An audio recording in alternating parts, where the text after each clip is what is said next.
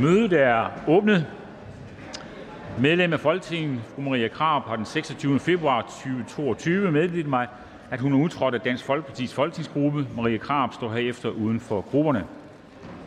I dag er der følgende anmeldelser, og på grund af de mange fremsættelser vil jeg undlade at læse titlerne op.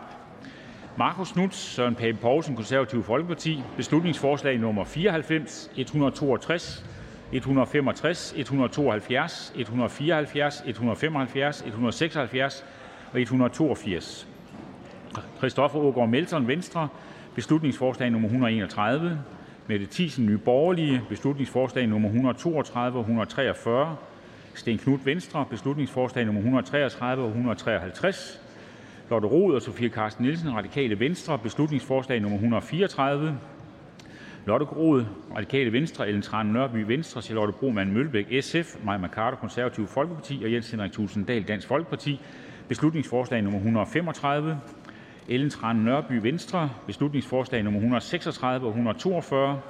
Troels Lund Poulsen, Venstre, Rasmus Jarlov, Konservative Folkeparti, Lars Boje Mathiesen, Nye Borgerlige og Henrik Dahl, Liberal Alliance, beslutningsforslag nummer 137 og nummer 138. Torsten Schack Petersen, Venstre, Mona Juhl, Konservative Folkeparti, Mette Hjermind Dencker, Dansk Folkeparti, Lars Boje Mathiesen, Nye Borgerlige og Alex Vanopslagh, Liberal Alliance, beslutningsforslag nummer 139. Peter Skaarup, Dansk Folkeparti, beslutningsforslag nummer 140, 161 og 171. Fatma Økten, Venstre, beslutningsforslag nummer 141. Britt Bager, Konservative Folkeparti og Søren Pape Poulsen, Konservative Folkeparti, beslutningsforslag nummer 144. Karina Lorenz Denhardt, SF, beslutningsforslag nummer 145, 150 og 167. Rosa Lund, Enhedslisten, Karina Lorenz Denhardt, SF, Stinus Lindgren, Radikale Venstre, Alex Vanopslagh, Liberal Alliance og Torsten Geil, Alternativ, beslutningsforslag nummer 146. Henning Hyllested og Søren Egge Rasmussen, Enhedslisten, beslutningsforslag nummer 147. Hans Kristian Skibby uden for grupperne, Karina Adsbøl uden for grupperne, Lisbeth Bæk Poulsen uden for grupperne, grupperne Liselott Blix uden for grupperne og Bent Bødsted uden for grupperne. Beslutningsforslag nummer 148. Lise Lisbeth Bæk Nielsen, SF, beslutningsforslag nummer 149. Marie Bjerre og Erling Bonnesen, Venstre, beslutningsforslag 151. René Christensen, Dansk Folkeparti, beslutningsforslag nummer 152. Morten Dalin og Preben Bang Henriksen, Venstre, beslutningsforslag nummer 154. Dennis Flydtkjær, Dansk Folkeparti, beslutningsforslag nummer 155. Mona Juhl, Konservative Folkeparti, Louise Schack Elholm, Venstre, Dennis Flydtkjær, Dansk Folkeparti, Lars Boje Mathiesen, Nye Borgerlige, Ole Birk Olesen, Liberal Alliance og Jens Rode, KD, beslutningsforslag nummer 156. Preben Bang Henriksen og Morten Dalin, Venstre, beslutningsforslag nummer 157 og 158. Peter Seier Christensen, Nye Borgerlige, beslutningsforslag 159 og 180. Søren Egge Rasmussen, Enhedslisten, beslutningsforslag 160. Mads Fuglede, Venstre, beslutningsforslag nummer 163. Susanne Zimmer, Fri Grønne, beslutningsforslag nummer 164. Sikander Siddiq, Fri Grønne, beslutningsforslag nummer 166, 178 og 181. Heidi Bank, Venstre, beslutningsforslag nummer 168. Mette Hjermind Dencker, Dansk Folkeparti, beslutningsforslag nummer 169. Mads Fuglede og Christoffer Aagaard Melson, Venstre, beslutningsforslag 170. Britt Bager, beslutningsforslag 173. Torsten Gejl, Alternativ, beslutningsforslag 177. Torsten Gejl, Alternativ, Sikander Siddiq, Fri Grønne, beslutningsforslag 179. Titlen af sagerne vil fremgå af Folketingstidende. Og med samtykke fra forslagsstilleren forstår jeg, at beslutningsforslag nummer 131 henvises direkte til Transportudvalget, og hvis ingen gør indsigelse, betragter jeg det som vedtaget. Det er vedtaget. Medlem af Folketinget Erling Bonnesen, Venstre, har meddelt mig, at han ønsker at tage følgende forslag tilbage: Forslag til folketingsbeslutning om anlægslov for Nyborg Slot. Beslutningsforslag nummer 69. Er der nogen, der ønsker at optage dette beslutningsforslag? Da det ikke er tilfældet, er beslutningsforslaget bortfaldet. Det første punkt på dagsordenen er spørgsmål om fremme af forspørgsel nummer F 41. Forspørgsel til udlænding- og integrationsministeren om syriske flygtninge i Danmark af Pia Kjærsgaard og Morten Messerschmidt, Dansk Folkeparti. Sammen med denne sag foretages spørgsmål om fremme af forspørgsel nummer F 42. Forspørgsel til sundhedsministeren om autorisationsordningen for akupunktører af Lise Lotte Blik, Karina Adsbøl, Lise Bæk, Bent Bøgsted og Hans Christian Skibby, alle uden for grupperne. Og hvis ingen gør indsigelse mod fremme disse forespørgsler, betragter jeg tingets samtykke som givet. Det er givet. Det næste punkt på dagsordenen er: tredje behandling af lovforslag nr. L 174 B: Forslag til lov om ændring af sømandsbeskatningsloven. Af skatteministeren Der er ikke stillet ændringsforslag. Ønsker nogen at udtale sig? Da det ikke er tilfældet, går vi til afstemning. og Der stemmes om lovforslagets endelige vedtagelse, og der kan stemmes.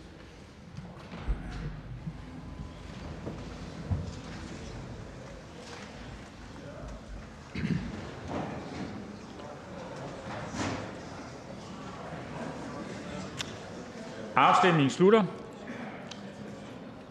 84 for, 20 mod, ingen hverken for eller imod. Lovforslaget er vedtaget og bliver sendt til statsministeren. Det næste punkt på dagsordenen er: tredje behandling af lovforslag nr. L 47: Forslag til lov om leje af indenrigs- og boligministeren. Der er ikke stillet ændringsforslag. Ønsker nogen at udtale sig? Da det ikke er tilfældet, så går vi til afstemning. og Der stemmes om lovforslagets endelige vedtagelse, og der kan stemmes.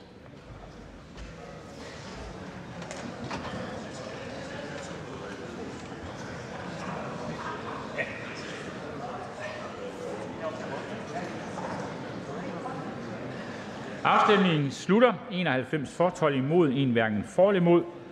Lovforslaget er vedtaget og bliver sendt til statsministeren. Det næste punkt på dagsordenen er: tredje behandling af lovforslag nr. L 48: Forslag til lov om boligforhold af indrigs- og boligministeren. Der er ikke stillet ændringsforslag. Er der nogen, der ønsker at udtale sig?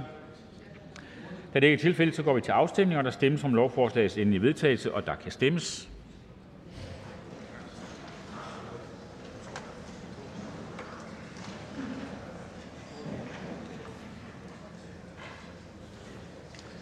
Afstemningen slutter. 100 for, 4 imod, 1 hverken for eller imod. Lovforslaget er vedtaget og bliver sendt til statsministeren. Det næste punkt på dagsordenen er: tredje behandling af lovforslag nr. L 49: Forslag til lov om ændring af lov om leje af almene boliger, lov om almene boliger med videre, lov om bolig for ældre og personer med handicap og forskellige andre love. Af indenrigs- og boligministeren Der da det ikke er tilfældet, så går vi til afstemning. og Der stemmes om lovforslagets endelige vedtagelse, og der kan stemmes.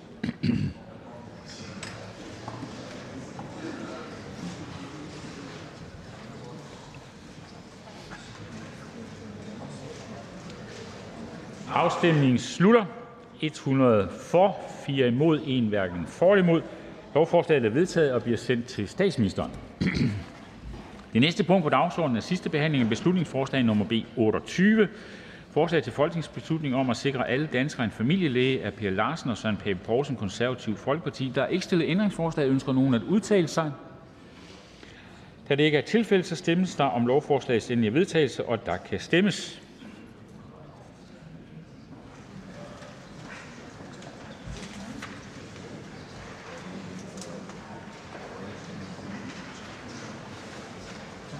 Afstemningen slutter. 46 for, 58 imod, ingen hverken for eller imod. Forslag til folketingsbeslutning er forkastet. Det næste punkt på dagsordenen er: sidste behandling af beslutningsforslag nr. B 40: Forslag til folketingsbeslutning om at forlænge barsel med far medmors øremærkede andel. Det er et borgerforslag af Leif Lahn Jensen (Socialdemokratiet), Karsten Lauritzen (Venstre), Peter Skaarup (Dansk Folkeparti), Karsten Hønge (SF), Andreas Steenberg (Radikale Venstre), Peder Hvelplund (Enhedslisten), Mai Mercado (Konservative Folkeparti), Peter Seier Christensen (NB), Ole Birk Olesen (Liberal Alliance), Susanne Zimmer (Frie Grønne), Torsten Gejl Alternativ, Jens Rohde (KD) og Aaja Chemnitz Larsen (IA). Der er ikke stillet ændringsforslag. Er der nogen, der ønsker at udtale sig? Da det ikke er tilfældet, så går vi til afstemning. og Der stemmes om forslagets endelige vedtagelse. Afstemningen slutter. 8 for, 94 imod, 2 hverken for eller imod. Forslag til folketingsbeslutning er forkastet. Det næste punkt på dagsordenen er: anden behandling af lovforslag nr. L 104: Forslag til lov om ændring af barselsorlov. Af beskæftigelsesministeren Beskæftigelsesministeren har meddelt mig, at han ønsker at tage ændringsforslag nr. 27 i betænkningen tilbage. Er der nogen, der ønsker at optage dette ændringsforslag? Da det ikke er tilfældet, er ændringsforslaget bortfaldet. Og da der ikke er nogen, der ønsker forhandling, så går vi til afstemning. Ønskes afstemning om ændringsforslag nr. 1-14, tiltrådt af et flertal? Ændringsforslag nr. 32 uden for betænkningen. Om ændringsforslag nr. 15-26, tiltrådt af et flertal? Om ændringsforslag nr. 33 uden for betænkningen. Eller om ændringsforslag nr. 28-31, tiltrådt af et flertal? Det er vedtaget. Der er stillet forslag om, at lovforslaget henvises til fornyet udvalgsbehandling, og hvis ingen gør indsigelse, betragter jeg det som vedtaget. Det næste punkt på dagsordenen er: anden behandling af lovforslag nr. L 103: Forslag til lov om ændring af straffeloven af justitsministeren. Der er stillet ændringsforslag. Har nogen, der ønsker at udtale sig? Er det ikke tilfælde, går vi til afstemning. Ønskes afstemning om ændringsforslag nummer 1, tiltrådt af udvalget? Det er vedtaget. Jeg foreslår, at lovforslaget går direkte til tredje behandling uden fornyet udvalgsbehandling, og hvis ingen gør indsigelse, betragter jeg det som vedtaget. Det er vedtaget. Så er vi færdige med dagens afstemninger, og jeg beder om, at øh, videre samtale øh, foregår øh, uden for Folketingssalen, så vi kan komme i gang med første behandling.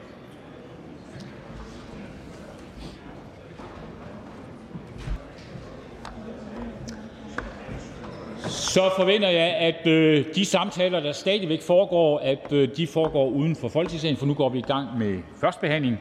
Det første punkt på dagsordenen er første behandling af lovforslag nummer 128. Forslag til lov om ændring af lov om dyreforsøg og lov om kloning og genmodificering af dyr med videre af ministeren for Fødevare, Landbrug og Fiskeri. Forhandlingerne er åbnet. Her Anders Kronborg, Socialdemokratiet. Værsgo.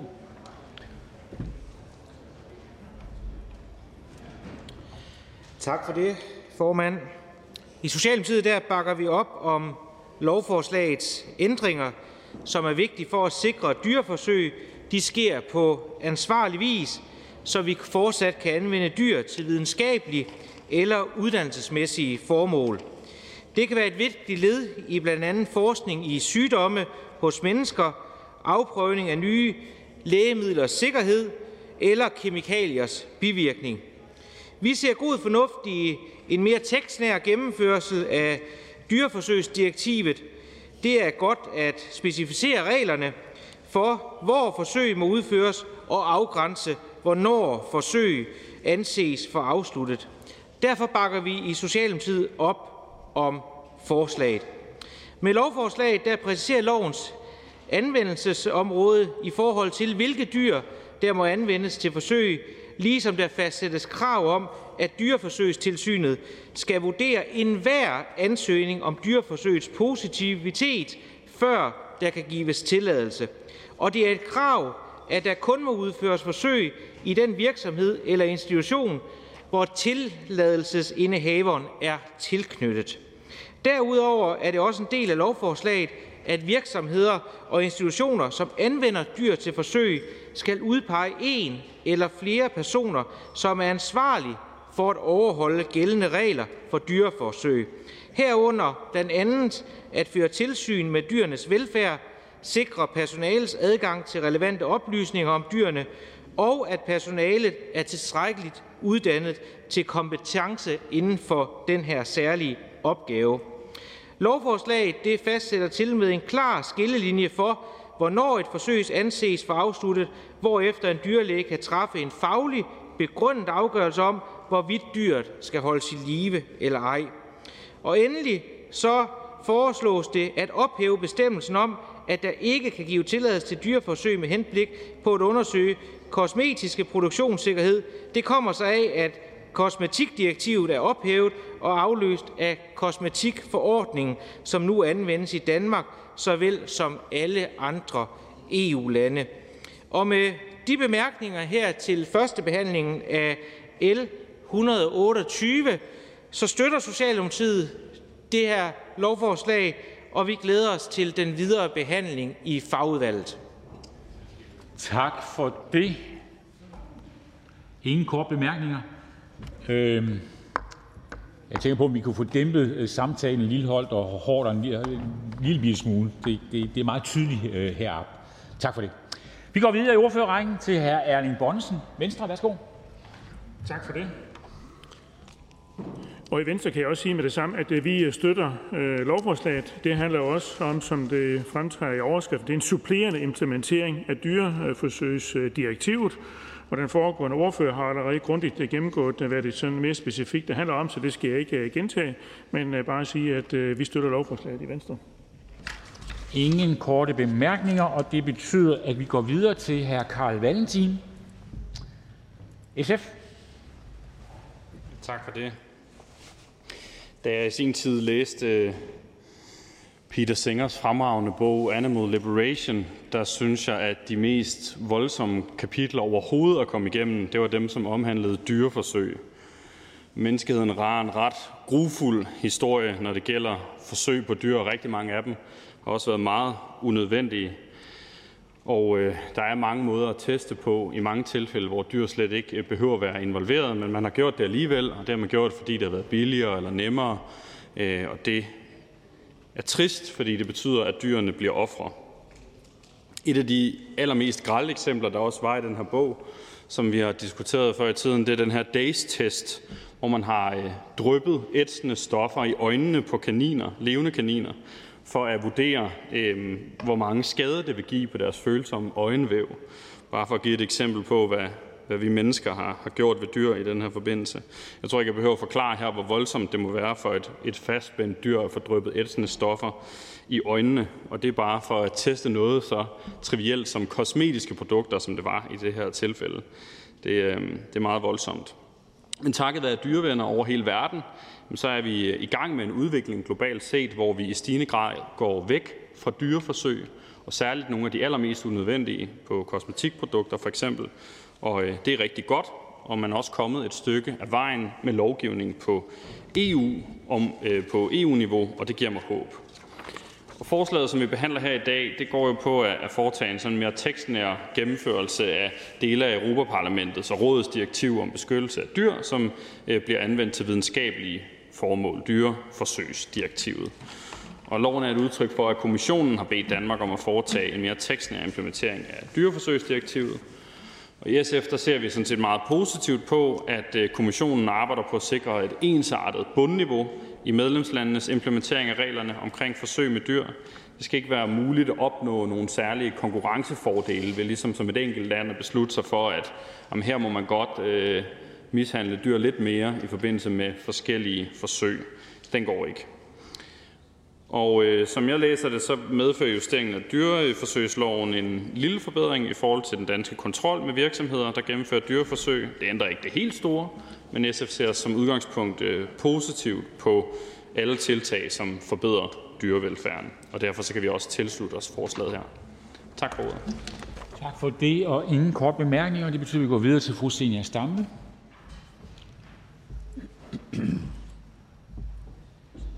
Radikale Venstre. Tak for det. Jeg kan også meddele, at det Radikale Venstre bakker op om forslaget, som jo er øh, en reaktion på en åbningsskrivelse for EU. EU har bedt om, at vi implementerer lovgivning for EU mere tekstnært øh, og til fordel for dyrene. Spørgsmålet er selvfølgelig, hvor store forbedringer der er der for dyrene her. Måske en lille bitte smule, som, øh, som, øh, øh som SF's ordfører sagde. Øh, men jeg tror, at det, man især skal glæde sig over, det er jo de lande, som måske ikke har så god dyrevelfærd, hvor det, at vi altså kommer til at lave meget tekstnær implementering også i de lande, betyder, at vi får hævet dyrevelfærden. Og det er jo tit det, der står i vejen for de store forbedringer for dyrevelfærd, men også til klima og miljø osv., det er jo EU-lovgivning. Det er, når man ikke kan gøre det bedre end det, som er foreslået. Og derfor så er det jo sådan set glædeligt, øh, glædeligt at i det her tilfælde, jamen, øh, der fører det til en lille forbedring for os, men det fører til en stor forbedring sandsynligvis rundt i resten af EU.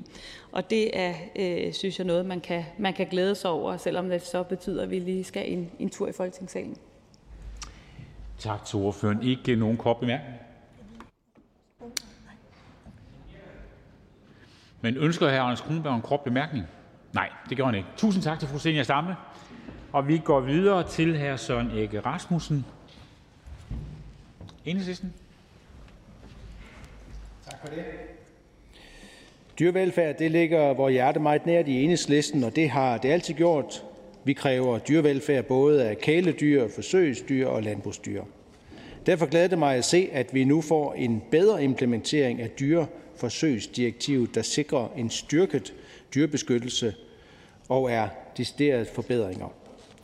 Så når man kigger ind i, i teksten, så er det altså en forbedring. Det er ikke et spørgsmål om at vedtage en lov, der giver lov til, til dyreforsøg, men et, et lovforslag, som strammer op. Enhedslisten tilslutter sig dog dyrenes beskyttelses bemærkninger om, at det at benævne nationale særregler for overimplementering er noget vås, det har en unødig negativ klang, særligt når der som her er tale om at rette sig efter et direktiv, der for eksempel indbefatter, at forsøgsdyr ikke må opleve intens smerte og lidelse, har jeg heller kortvarigt. Vi ønsker denne benævnelse af overimplementering erstattet af noget, noget bedre sprog. Det var vores bemærkninger til lovforslaget, som vi støtter. Tak til ordføreren. Ingen kort bemærkninger. Den næste ordfører, jeg ser i salen, det er hr. Per Larsen, Konservativ Folkeparti. Tak for det, formand. Når man lige øh, starter med at læse det, så er det jo en alvorlig sag i forhold til en traktatkrænkelsessag, som øh, Europakommissionen har taget op af egen drift, fordi at vi jo her i Danmark øh, åbenbart har forsømt os imod at øh, lave øh, teksten, sådan som øh, øh sådan lever op til de øh, krav, der måtte være. Og det er jo rigtig, rigtig godt at få det præciseret, og derfor støtter vi selvfølgelig også forslaget. Det er væsentligt, at øh, det foregår øh, ens øh, som minimum i EU, og øh, vi skal selvfølgelig rette ind efter de øh, ting, der er krav om. Netop sådan noget som, at virksomheder og institutioner, hvor der anvendes dyr til forsøg, at de øh, skal være rustet til det, både i forhold til at have kompetent personale, at der er en enkelt person øh, som minimum, der er ansvarlig for dyrenes velfærd, øh, og virksomheden skal selvfølgelig også registrere dyrsforsøgene. Øh, og der er en række andre ting, som er ganske glimrende at få implementeret, så det støtter vi. Tak til ordføreren. Der er ikke kort bemærkninger, og derfor går vi videre til hr. René Christensen.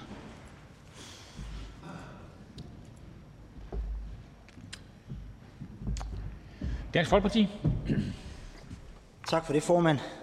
Ja, mange har jo sagt her, at øh, det her det er en øh, forbedring i forhold til, når vi kigger på, på dyreforsøg. Og man kan jo egentlig undre sig over, at øh, der også bliver talt om det her omkring i overimplementering. Vi er jo sådan set som det første land i verden, har vi jo besluttet, at øh, dyr er sansende væsener, og derfor så er der ingen tvivl om, at øh, vi skal have nogle ret stramme regler også i forhold til til dyreforsøg, hvis vi skal leve op til den lovgivning, som vi har vedtaget nationalt. Så derfor kan vi selvfølgelig stemme, op, eller stemme for øh, det, som, øh, det, som der ligger her. Man må også sige, når man læser lovforslaget, så omkring øh, kosmetikforordningen, så øh, må jeg sige, det har jeg simpelthen ikke nået her, indtil vi står her til første behandling, der var vi stillet spørgsmål. Altså, fordi hvad betyder det, at noget bliver flyttet over en anden lovgivning? Betyder det så, at det kan fortsætte et andet sted, men ikke under den her lovgivning?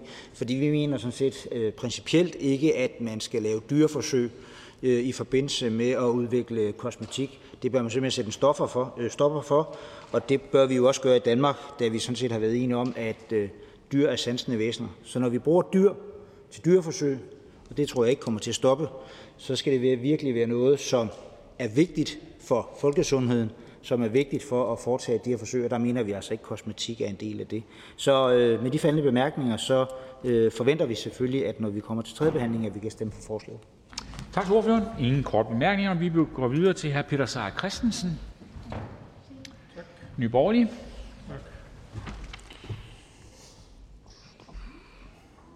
Nærværende lovforslag er et forslag om ændring af lov om dyreforsøg og lov om kloning og genmodificeret dyr og jeg skal ikke gentage indholdet, det er allerede blevet nævnt. Der er tale om en, en tekstnær ændring, og høringsvarene giver heller ikke anledning til de store spekulationer hos de berørte parter, og Nye Borgerlige kan derfor støtte lovforslaget. Tak til ordføreren. Ingen kort bemærkninger, og der er ikke flere ordfører, der har bedt om ordet, og derfor er det nu ministeren.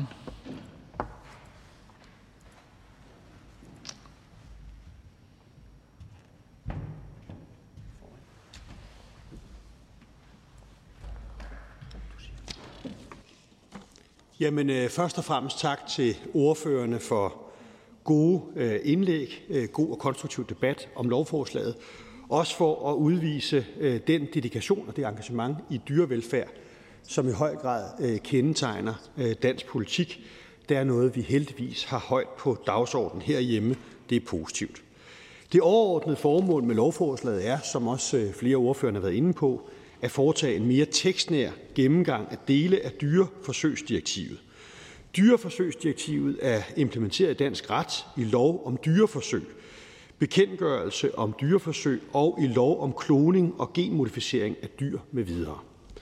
Dyreforsøgsdirektivet fastsætter regler om beskyttelse af dyr, der anvendes til videnskabelige eller uddannelsesmæssige formål. Danmark har modtaget en såkaldt åbningsskrivelse fra EU-kommissionen vedrørende den danske implementering af dyreforsøgsdirektivet. Her anførte kommissionen, at en række af direktivets bestemmelser ikke efter kommissionens opfattelse er implementeret korrekt i dansk ret. Kommissionen kom i den forbindelse med en række bemærkninger. Disse bemærkninger foreslås imødekommet med lovforslagets ændringer. Altså, vi har det ønske at gøre det så godt som muligt, øh, at trække den rigtige retning, lytte til den kritik, der er, rette ind efter det. Formålet med lovforslaget er altså primært at gennemføre en række ændringer til de gældende love, så dyreforsøgsdirektivets bestemmelser implementeres mere tekstnært i den danske lovgivning, præcist som kommissionen har efterspurgt. De mest væsentlige ændringer og præciseringer, som lovforslaget omhandler, kan overordnet opsummeres således. For det første præciseres lovforslagets Øh, præciserer lovforslaget lovens anvendelsesområde, og det præciseres til hvilke formål dyr må anvendes til forsøg. For det andet præciserer lovforslaget, at virksomheder og institutioner, hvor der anvendes dyr til forsøg, skal have en eller flere personer, der er ansvarlige for blandt andet tilsyn med dyrenes velfærd. Herunder, at personalet har adgang til relevante oplysninger om dyrene og er tilstrækkeligt uddannet med videre. For det tredje gør lovforslaget det klart, at virksomheder og institutioner skal godkende og registreres af dyreforsøgstilsynet. Der fastsættes også krav til indholdet af godkendelsen. Derudover skal der udpeges en person hos virksomhederne og institutionerne, der har ansvar for overholdelse af regler om dyreforsøg. For det fjerde øh, gør lovforslaget det tydeligt, at der er krav om, at dyreforsøgstilsynets vurdering af ansøgninger skal afstedkomme et positivt resultat, inden man kan få tilladelse til dyreforsøg.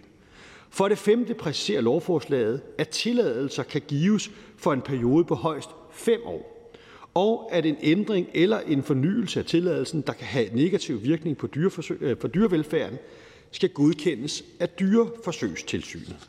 Endelig fastsættes i lovforslaget, at forsøg kun må udføres i øh, den virksomhed eller institution, hvor tilladelsesindehaveren er tilknyttet, og som er godkendt af dyreforsøgstilsynet. Der kan dog dispenseres fra kravet, hvis, der er videnskabeligt, hvis det er videnskabeligt begrundet.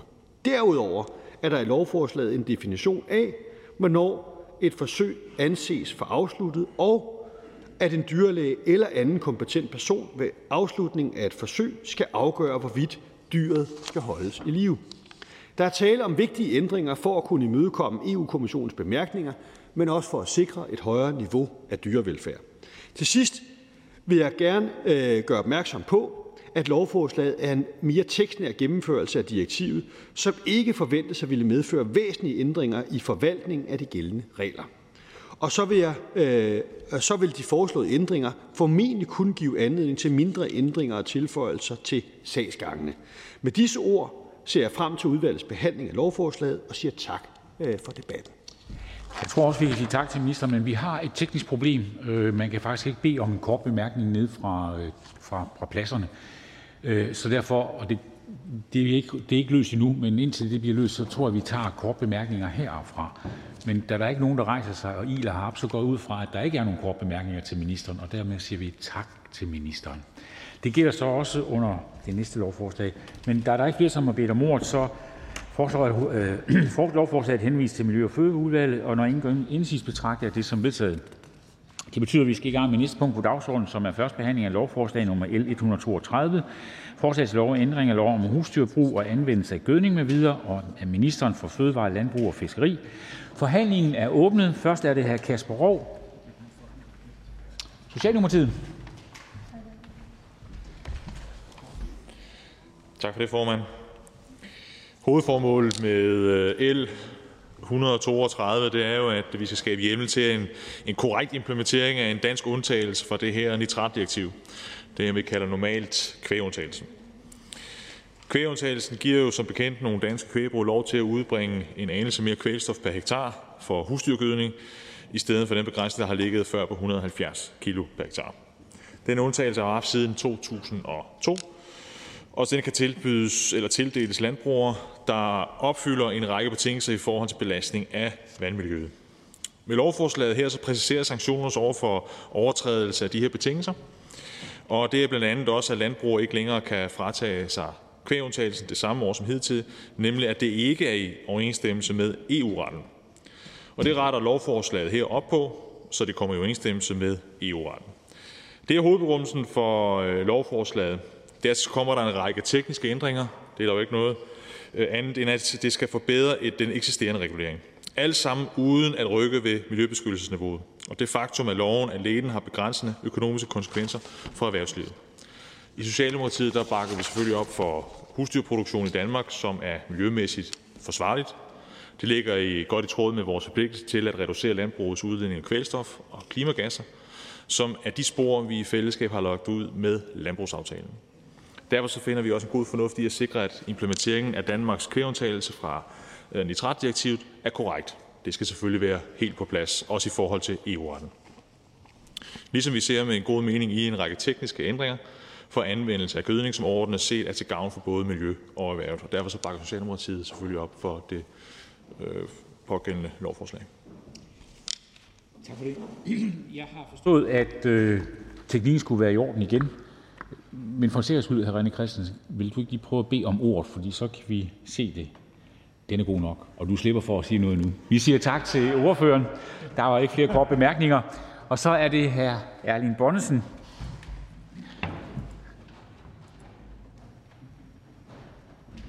Venstre. Tak for det. Og Venstre støtter også øh, det her lovforslag. Det handler om, som den foregående ordfører allerede har redegjort for, at få sikker videreførelse af kvægeundertagelsen og en række øvrige ændringer. Og den foregående ordfører har også øh, grundigt gennemgået øh, de mere tekniske ting i det, så det skal jeg ikke gå nærmere ind i. Vi har dog blot i udvalgsbehandlingen nogle spørgsmål, som vi gerne vil have klaret af i forhold til det omkring fosforlofterne med videre. Og i det omfang, ministeren øh, er klar på det, så kan ministeren da lige komme ind omkring det. Dermed kan vi sige, at der står lidt omkring fosforlofter og mulige øh, skærpelser og erosionsforebyggende foranstaltninger. Men jeg tænker også, at det er noget, der kan øh, besvares bekræftende det hen, at vi selvfølgelig skal sikre produktionen, for det er det, det også handler om. Men på den baggrund, der støtter Venstre lovforslaget. Tak. Tak for det. Ingen ord, ingen øh, kort bemærkning. Og det betyder, at vi går videre til SF, som jeg kan se har skiftet ordfører. Værsgo. Jo, tak. Og der er jo gjort øh, rigtig godt øh, øh, rede for, hvad forslaget går ud på, så det skal jeg ikke gå i detaljer omkring. Øh, SF støtter også forslaget, men jeg synes dog, der er et par, at der, er sad med høringsnotatet, så jeg er glad for, at man kommer øh, Danmarks Naturfredningsforening meget møde øh, på deres øh, øh, kritik af det. Men der er nogle spørgsmål, synes jeg, der er lidt stadigvæk i forhold til det, som kommer fra Økologisk Landsforening.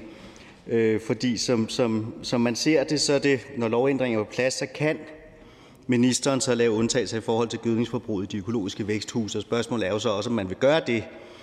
Men, men der er det så lidt det her med, om, om man venter til, til forskningen er på plads i 23 med at kunne, kunne lave de her undtagelser. Og det er egentlig det, jeg synes, det spørgsmål, der, der, der, der er, når man læser det igennem, det er, hvad gør man indtil da? Er der en udfordring der i forhold til de økologiske væksthuse? Og det håber jeg selvfølgelig ikke, der kommer til at være, øh, og ser frem til ministerens øh, svar på det. Tak. Tak til hr. Rasmus Nordqvist. Ingen kort bemærkninger, og så er det fru Zenia Stampe.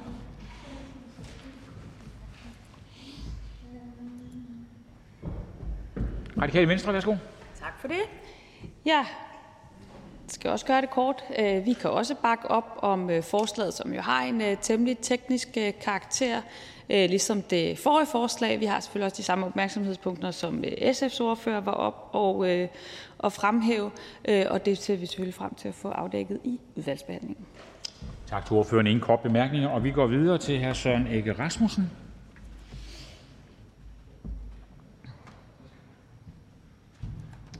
Enhedslisten.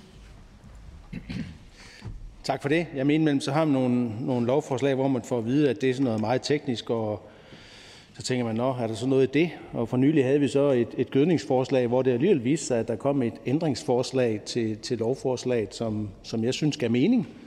Så derfor skal man jo aldrig udelukke, at der kan være et eller andet, der sker via en udvalgsbehandling. Når jeg kigger på det her, så tænker jeg, at vi er i gang med at skal, skal overholde nitratdirektivet. Det bliver en hård opgave. Det bliver svært.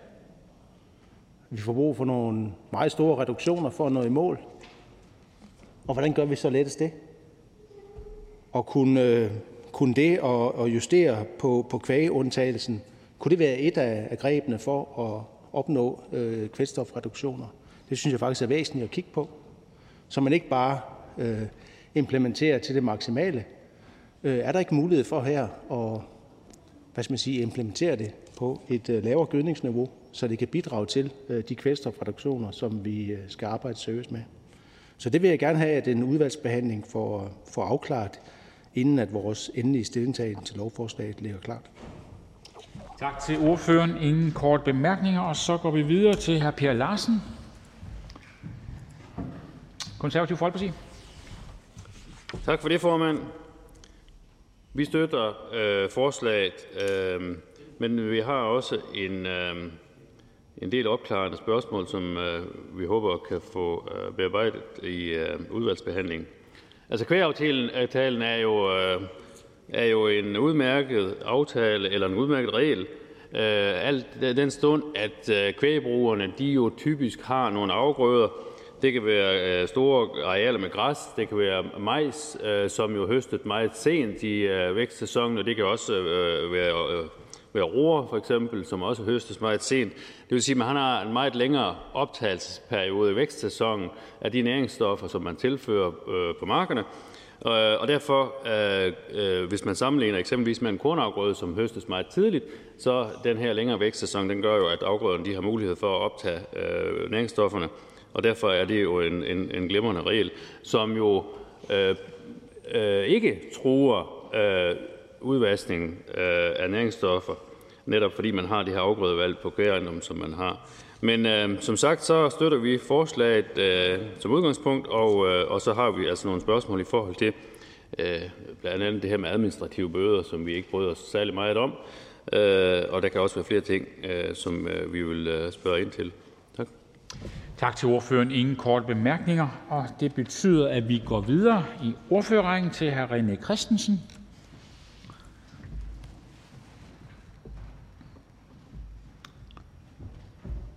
Dansk Folkeparti. Tak for det, formand. Jamen det, vi giver mulighed for her, det er jo at øh, skabe hjemmel til, at vi sådan set også kan indføre den øh, undtagelse, som vi har i forhold til kvægundtagelsen og det er vi selvfølgelig i Dansk Folkeparti øh, fortaler for, at vi kan fortsætte med det, vi kender. Og så er det selvfølgelig også vigtigt, når man så får muligheden for det, at man så også implementerer det korrekt. Øhm, og det vil vi selvfølgelig bare følge, øh, så vi kan selvfølgelig støtte øh, det lovforslag, som der ligger her, L 132. Tak til ordføreren. Ingen kort bemærkninger. og vi går videre til hr. Peter Seier Christensen, Nye Borgerlige. Ja, hovedformålet med lovforslaget er at indføre hjemmel i husdyrbrugloven til at implementere kvægundtagelsens betingelser om, at kvægbrug, der straffes med bøde for at have overtrådt en betingelse i en tilladelse til at tildele op til 230 kg kvælstof fra husdyrgødning per hektar, skal have afslag på ansøgningen om tilladelse året efter. Og derudover indeholder lovforslaget et antal bemyndigelser i relation til fosforudledning. Der er nogle opmærksomhedspunkter i høringssvarene fra blandt andet Landbrug og Fødevare omkring bødeforlæg og høringsfrister, men som udgangspunkt så kan Nye Borgerlige støtte lovforslaget. Tak til ordføreren. Og da der ikke flere ordfører, der har bedt om ordet, så ministeren for Fødevare, Landbrug og Fiskeri.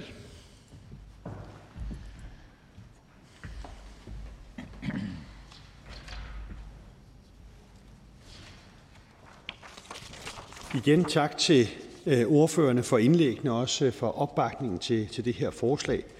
Øh, som ordførerne har været inde på, så er lovforslaget teknisk stof. Øh, det vigtigste formål med lovforslaget er at få implementeret Danmarks undtagelse fra EU's nitratdirektiv korrekt. Det er den undtagelse, som vi har haft siden 2002, og som kaldes kvægundtagelsen. Kvægundtagelsen giver danske kvægbrug lov til at udbringe op til 230 kg kvælstof fra husdyrgødning per hektar i stedet for den almindelige begrænsning på 170 kg. Og det sker selvfølgelig kun efter ansøgning og en række betingelser i forhold til vandmiljøet. Mit ministerium er blevet opmærksom på, at den måde, vi sanktionerer overtrædelser af denne undtagelse, ikke er i overensstemmelse med EU-retten, og det skal vi selvfølgelig have på plads. Det er en øh, smule teknisk, men det drejer sig om, at sanktioner for en overtrædelse skal betyde, at en landbruger ikke kan få lov til at bruge undtagelsen i det følgende år. Det med det følgende år er centralt her, for som de danske regler er nu, fratages landmanden muligheden for at bruge undtagelsen i samme år som overtrædelsen. Det får vi med det nye lovforslag rettet op på. Det betyder, at vi kan udstede en bekendtgørelsesændring, der træder i kraft den 1. august 2022. Det er altså hovedbegrundelsen for lovforslaget. Lovforslaget indeholder også en række andre tekniske ændringer af den nuværende regulering, når det gælder anvendelse af organisk gødning, og de vil overordnet set være til gavn for miljø og for erhverv, så det vil jeg ikke gå mere i dybden med her. Med disse ord vil jeg se frem til, øh, håber jeg, en positiv, konstruktiv udvalgsbehandling af det her lovforslag, og jeg vil takke endnu en gang for debatten. Tak til ministeren. Der er en kort bemærkning til hr. Rasmus Nordqvist, SF. Værsgo. Øhm, ja tak, men det er fordi, når jeg sidder og læser det, og specielt høringsnotatet, så, så synes jeg, der er nogle spørgsmål. Det kan fint være, at ministeren vil sige, at det egner sig bedre til skriftlig besvarelse, og det skal der ikke være noget ondt for. Men det er det her med, at der nu er mulighed for at lempe reglerne for tilførselen af anden organisk gødning end husdyrgødning, eksempelvis altså i, i de økologiske væksthuse. Hvorfor er det så ikke de her regler muligt at dæmpe for reglerne for husdyrgødning i de her væksthuse, som jo er det, der er behov for, altså som vil være det mest naturlige for, for, den, for den økologiske dyrkning? Er der, er der, er det noget, man, er der nogle øh, politisk overvejelser bag det, eller er det noget, ministeren ønsker at svare på, hvis jeg stiller det i udvalget? Minister? Det kan meget vel øh, tænkes, at vi får på det helt præcise svar skal have det en tur omkring øh, embedsværket. Det, jeg har forstået, er, at øh, de her økologiske væksthuse meget bredt har en dispensation. Men er der en barriere, så kigger vi selvfølgelig på det. Jeg har forstået det sådan, at der er en bred dispensation, og det gælder indtil, at man skulle have lavet det om. Men lad os få det skriftligt, så vi får det mest muligt præcist, Øh, fordi øh, det skal der selvfølgelig kigges på. Tak for det, og det gav ikke anledning til yderligere spørgsmål. Og der er ikke flere, som har bedt ord om ordet, er forhandlingen sluttet. Jeg foreslår, at lovforslaget henvises til Miljø- og Fødevareudvalget, og hvis ingen gør indsigelse, betragter jeg det som vedtaget. Det næste punkt på dagsordenen er først behandling af beslutningsforslag nummer B 59, forslag til folketingsbeslutning om Frejas Lov, valgbeloven. Det er.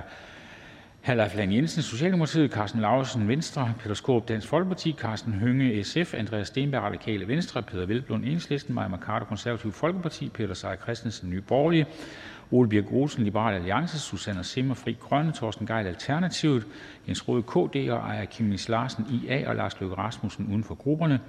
Det er som sagt et beslutningsforslag, der udspringer af et borgerforslag. Forhandlingerne åbnet, og jeg må beklage, Anders Kronborg, men vi starter med ministeren, da det er en borgerforslag, og derfor er det ministeren, der har ordet først.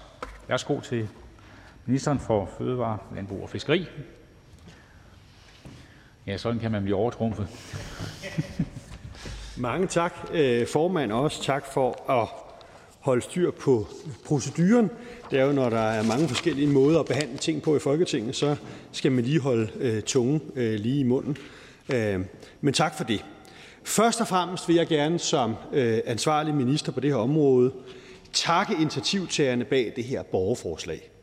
Øh, jeg vil gerne sige tak til de folketingsmedlemmer, som har fremsat forslaget som et beslutningsforslag. Det er positivt at få den her meget vigtige drøftelse af det her efter min mening øh, alvorlige problem. Jeg har rigtig stor forståelse for intentionerne bag forslaget, og jeg deler den opfattelse, at det er helt galt, når danske borgere af kyniske pengemænd lokkes til at købe valpe, der er opdrettet på såkaldte valpefabrikker.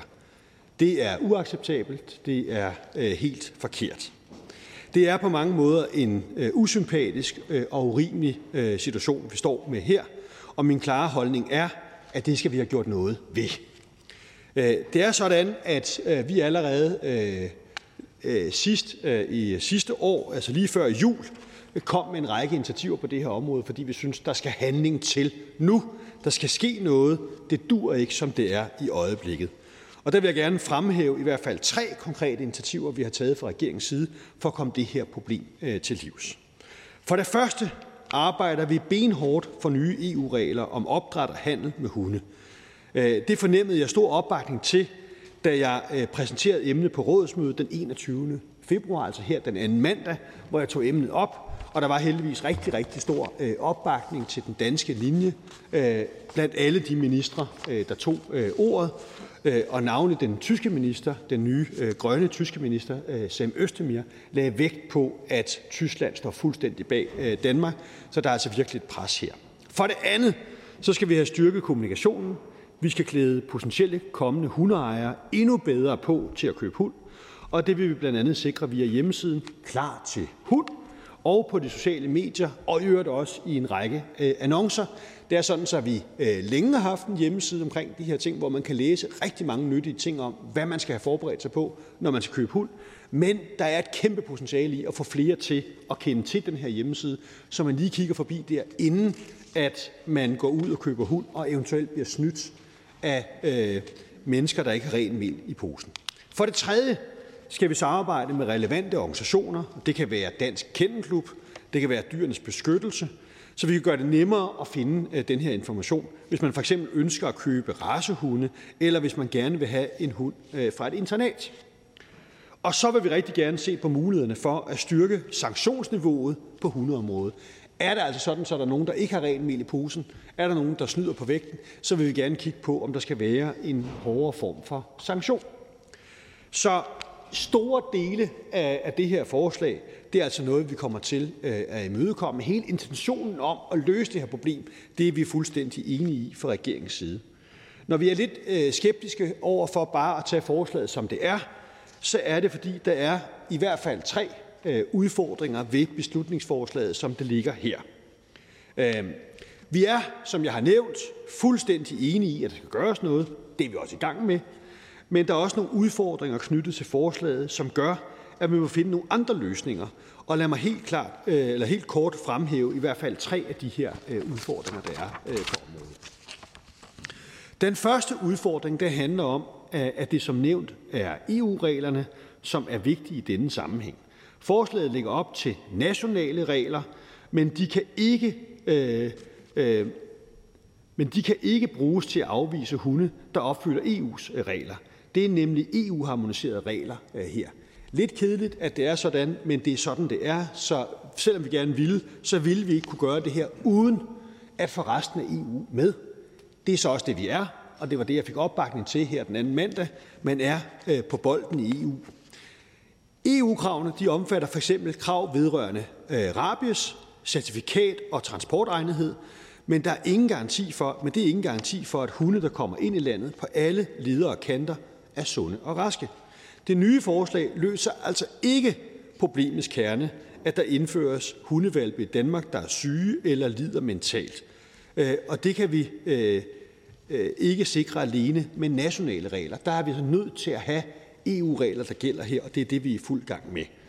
Og så vurderes forslaget faktisk at være i konflikt med EU-retten, fordi det vil begrænse den frie etableringsret på det indre og det indre marked. Så der er altså også en udfordring der. Øh, og det er derfor, vi er i gang med EU-sporet, hvor jeg har øh, stor opbakning fra EU-kollegaer til at lave noget fælles EU. Derudover som nummer to, øh, så er en anden udfordring ved forslaget, at det kan hindre salg mellem private. Forslaget vil nemlig betyde, at valpene først skal via et internat for at komme til sin nye ejer. Det vil altså ikke være muligt, hvis en privatperson vil sælge en valp videre til en anden privatperson, og det kan der være mange årsager til, at der er brug for. Øh, og så vil det være godt for en hundevalg at kunne komme hurtigt videre til en ny ejer og få social øh, kontakt. Så det her med, at man, jeg tror vi alle sammen kender øh, fra vores omgangskreds, folk der har fået valpe med deres hund, jamen så vil de gerne sælge til naboer, familiemedlemmer eller noget andet, så er der lige pludselig ikke øh, lov til det øh, længere. Jeg kan nævne fra min egen øh, familie, at vores golden retriever fik to valpe. Den ene valp beholdt, valgte vi at beholde, og den anden valp flyttede hen til nogle af mine døtres veninder, sådan så vi kunne have daglig kontakt også med den her valp. Sådan en løsning vil ikke kunne lade sig gøre, hvis man gennemfører det her forslag. Man vil ikke kunne sælge til familiemedlemmer og andet. Så det er også et problem. Så øh, for det tredje vil forslaget øh, vil de foreslåede regler være svære at kontrollere i praksis. Der er i dag ikke krav om, at samtlige valpekøbere skal dokumentere, hvor de har købt valpen og under hvilke forhold. Så kan man sige, kan man så ikke bare indføre et sådan krav? Og der er det så, at øh, det jeg hører fra dem, der sidder med det, det er, at det vil indebære en særdeles omfattende kontrol, da der årligt er 60-70.000 nyregistrerede hunde i dansk hunderegister. Langt størstedelen af disse er valpe, så det vurderes i praksis ikke at være muligt. Men heldigvis så er der altså også andre muligheder for at løse problemet, og det var det, jeg startede med, men lad mig lige gentage igen. Øh, vi skal have øh, nye fælles EU-regler på området. Jeg har som nemt, øh, nævnt opfordret til, at vi får taget hånd om problemstillingen, når nu kommissionen alligevel arbejder på en revision af EU's dyreværnsregler, og det var der altså opbakning til på mødet her den anden dag. Målet er at komme øh, den usympatiske valgbehandling, øh, som foregår overalt i EU, til livs. Og så skal vi have bedre og mere information til køberne, og der er jo ingen mennesker, der ønsker at støtte de skrupelløse valpefabrikker. Når man gør det, handler det formentlig om uvidenhed og manglende information, så det skal vi have styrket. Og det er vi også i gang med. Faktisk kan man gå ind og se Øh, allerede på Facebook og andre sociale medier, at der er meget mere fokus på, hvad man skal være opmærksom på, når man køber hund. Der er links til den her Klar til hund hjemmeside, hvor man kan gå ind og læse de her ting. Man opskalerer indsatsen fra Fødevarestyrelsens side på Facebook og andre sociale øh, medier, så at man hele tiden bliver gjort opmærksom på, tænk dig nu om, når du skal købe hund. Der er nogle ting, du skal tage højde for, inden du gør det. Så vi styrker altså kommunikationen og informationen i samarbejde med alle relevante parter. Og endelig vil vi se nærmere på sanktionsniveauet på hundeområdet. Så kort fortalt øh, her til sidst, så er jeg altså fuldstændig, og regeringen er fuldstændig enig i, at der skal gøres noget. Den nuværende situation er uacceptabel, øh, og vi har en række øh, løsninger, vi er i gang med. Dem lancerede vi allerede før jul. Vi er i fuld gang med at implementere dem. Men selve forslaget, som det ligger her, har nogle iboende problemer, som vi skal prøve at undgå. Men når det er sagt, så vil jeg gerne takke initiativtagerne bag borgerforslaget, fordi øh, at man får sat den her vigtige øh, dagsorden, øh, øh, eller får, sat det her vigtige spørgsmål på dagsordenen, øh, øh, og det er, det er nyttigt, og vi gør noget. Øh, hele intentionen, mange dele af det, der ligger i forslaget, det imødekommer vi, men der er nogle øh, småting i det, som vi er nødt til øh, at, øh, at afvise, fordi det vil skabe nye og andre problemer. Men tak til initiativtagerne, øh, og øh, jeg ser frem til, til en god debat. Lad os få stoppet Øh, det svineri, der sker øh, med handel af hunde, valpefabrikker og andet, hvor at der er alt for mange hunde, der mistrives. Der er kort bemærkning. Fru Pia Kærsgaard, Dansk Folkeparti. Tak for det. Jo, men altså, øhm, godt vi har borgerforslag, fordi øh, mange gange så kan de her borgerforslag jo sætte lidt fut i os andre herinde, og ministeren nikker meget. Øh, og øh, jeg vil bare høre en tidshorisont på det her, fordi jeg bliver virkelig bekymret, når ministeren begynder at nævne fælles EU-regler osv. osv. Det har vi også hørt på mange andre punkter på hele dyrevelfærdsområdet, dyretransporter osv. osv. osv. Og det bliver ikke rigtigt til noget. Det er en år, år, år lang proces. Og jeg vil, jeg vil meget, meget gerne være positiv over for det her, fordi jeg synes, det er så vigtigt. Men jeg er meget bekymret i forhold til, at det bliver sådan en syltekrukke, man putter det ind i. Så jeg må bede om en tidshorisont. Minister? Jamen, øh, først og fremmest stor tak til fru Pia Kærsgaards store engagement øh, på det her område. Det var jo ikke mindst øh, på grund af fru Pia Kærsgaards øh, samråd for nogle måneder siden, at vi har fået sat det her tema øh, tydeligere på, på dagsordenen. Også det, at vi er i gang med nu at kigge på, hvad vi kan gøre for at styrke sanktionerne på det her område. Det var øh, et øh, emne, der kom op under et af de samråd, som fru Pia Kærsgaard havde indkaldt til. Øh, I forhold til fælles EU-regler, der kommer jo desværre til at gå noget tid. Der tror jeg ikke, at vi kan snyde fru Pia Kærsgaard. Hun er for gavet til at kende til de her ting. Det tager træls lang tid. Det, vi kan håbe på, det er jo, at nogle af de enkelte lande de begynder også at tage nogle initiativer. Jeg kan nævne for fru Pia Kærsgaard, at min portugisiske kollega tog ordet og talte varmt for bedre vilkår på det her område. Øh, og mens vi så venter på at få implementeret EU-regler, har jeg det håb, at hun går hjem og får rettet op på nogle af de regler, der mangler i Portugal. Det er blandt andet der, vi ser nogle af problemerne. Øh, min græske kollega var også inde og bakke op omkring det her. Så vi skal have det hurtigst muligt. Jeg vil presse på på hver eneste møde, for vi får fælles EU-regler. Men i mellemtiden må vi håbe på, at enkelte lande gør noget selv. Så jeg vil sige, i forhold til den græske kollega, synes jeg, det er en rigtig, rigtig god idé, fordi det oplever jeg desværre selv. Altså, det gør man i Sydeuropa, alle de her gadehunde, som også indimellem bliver formidlet videre nogle med succes, men det er desværre de færreste. Andre til en uvis skæbne, fordi de er syge. Øh, men sådan er det. Men, øh, men jeg kan bare kun sige, og det vil jeg også komme ind på i min ordførertale, at det ikke noget, der bliver glemt. Altså, jeg er virkelig, virkelig tilbøjelig til at tro det der med EU. Bare dyretransporterne, altså er det, jeg har ikke tal på, hvor mange år det er, men det er uhyggeligt mange år, og hver gang vi har det i Folketingssalen, så henviser man til fælles EU-regler. Minister, værsgo. Jamen igen, tak til fru Pia Kærsgaard. Jeg kan godt forstå den skepsis, der er, fordi det er nogle gange, hvor det simpelthen tager for lang tid, og hvor man bliver frustreret og øh, ærgerlig over øh, de her processer. Men vi presser på igen og igen og igen. Og det er jo ikke kun det at vente på EU-regler, vi gør. Vi sætter også ind med en stor offensiv i forhold til at oplyse danskerne om, hvad man skal være opmærksom på, når man køber øh, hund. Fødevarestyrelsen har en hel kampagne med en hel hjemmeside, der er dedikeret til information. Man samarbejder med dyreværnsorganisationer, med kennelklubber, med andre, så danskerne kan få så meget information som overhovedet muligt på det her felt. Fru Susanne Simmer, Fri Grønne. Ja, tak, og tak til ministeren for at lægge så meget sjæl i, at øh, vi skal skabe gode forhold for vores kæledyr, vores hunde i det her tilfælde. Øh, ministeren nævner, at der er nogle problemer i forhold til at, at kunne gennemføre den her det beslutningsforslag her, eller borgerforslag. Men hvis nu man siger, at det kun handler om udenlandske valpefabrikker, som jeg tænker, at det er ånden i det her, det primært handler om, øh, så, så er man jo ud over en hel masse ting i forhold til, hvad man kan gøre her i Danmark. Værsgo, minister. Ja, det jeg alene kan referere til, det er, hvad øh, mine øh, jurister, mine embedsfolk øh, udlægger af problemer i forhold til det her. De er skeptiske over for, at man kan havne der, hvor noget så almindeligt som at handle øh, hund imellem familiemedlemmer, naboer og andet, som jeg refererede til med min egen historie, at det kunne blive øh, udfordret eller umuliggjort, øh, hvis man indfører de her krav.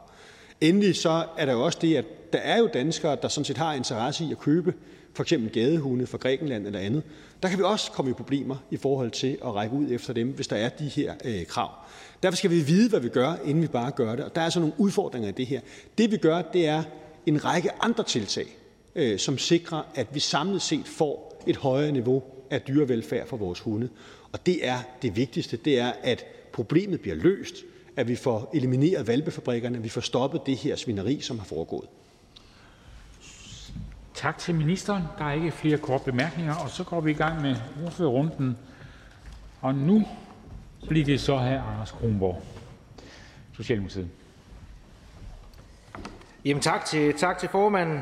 Jeg tror, det var på grund af, af utålmodighed, at jeg kom hurtigt op på, på Folketingets talerstol, fordi det er jo i virkeligheden et øh, rigtig godt borgerforslag, som her ligger, som jeg har stor sympati for, og i øvrigt også deler flere af intentionerne med. Jeg ved, der har været et meget stort arbejde, en stor entusiasme og en stor ildhu både med at oplyse om borgerforslaget, oplyse om problemstillingen, men så sandelig også med at få samlet de mange, mange tusind underskrifter, der gør, at vi i dag står her og diskuterer den her vigtige problemstilling.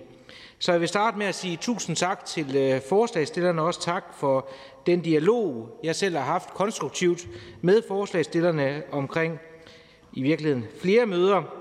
Fordi det, som det her jo handler om, det er jo noget så modbydeligt som kriminelle bagmænd, som øh, tjener penge på at lokke familier til at købe et kæledyr, der i virkeligheden skal være i familiens midte, og som man så efterfølgende finder ud af at have haft nogle kummerlige opvækstvilkår.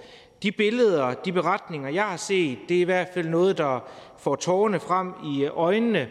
Det er dyrefabrikker i Østeuropa, hvor de her hunde de lever under kummerlige forhold, i kulde, i øh, små kår, og når de her hundevalpe så bliver født, bliver de lynhurtigt taget fra deres øh, mor. Og ligesom et hvilken som helst andet sansende væsen, så er man jo i barndommen, i de få timer efter fødslen, behov for morens trygge rammer. Og det betyder jo, at en sådan hundevalp, den er skadet, når den når en familie. Det kan være sygdom, det kan også være psykisk. Det gør, at det, som familien havde drømt om, at hunden skulle være en del af familien, det desværre ikke kan lade sig gøre. Tilbage der står der bagmænd, som har tjent mange tusind kroner på at lede familien ud i, om man så må sige, ud i manipulation, i forhold til at man var i rigtig god tro. Derfor hilser vi også velkommen, at ministeren allerede har sat forskellige initiativer i gang, blandt andet øh, kampagner omkring Den Blå Avis, Gul og Gratis, hvor man finder de her annoncer. Der er heller ingen tvivl om, at vores intention det er, at det her område det skal vi så sandelig følge meget, meget tæt.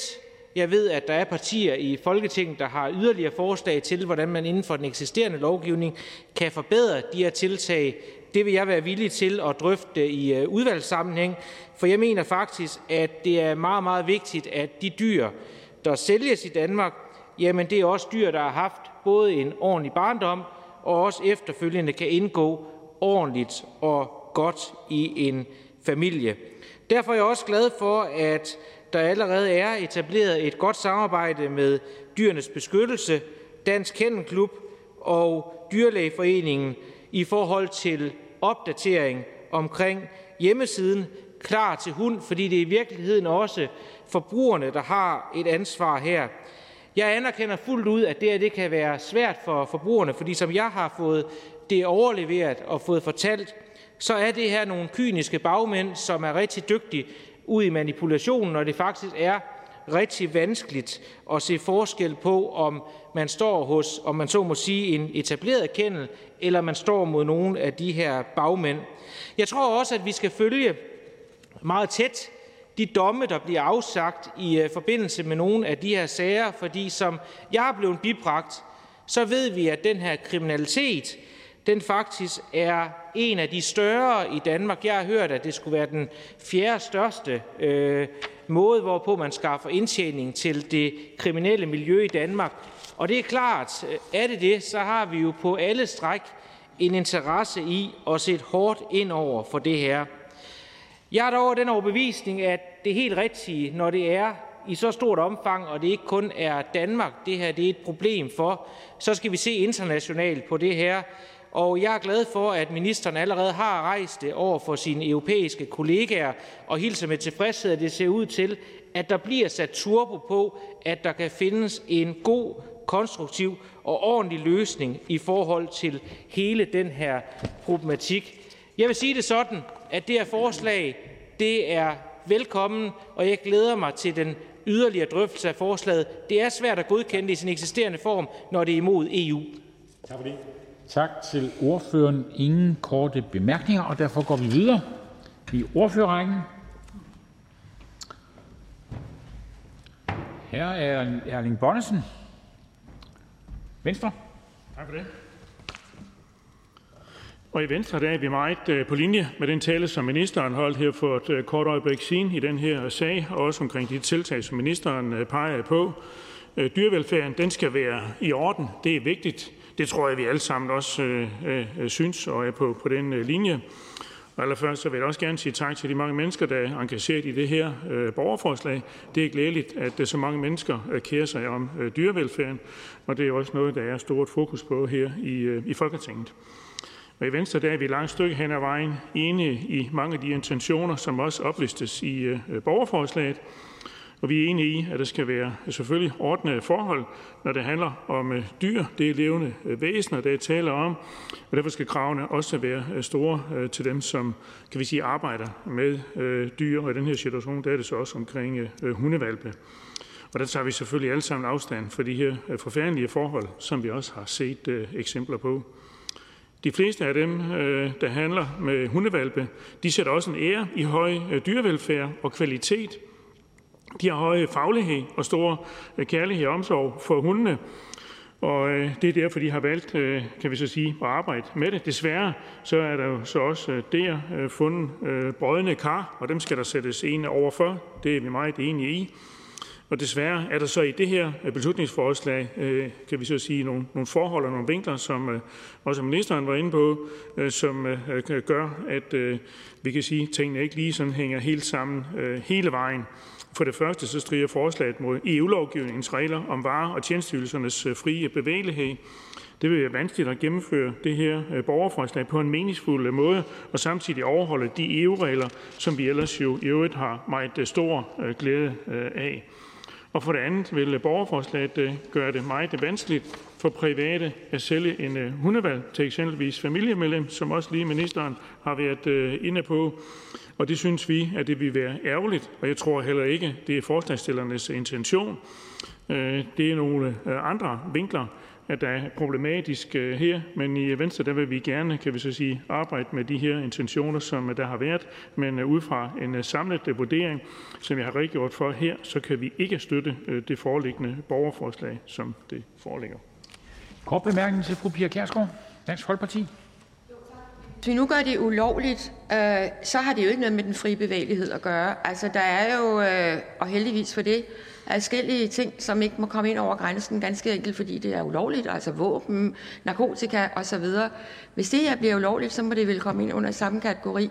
Altså man kan vel ikke bare sige fri bevægelighed, så, så, øh, så kan vi ikke ændre det her. Øh, er, for, er ordføreren ikke faktisk enig i det? Ordfører? Jamen, som jeg også markerer i øh, ordførertalen, jamen, så er der en række ting i det her, som vi jo kan sige er meget øh, enige i, uanset hvor et dyr eller en hund, eller en, hvor det er meget hunde, det handler på her, uanset om det er på den ene eller anden side af landegrænsen, jamen, så skal dyrevelfærden være i orden. Det, det er den ikke. Så derfor, når det så det kommer ind, kan vi så sige, eller dyrevelfærden skal være i orden, det er vi fuldstændig enige i. Men når det så kommer til at stride med EU's generelle øh, regler, så er det i hvert fald også et af argumenterne for, at vi ikke kan støtte borgerforslaget, som der ligger. Men altså, at dyrevelfærden skal være øh, i orden osv., det er vi fuldstændig enige i. Fru Pia Kærsgaard? Nej. Så siger vi tak til ordføreren. Ikke flere kort bemærkninger. Så er det her Karl Valentin. SF. Tak for det. Og også tak til de 50.000 borgere, som har stillet det her forslag. Jeg synes, det er, det er fantastisk at se, hvor meget af borgerne i Danmark også kærer sig om hundens liv og velbefindende. At øh, som ordfører skulle læse sig ned i den her problematik, det synes jeg øh, ikke har været specielt rart, for der er ikke nogen tvivl om, at det er et reelt og også meget omfattende problem, som vi taler om her. Altså at hunde de bliver opdrettet under kummerlige vilkår og importeret ulovligt til Danmark. Og som en, der også selv er vokset op med hund, så er det hjerteskærende at se videoer fra sådan nogle valpefabrikker her. Hundenes behov bliver på ingen måde til gode set, og de bliver set som et produkt i stedet for de individer, som vi ved, at de er. Og udover de store lidelser, som det medfører for dyrene, jamen så, øh, så giver ulovlig import, import af øh, valpe også risiko for spredning af smitsomme sygdomme og risiko for øh, bid fra dårligt socialiserede hunde. Det er ikke muligt at fastslå præcis, hvor mange valpe der bliver handlet ulovligt over Europas grænser, da mange af valpene bliver avlet i Østeuropa og derefter bliver transporteret til Vesteuropa, hvor de videresælges uden for myndighedernes søgelys. Men ud fra de sager, øh, der har været ført, så ser det ud til, at man ved ulovlig import af en hund kan tjene til 20.000 kroner øh, per valp. Og så er fristelsen for at kaste sig ud i ulovlig import jo altså ret stor for nogen, og derfor så er der også brug for en meget stram lovgivning på det her område. Og jeg ved, der er øh, en hel del regler og indsatser, som adresserer problemet, og det har Socialdemokratiet også brugt en del tid på at understrege i dag. Altså, for eksempel har man strammet reglerne i forhold til erhvervsmæssig import af handel med dyr, og der findes øh, også i dag øh, specialiserede politienheder og et rejsehold i Fødevarestyrelsen, som arbejder med området, og de får også hjælp af frivillige efterforskere fra dyrenes beskyttelse. Men det er tydeligvis ikke nok til at bremse den her ulovlige import. Og derfor så mener vi også i SF, at det her borgerforslag det bør benyttes som en anledning til at vende hver en sten i forhold til, hvad der kan gøres yderligere for at gøre op med det her problem. Især når nu vi kan forstå, at, lovfor, eller at borgerforslaget, som det ligger her, det er EU-stridigt. Fordi så må vi jo lægge noget energi i at finde nogle andre løsninger, fordi Altså, jeg er enig i, øh, i øh, essensen af det, der ligger i borgerforslaget, men vi er jo nødt til at implementere noget også, som er muligt inden for EU-lovgivningen. Og derfor så synes vi i SF, at øh, vi skal bruge det her borgerforslag til at øh, gennemføre noget progressiv politik på det her område. Jeg vil gerne komme med nogle forslag. Man kunne for eksempel gøre registrering lovpligtig for øh, sælger, alle, der øh, sælger hunde. Man kunne også undersøge muligheden for at indføre bødestraf for at købe hunde fra sælgere, der ikke er registreret, så man altså selv også skal sørge for at tjekke det, som gerne vil være hundeejer. Man kan skærpe kontrol ved grænserne i forhold til at sikre, at alle hunde, som øh, der øh, kommer ind i Danmark, de har de påkrævede papirer, EU's selskabsdyrspas og veterinærcertifikat. Vi kan styrke politiets og Fødevarestyrelsens indsatser i forhold til ulovlig import af hunde. Vi kan øge oplysningsindsatsen i forhold til potentielle husdyrkøbere, som ministeren også talte om tidligere. Og så kan vi få skærpet EU-reglerne, som måske er det vigtigste overhovedet. Det kan gå langsomt, men det kan også have noget af det øh, allermeste effekt i forhold til opdræt af hunde, og herunder ikke mindst kravene til medlemsstaternes kontrolindsats. Så jeg håber, at regeringen vil tage intentionerne for det her borgerforslag meget alvorligt, og at vi kan have en god proces øh, partierne imellem med at få strammet op på den her lovgivning. Fordi vi vil ikke acceptere de her valpefabrikker. Vi må indføre en lovgivning, som gør op med problemet. Tak for ordet. Tak til ordføreren. Der er ikke nogen korte bemærkninger, og så går vi videre i ordførerrækken til fru Zenia Stampe.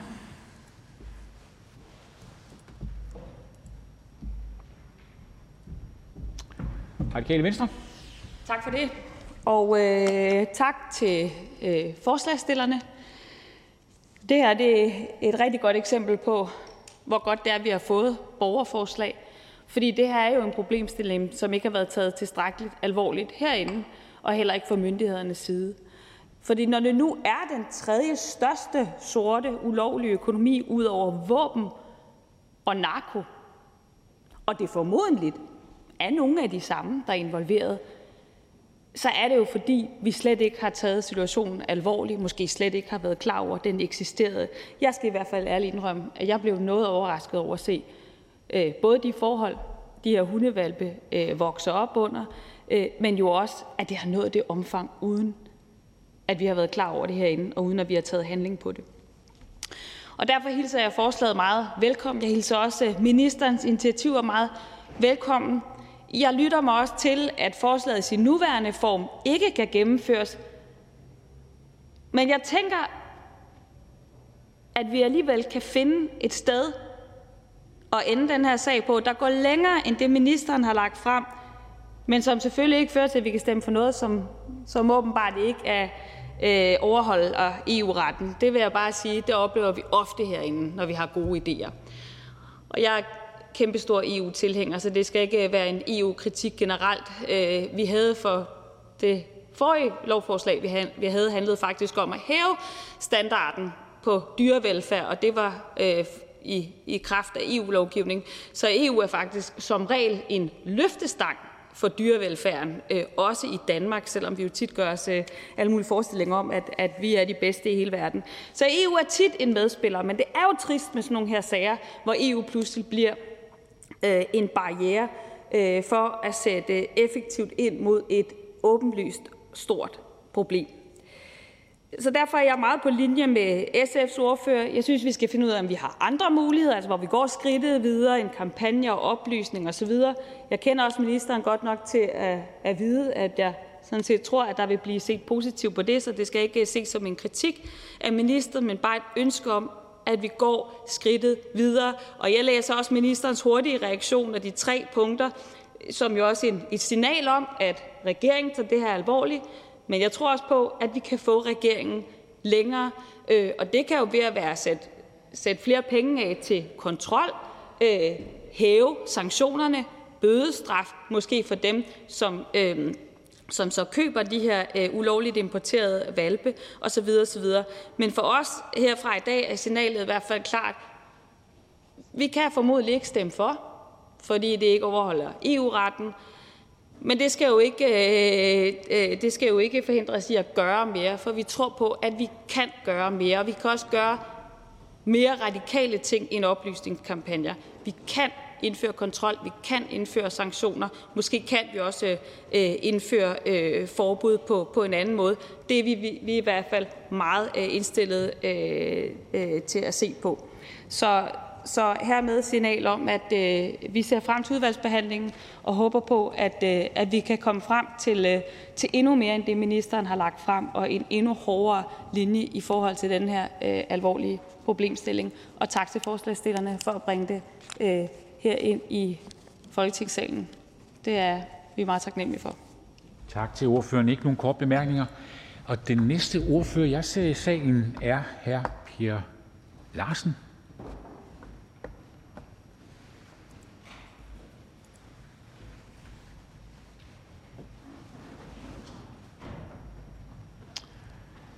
Konservative Folkeparti.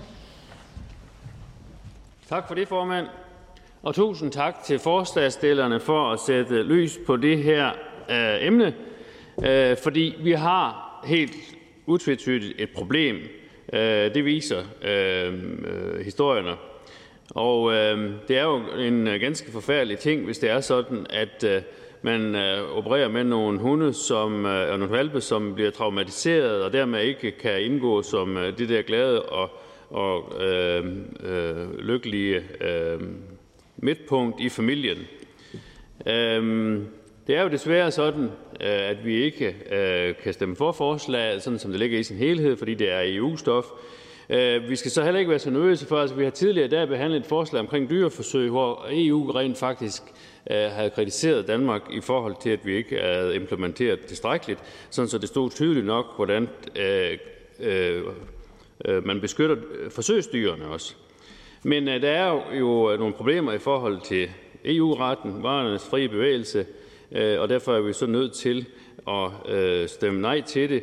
Men øh, som ministeren så glimrende har redegjort for, så er der jo initiativer på vej. Der gøres en stor indsats for simpelthen at højne standarden på området, sådan så vi undgår de kedelige situationer, som der jo meldes om. Der er også problemstillingen i forhold til det der med, Øh, hvis ens hund nu har været på besøg hos naboen, og der øh, så bliver valpe, øh, at man så jo også skal kunne sørge for at komme af med dem på, på forsvarlig vis. Og så er der også noget, som jeg lige spekulerede på det i, i det her i forhold til avlslinjer. Altså hvis man øh, kun øh, avler i Danmark, så kan man måske rende ind i nogle problemer, som kan være uhensigtsmæssige, hvor det kan være fornuftigt nok at få noget nyt blod ind øh, i, øh, i avlen. Øhm, men der er et problem her, og det er jo drevet af penge øh, og griskhed, øh, og der er store penge på spil, og derfor øh, skal vi selvfølgelig også sikre, at vi får højnet kvaliteten i hele den her sektor, sådan så vi kan være sikre på, at når folk erhverver sig en hund, så får de et glad og lykkeligt medlem af familien. Tak til ordføreren. Ingen korte bemærkninger, og det betyder, at vi går videre til fru Pia Kærsgaard.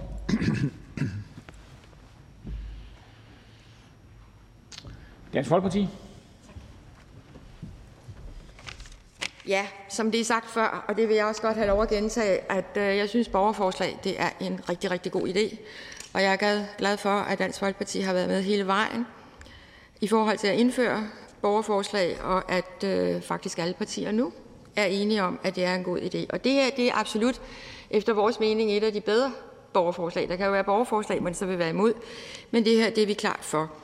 Altså B 59, eller mere mundret Frejers lov, endnu et borgerforslag, som har opstået på baggrund af mindst 50.000 borgere, der har skrevet under på det her glimrende forslag, ganske simpelt, fordi de vil have Folketinget til at behandle det, og så selvfølgelig også for at få det vedtaget.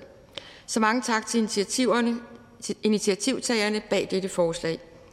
En lov, som bliver vedtaget, vil sætte en stopper for de forfærdelige udenlandske valpefabrikker, som importerer tvivlsomme hundevalpe til danskerne, og hvor alt for mange af disse hunde slet ikke er sunde og ordentlige hunde.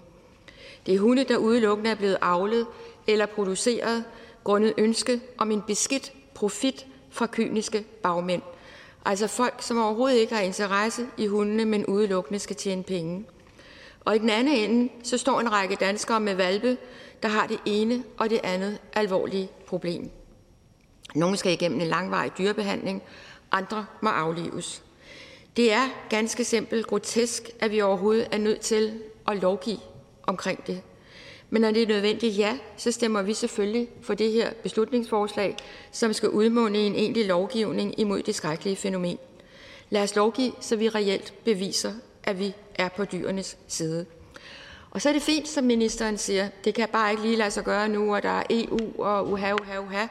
Men som også det blev bekendtgjort fra her Per Larsen, så er der jo altså også nogle ting, hvor vi lige står op imod EU og siger, at det vil vi simpelthen ikke acceptere. Det mener jeg godt, vi kan gøre i det her.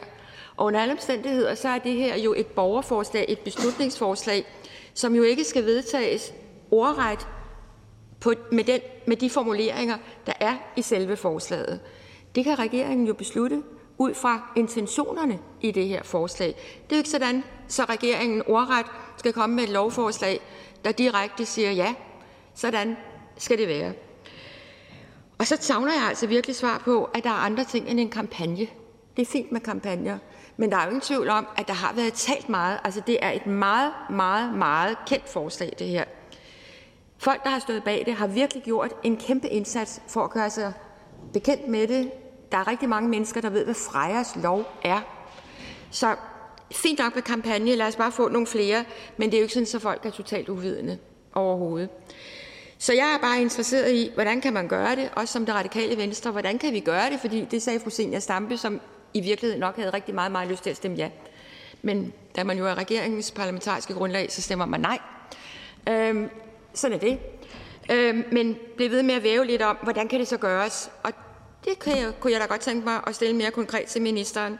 Jamen, hvordan kan vi gøre det ud fra det her, så det bliver meget snart, og ikke noget, vi bare putter i en syltekrukke, som så mange andre forslag, hvor vi desværre bliver nødt til at sige, ja, men altså, vi bliver nødt til at vente på EU, og det kan ikke lade sig gøre, osv. osv. Tak. Tak til fru Pia Kærsgaard. Der er ikke nogen kort bemærkninger. Det betyder, at vi går videre til hr. Peter Seier Christensen, Nye Borgerlige.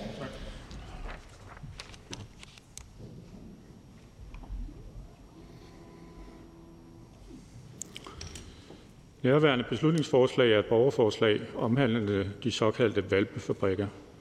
Der findes kyniske mennesker, der tjener penge på valpefabrikker, hvor de driver rovdrift på moderen og ofte sælger valpene, når de er meget små. Der har været eksempler på dette i Danmark, men ofte er der tale om fabrikker i udlandet, hvor valpe bliver importeret til Danmark og solgt videre. Nye Borgerlige vil stoppe fabrikkerne på dansk jord og importen fra valpefabrikkerne på udenlandsk jord. For alles bedste skal vi som lovgiver beskytte først og fremmest hundene, og dernæst selvfølgelig også hundeejerne. I Nye Borgerlige vil vi gerne forhindre en industri, hvor hundens velfærd ikke til gode ses. Hvor målet er så mange valpe som muligt, avlet med så få udgifter som muligt. Og det er netop det, der sker på disse valpefabrikker. Her er sælgerne ikke interesseret i, hvor valpen kommer hen, og heller ikke i at informere de nye ejere om valpens behov og hvad det kræver af ejeren. Valpefabrikkerne er kun interesseret i dine penge. Valpefabrikker kan og skal undgås. De tiltag, der er foreslået i dette borgerforslag, er fornuftige. Hundevalpens kommende familie skal kun kunne købe valpen direkte fra en opdrætter, og kun godkendte internater kan påtage sig og formidle valpe fra dyreværnssager videre ved behov for genplacering. På den måde kan vi fra lovgivers side medvirke til at forhindre import af valpe fra de mange europæiske valpefabrikker ved at ulovliggøre, at hundevalpe opkøbes og videresælges af tredjepart. Så derfor støtter vi i Nye Borgerlige øh, borgerforslaget, også kaldet Frejas Lov. Og så har der været diskussion om, hvorvidt vi kan implementere det her en til en. Og der er vi selvfølgelig indstillet på at, øh, at, at se på det, og hvis ikke vi kan det, så må vi jo så finde nogle andre måder, så vi kan få finde en løsning på det her helt uacceptable problem. Tak for ordet. Tak til ordføreren. Ikke kort bemærkninger, og det betyder, at vi går videre til fru Susanne Simmer.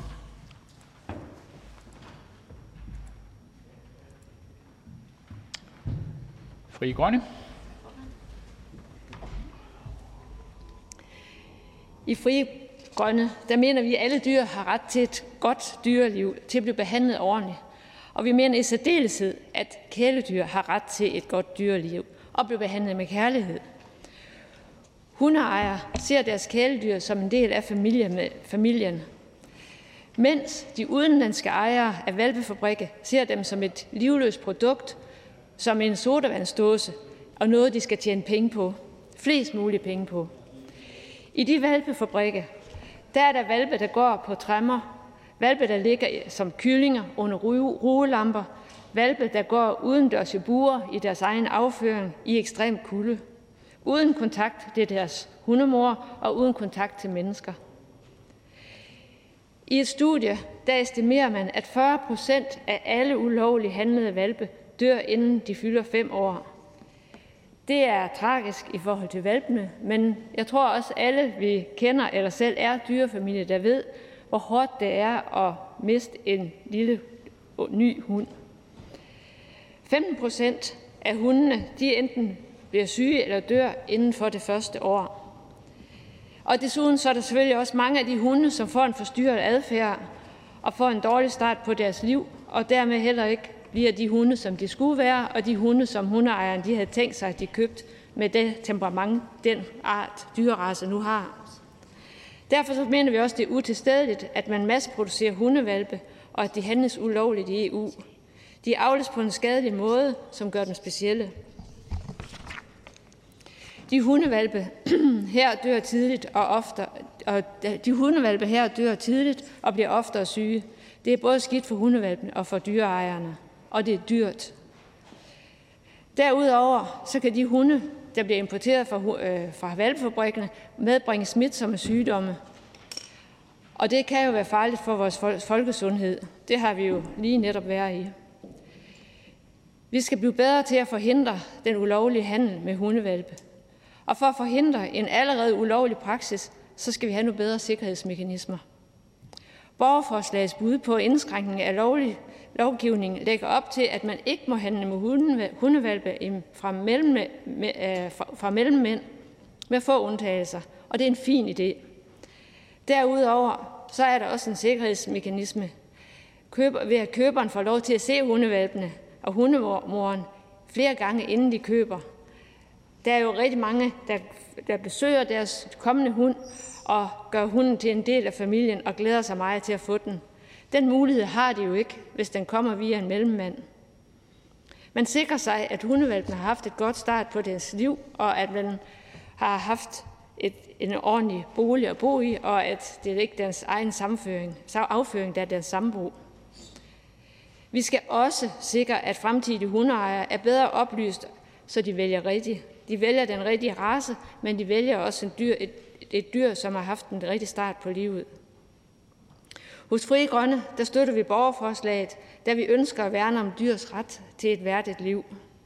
Og hvis det skulle blive vedtaget, så tænker jeg, så er det regeringen og vores opgave at gennemføre den inden for de EU-retslige krav. Tak for ordet. Tak for det. Der er ingen kort bemærkninger, og der er ikke flere, som har bedt om ordet. Forhandlingen slut. Jeg foreslår, at forslaget henvises til Miljø- og Fødevareudvalget, og hvis ingen gør indsigelse, betragter jeg det som vedtaget. Ved begyndelsen på mødet i dag der blev beslutningsforslag nummer B 13 ved en fejl henvist til transportudvalget. B 131 undskyld, ved en fejl henvist til transportudvalget. Jeg vil i stedet foreslå, at beslutningsforslaget henvises til Miljø- og Fødevareudvalget, og hvis ingen gør indsigelse, betragter jeg det som vedtaget. Det er vedtaget. Det næste punkt på dagsordenen er første behandling af lovforslag nummer L 131, forslag til lov om tilgængelighedskrav for produkter og tjenester af erhvervsministeren. Forhandlingen er Socialdemokratiet. Tak for det, formand. Sådan som øh, dagsordenen er udformet, så ser det ud som om, at L 131 det er det korteste, mindst omfattende punkt på dagsordenen. Det tror jeg imidlertid ikke er tilfælde. L 131 er et lovforslag, som er ventet med længsel, da der fra flere sider har været efterlyst bedre regelsæt omkring tilgængelighed for grupper med særlige udfordringer i vores samfund. Fra Socialdemokratiets side der skal der lyde anerkendelse til regeringen for at fremsætte lovforslaget om tilgængelighed i god tid øh, inden i krafttræden, øh, som er 2025, altså en indkøringsperiode på tre år. Det matcher vel fint med, at der er en meget forskellige områder, som det her lovforslag skal beskæftige sig med. Produkter og tjenester, der skal tilrettelægges på den digitale flade, så vi lever op til EU's tilgængelighedsdirektiv. Der er ingen tvivl om, at lovforslaget, øh, at, at personer vil, vil lette livet for personer med handicap, Øh, så de i videst mulig omfang kan deltage i samfundslivet på lige fod med andre. Lovforslaget indfører derfor en række tilgængelighedskrav for udvalgte produkter og tjenester. Disse skal sikre, at flere personer kan benytte selvbetjeningsterminaler, handle på internettet, bruge medietjenester og apps, bestille billetter eller transport, til transportmidler med videre. Lad mig så prøve at reflektere lidt over, hvilke veje vi kunne overveje at tage i anvendelse for at leve op til kravet om tilgængelighed. Den digitale udvikling sker jo med rivende hast, og danske IT-virksomheder er særdeles innovative, når det gælder om at udvikle specialprogrammer eller faciliteter, der sikrer tilgængelighed.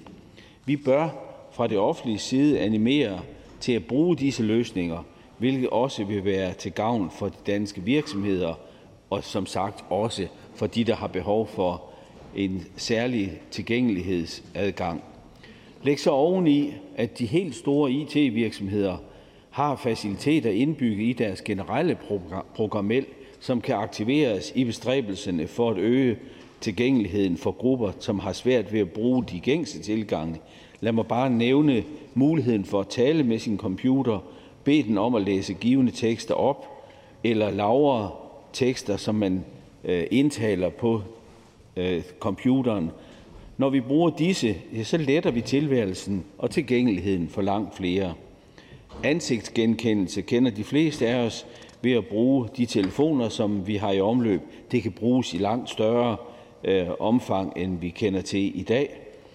Det er min overbevisning, at vi skal inspirere til at anvende disse specialfunktioner, som allerede er lagt ind i almindelige computer, computere, og jo mere vi tager disse i anvendelse, jo hurtigere vil det blive udviklet flere og stadig mere sofistikerede løsninger til gavn for adgangen for grupper, som har særlige behov. Ja, lovforslaget det lægger op til minimumsimplementering, og det kan man måske nok være kritisk over for, men læser man de, de, de høringssvar, som øh, følger med lovforslaget, så fremgår det tydeligt, at der skal skabes albuerum til dialog mellem de, der har skoen på, og de, der udformer reglerne. Det er en arbejdsform, som vi ofte har, øh, har udviklet rigtig fint og meget mål, med, til, med målrettede løsninger for øje for at leve op til givende må, målsætninger. Socialdemokratiet bakker op om L 131 og deltager naturligvis gerne og aktivt i det kommende udvalgsarbejde med lovforslaget. Tak. Selv tak til hr. Orla Hav. Der er ikke nogen kort kommentar, så vi går videre til hr. Torsten Schack Petersen fra Venstre, Danmarks Liberale Parti.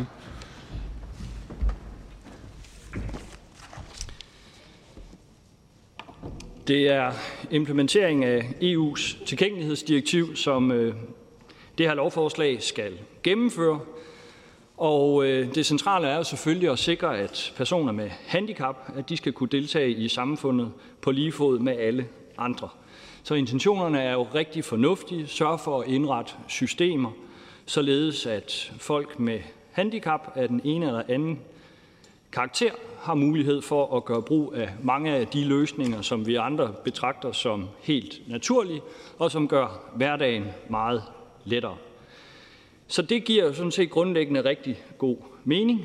Det giver også rigtig god mening, at det er gennem EU-regler, vi gør det her, for det sikrer ensartede regler, og det fjerner også barriere for det indre marked. Så lovforslaget betyder helt konkret, at på en, for en lang række eller for udvalgte produkter og tjenester, ja, der skal der altså øh, sikres en høj grad af tilgængelighed, således at flest muligt kan anvende dem.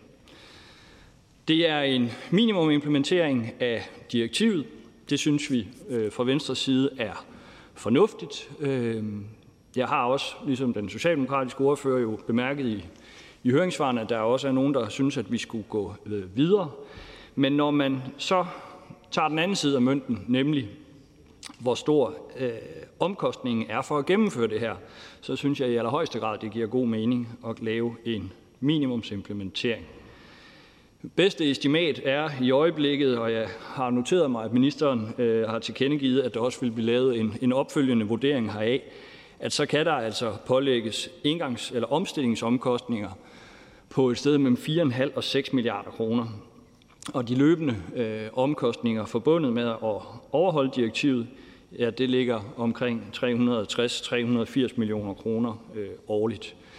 Det er jo øh, en rimelig, øh, rimelig stor øh, regning, øh, men selvfølgelig skal vi sørge for, at personer med handicap skal mødes af tjenester og produkter, som sikrer, at de har let ved at anvende dem. Jeg skal ikke gennemgå alle de øh, elementer, som øh, min socialdemokratiske kollega så øh, grundigt redegjorde for.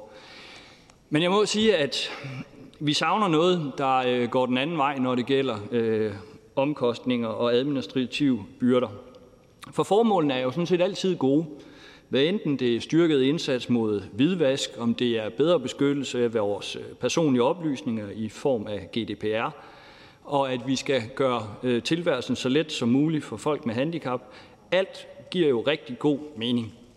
Men jeg synes også, at det er nødvendigt at understrege og opfordre regeringen kraftigt til at prøve at få EU til at sætte handling bag ordene i forhold til at gøre det lettere at drive virksomhed. Der må altså komme initiativer, der reducerer de erhvervsøkonomiske byrder. Det nytter ikke noget, at det er øh, ekstra byrder og ekstra omkostninger, som alene er det, erhvervslivet bliver mødt af. Så hermed en kraftig opfordring til erhvervsministeren om, at øh, nogle af de mange pæne hensigter, der ligger øh, fra EU om at gøre tingene simplere og mere effektivt, at det vil vi gerne øh, se noget håndfast og konkret handling på, således at vi både kan lave en effektiv kamp mod hvidvask, at vi kan beskytte vores personlige oplysninger gennem høj grad af datasikkerhed med GDPR, og at vi kan sikre personer med handicap øh, bedre adgang til en lang række produkter og tjenester.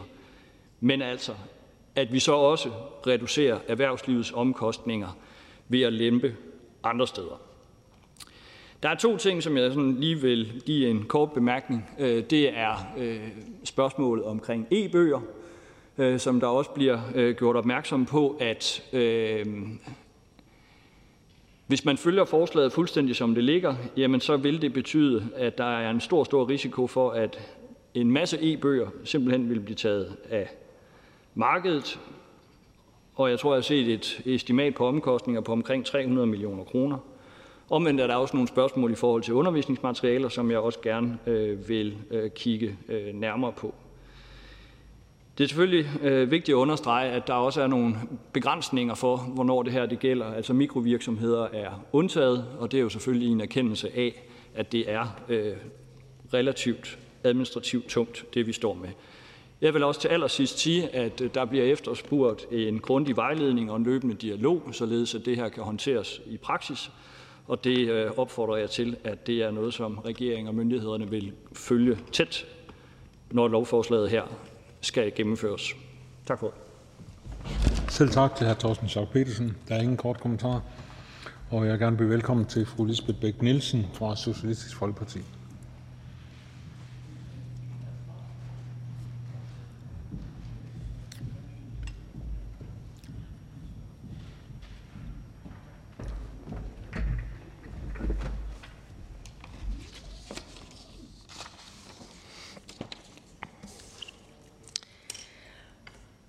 Som nævnt så implementerer det her lovforslag EU's tilgængelighedsdirektiv, som skal få virkning for danske virksomheder i øh, juni 2025 senest. Og formålet er, som vi har hørt, at personer med handicap i videst mulig omfang kan deltage i samfundslivet på lige fod med andre.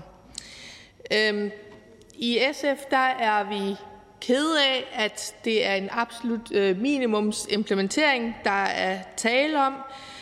Vi burde i Danmark som et af de rigeste EU-lande være nogle af dem, der trådte forrest i forhold til tilgængelighed. Allerede i 2009 der ratificerede Danmark som et af de allerførste lande FN's handicapkonvention, og derfor så burde det ikke være nogen overraskelse for nogen, øh, at vi i Danmark gerne vil sikre god tilgængelighed for mennesker med handicap. Og hermed så burde de fleste virksomheder også have indrettet sig efterhånden med en stor grad af tilgængelighed, da der efterhånden er gået mange år, og hvor man kunne have indstillet sig. Samfundsøkonomisk så er der jo også en god øh, og positiv effekt i, at flere oplever tilgængelighed, kan deltage i samfundslivet og agere uden alt for mange hjælpemidler og støtte. Øhm, så har vi nogle helt konkrete ønsker. Kigger lige på ministeren. Udover at vi, øh, vi som sagt synes, at vi skulle være gået øh, længere i forhold til at støtte øh, mennesker med, med handicap, Så er vi også øh, kritiske over for paragraf 7, som vi ønsker at øh, diskutere med, med ministeren og også i udvalgsbehandlingen. Øh, der er nogle risici for, at hvis man ønsker det, at man kan smyge sig uden om egentlig at skulle leve op til øh, lovens øh, ånd og, og bogstav. Der er nogle risici i den paragraf.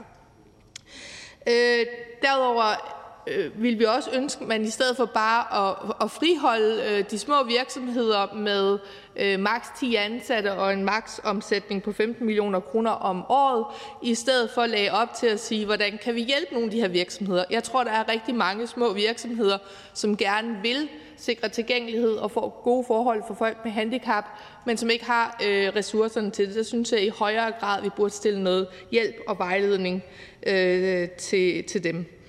Øh, endelig så øh, peger nogle af høringssvarene jo også på, øh, og nogle af høringssvarene fra for, for eksempel Institut for Menneskerettigheder, Danske Handicaporganisationer og Forbrugerrådet Tænk, er jo også netop inde på det her med, øh, at det er et absolut minimumsimplementering, og man ikke går så langt, som man kunne for at hjælpe mennesker med handicap.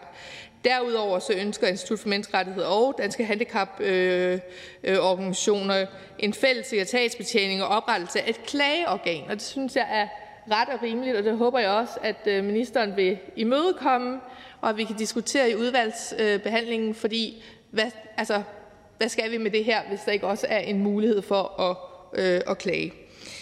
Øhm, endelig så, øh, så ønsker vi, at der, inden der går alt for lang tid, også kan evaluere øh, loven, så vi kan se, om, om der netop er nogle smuthuller, som det, der er beskrevet i paragraf øh, 7 og i høringsvarene, og, øh, og om øh, det her det har den virkning, som vi ønsker, øh, det skal have.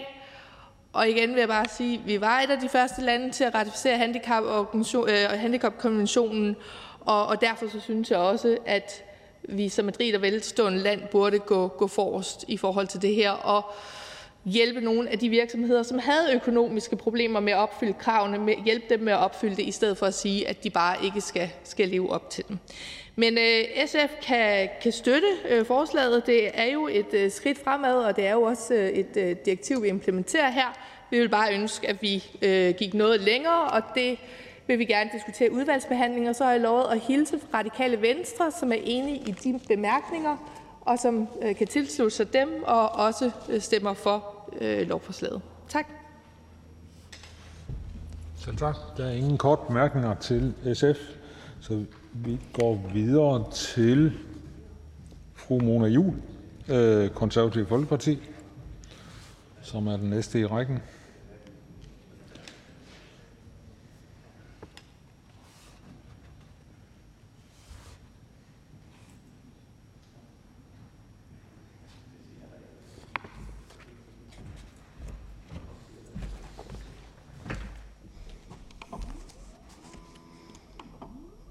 Tak for ordet. Hvor er det godt, at vi tænker i tilgængelighed for alle. Man kunne også kalde det frihed for alle, lige ret for alle, på lige fod med andre. For mennesker med handicap har forskellige udfordringer i forbindelse med transport, handel på nettet og selvbetjeningsterminaler og meget mere, afhængig af handicap naturligvis. Og da vi jo hverken registrerer eller har en klar definition på, hvad et handicap egentlig er, så har vi heller ikke det fulde overblik over, hvor mange der for eksempel er blinde eller sidder i kørestol. Vi ved bare, at langt de fleste produkter og services udvikles til og for flertallet. Ifølge WHO betyder det 85-90 procent af befolkningen, fordi man her anslår, at 10-15 procent af befolkningen har et handicap. Med tilgængelighedsdirektivet fra april 19 lever vi op til FN's konvention om rettigheder for personer med handicap. Det er rigtig godt. Men hold nu op, hvor er det dyrt. Det forsigtige estimat siger 4,5 til 6 milliarder kroner alene til omstillingsomkostningerne. Et beløb, som Finans Danmark i høringsvarene allerede siger nok nærmere ligger på 7 til 13 milliarder kroner. Det er altså et samlet tab på det strukturelle bruttonationalprodukt på 0,7 milliarder kroner. Det er i særdeleshed bankerne, det er nethandlen, der skal ændre og omstille, og det kan godt gå hen og blive svært. Fordi det er så usikkert, hvad der er omfattet. Det skal der styr på, hvorfor det er godt, at vi allerede nu begynder at tilrettelægge, så de kommende tre år kan bruges til at finde løsninger, inden kravene skal være opfyldt i 2025. I den mellemliggende periode handler det jo så også om for dansk erhverv at udvikle løsninger, som kan bruges såvel her som i resten af EU. Kommer vi ud af starthullerne, kan vi se omstillingen som en mulighed for udvikling af løsninger, der kan skabe vækst og nye arbejdspladser. Hos os konservative så ser vi gerne en meget grundig udvalgsbehandling, og ikke mindst et meget tæt samarbejde med de berørte erhverv om, hvordan loven egentlig i sidste ende skal strikkes sammen. Ikke mindst fordi man jo kan tænke sig, at loven på nogle områder er overhalet af allerede øh, nyopdaget øh, teknologi, nyopdagede teknologiske løsninger. Og særligt må jeg også sige, at der er et område, der kræver meget stor fokus, og det er e-bøger, som er udgivet før lovens ikrafttrædelsestidspunkt. Det såkaldte bagkatalog. Og jeg vil opfordre til, at vi ser på, i hvert fald i den her forbindelse, også løsningsmodeller, der er anvendt i Sverige og Finland, og som man jo formode at være i overensstemmelse med direktivet. Tak til Mona Jul. Og så er hr. Jakob Sølhøj ankommet, men øh, da de første skal blive de sidste, så får han pladsen nederst på rækken. Øh, jeg vil gerne byde velkommen til fru Mette Jermin Denker fra Dansk Folkeparti.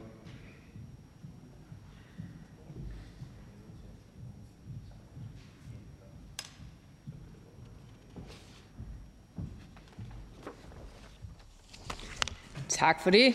Og var det skønt at høre formanden citere Bibelen her fra formandstolen. Digitaliseringen den er gået ekstremt hurtigt. Det er ikke mere end et par år siden, at vi diskuterede, at det var altså ikke færre år for de ældre, som kun havde kontanter at betale med, at de blev afskåret flere steder, hvor man kun kunne betale med kort. Eller at det var synd for de ældre, at de ikke kunne stemme i Vild med Dans eller andet, fordi de ikke havde nogen mobiltelefon. Men i dag, i dag, der er det jo ikke nok, at de har dankort eller mobiltelefon. I dag der er de nødt til at have en smartphone med app. Ellers så kan de ikke få rabat i Lidl eller Føtex eller på Ingo tankstationer, og de kan heller ikke parkere deres bil i København.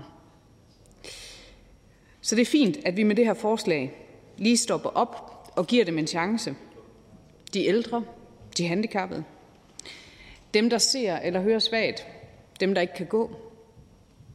Med forslaget der øges tilgængeligheden på en række områder. Der skal være talefunktioner ved billetautomater og hæveautomater, og det skal være muligt at hæve penge for en kørestolsbruger ved en hæveautomat. Ydermere så skal dem, der udbyder transporttjenester, sikre, at folk med synshandicap de kan bruge deres tjenester. I Dansk Folkeparti har det altid stået vores hjerte nært at hjælpe de ældre og de handicappede. Og sikre dem, at de har samme muligheder som os andre, og de har bedre tilgængelighed, koste hvad det koste vil. Og det kommer det så også til. Det kommer til at koste. Det kan vi se, som nogle af de tidligere ordfører har været inde på, mellem 4,5 og 6 millioner, eller og 6 milliarder. Og endnu mere, hvis man skal tro på, hvad nogle af høringssvarene de spår. Det giver os ikke anledning til ikke at støtte forslaget, for det vil vi naturligvis gøre. Men det giver os anledning til at foreslå en meget, meget grundig udvalgsbehandling, hvor vi kommer alle spørgsmålene og bekymringerne til livs. Vi skal sikre, at det står knivskarpt, hvilke forpligtelser internetudbyderne har, og vi skal også imødekomme bekymringen fra Dansk Erhverv, der gør opmærksom på, hvor dyrt det vil være, hvis vi skal trække alle eksisterende e-bøger ud af markedet for at gøre dem handicapvenlige. Mange af de her øh, forlag, det er altså små, det er SMV'er, og vi skal altså sikre, at vi med det her forslag ikke lægger dem ned. Så lad os tage en grundig udvalgsbehandling af det her hvor vi får en masse interessenter i deputationen, så vi kan lande det her på en god måde til stor gavn for de ældre og for de handicappede, og så samtidig, at vi også kan give erhvervslivet en færre chance for at omstille sig. Tak. Selv tak. Der er ingen kort kommentar, så vi går videre til hr. Lars Bøje Mathisen fra Nye Borgerlige.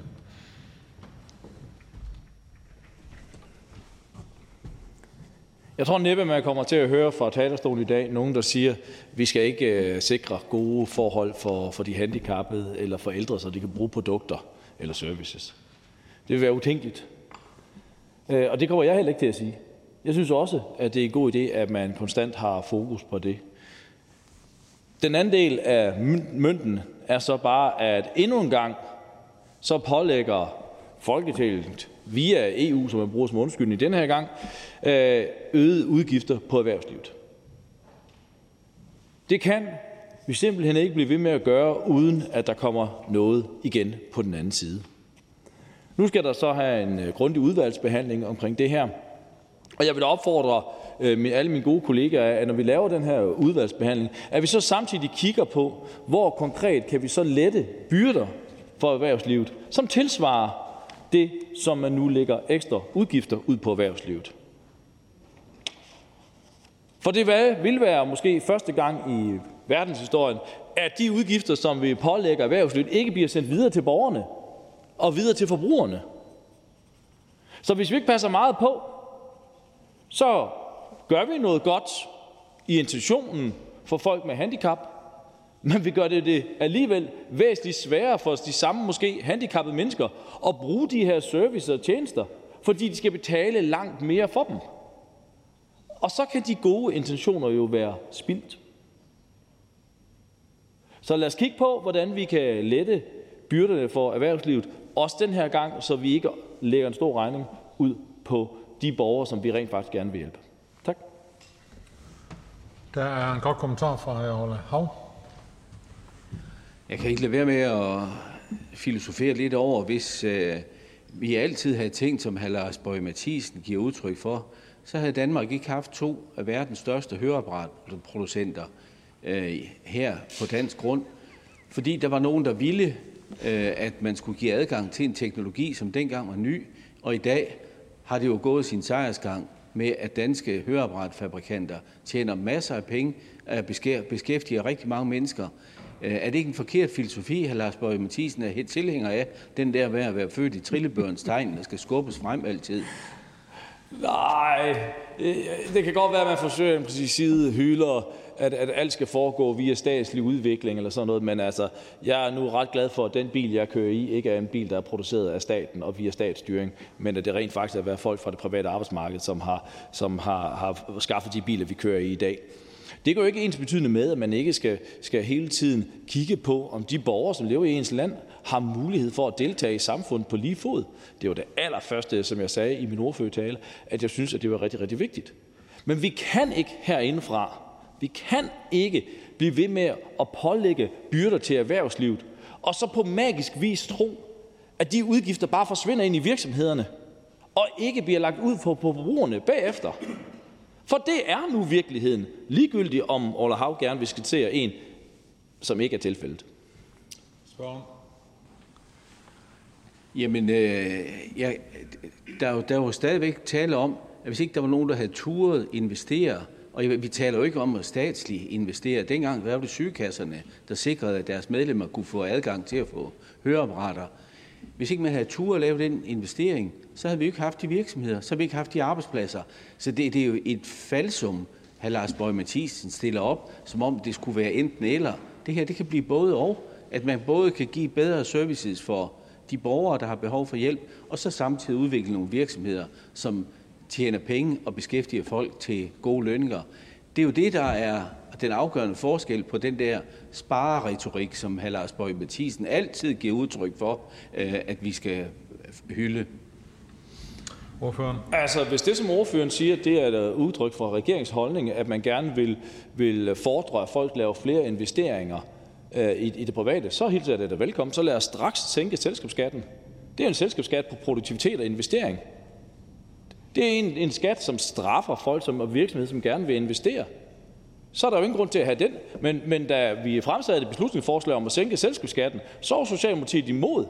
Altså tiltag, som rent faktisk kan fordre de investeringer, som man skal forstå nu, Socialdemokratiet gerne vil have, jamen der er jeg tilhænger af. Så lad os sænke skatten, så de kommer til at ske. Tak til hr. Lars Borg Mathisen. Der er ikke flere kort kommentarer, og velkommen til hr. Ole Birk Olesen fra Liberal Alliance. Tak for det.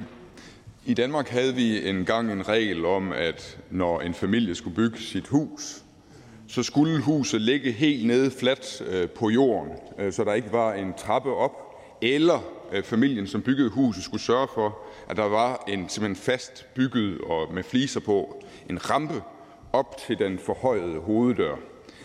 Fordi selvom familien ikke rummede øh, en person i kørestol, og selvom huset næste gang heller ikke vil blive solgt til en person i kørestol, og selvom huset tredje gang heller ikke vil blive solgt til en person i kørestol, så havde vi alligevel regler, der forlangte, at alle huse skulle bygges, som om der boede personer, som kørte i kørestol i de huse. Den regel blev heldigvis afskaffet, fordi der var nogen, der besindede sig på, at det var vel nok at gøre huse handicapvenlige, hvis der skulle bo handicappede i dem, i stedet for at alle huse skulle bekoste det at gøre dem handicapvenlige, også selvom der ikke boede handicappede i dem. Og det var da klogere. Det var da meget klogere, at man nøjes med at bruge penge på de huse, hvor der bor handicappede, i stedet for på alle huse, hvor der ikke bor handicappede. Det her øh, direktiv fra EU er udtryk øh, for det samme. Det siger, at i stedet for at man finder nogle løsninger for folk øh, med et handicap forskellige steder, Øh, hvad end, hvordan det kan løses, øh, så skal alt laves, øh, som om at alle kunder har et handicap og har behov for noget særligt udstyr for at kunne tilgå de her services. Og det er selvfølgelig en, øh, derfor, at det bliver så dyrt. Det er derfor, det kommer til at koste. Øh, regeringens skøn er op til 6 milliarder. Øh, fra finanssektorens side skønner man, at alene på deres område kan det komme til at koste op til 13 milliarder kroner at lave de her ting om, sådan at alting er snedgereret til, at handicappede uden, uden yderligere hjælpemidler skal kunne komme ind øh, på den. Og øh, det er bare en forkert øh, tilgang til det. Øh, det er ikke den tilgang, hvor man siger, jamen hvor mange får gavn af det her, og hvor meget koster det. Det er en tilgang, hvor man siger, uanset hvor meget det koster, og uanset hvor få der får gavn af det, så skal det gennemføres. Og derfor kan vi ikke støtte det, og øh, der er også en anden grund til, at vi ikke kan støtte det. Øh, det er, at hvordan vores dankortterminaler og billetautomater ser ud i Danmark, det har vi ærligt talt ikke øh, behov for at EU-systemet blander sig i. Det er ikke, det er ikke vores, vores billetautomater kommer ikke til at flyde over grænsen til Tyskland, hvor de vil blive belastet af dem. Vores dankortterminaler kommer ikke til pludselig at, og, og med vinden at blive blæst til Spanien, øh, hvor, hvor man kan se, at det så går ud over de spanske øh, forbrugere dernede. Det er ikke et grænseoverskridende problem, hvordan vores billetautomater og dankortautomater ser ud her i Danmark. Og derfor anerkender vi ikke, at EU legitimt skal kunne blande sig i det her. Øh, der er et nærhedsprincip i EU-traktaten, som siger, at tingene skal løses der, hvor det er tættest muligt på borgerne, og kun når der, øh, når det er, der ikke er anden udvej. Når der er tale om for eksempel forurening, øh, så, så er der ikke anden udvej, end at man selvfølgelig skal løse det på EU-plan. Og når man skal lave regler for indre marked, så kan det også være nødvendigt at lave øh, regler på EU-plan. Men hvad der skal til for at købe en billet i en billetautomat i Danmark, eller hvad der skal til for at hæve nogle penge i en dankortautomat i Danmark, det behøver EU ikke at blande sig i. Så øh, af disse grunde stemmer vi imod lovforslaget. Tak til hr. Ole Birk Olesen. Der er ingen kort kommentar. Og vi er nu kommet til hr. Jakob Sølhøj fra Enhedslisten, de rød-grønne.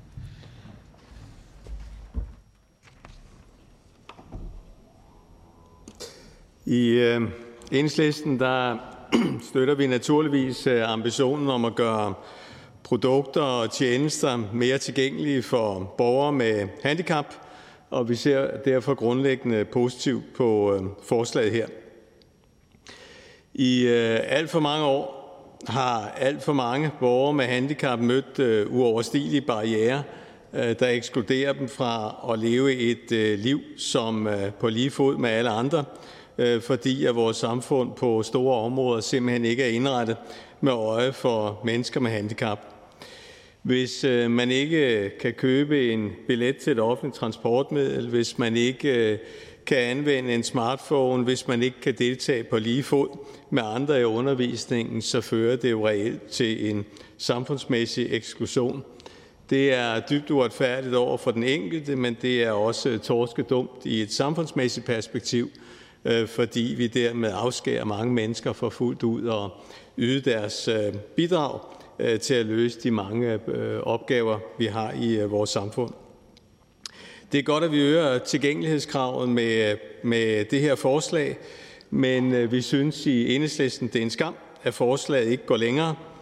Vi er helt med på, at kravene skal indfases på en rimelig måde, fordi vi stiller virksomhederne nogle praktiske udfordringer og økonomiske omkostninger, men at der udelukkes store områder fra lovgivningen her, at der øh, laves øh, så lange overgangsordninger, som der er skitseret her, øh, det synes vi ikke er rimeligt.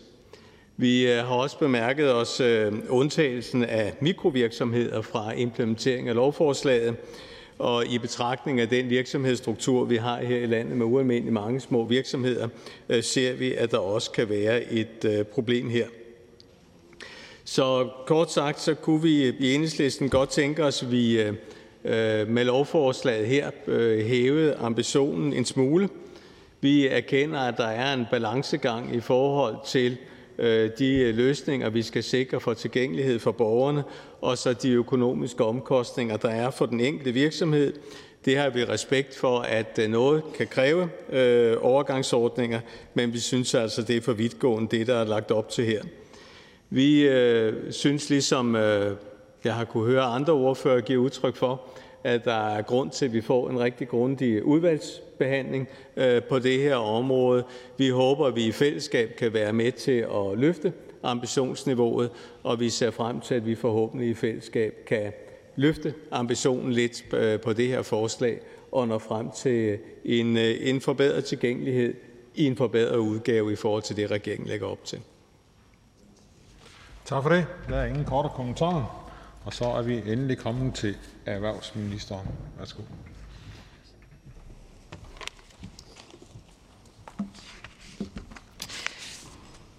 Tusind tak for det, og tak for mange gode taler. Jeg tror, der er mange, der kan genkende den her følelse af, at der er hverdagsting, som virker små, og som virker helt naturlige for os hver især. Jeg tænker i hvert fald selv ikke ret meget over det, når jeg tænder for fjernsynet, eller når jeg logger på min netbank, eller hvis jeg er ude at shoppe på hjemmesider på internettet. Det er privilegeret at have det sådan, at kunne øh, se, at kunne høre, at have førlighed og sanser i behold. Men mange danskere har en mere besværlig hverdag. Danskere, der har et handicap eller en funktionel begrænsning, for dem der kan små hverdagsting blive til store udfordringer. Der var en gang, hvor vi dybest set bare ignorerede den her problematik. Og det har heldigvis ændret sig gradvist med tiden.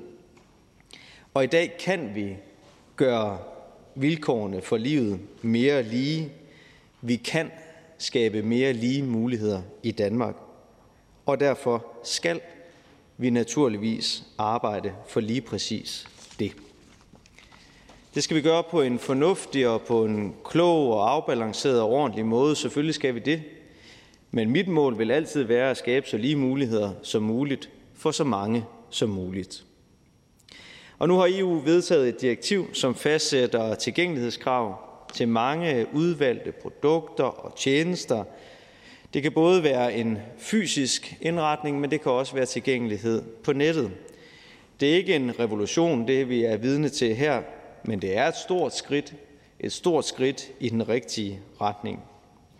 Og det kan, for bare at nævne et eksempel, betyde, at din netbank skal være tilgængelig på øh, flere forskellige måder, hvor du kan bruge høre- og følesansen til at tilgå din netbank, hvis du er blind. Formålet det er jo, at produkter og tjenester skal være lettere at bruge for borgere med handicap og med andre funktionelle begrænsninger, og med lovforslaget, som vi her har til behandling, der implementerer vi så det her direktiv, jeg har talt om, og det hjælper med at ensarte tilgængeligheden på tværs af hele EU.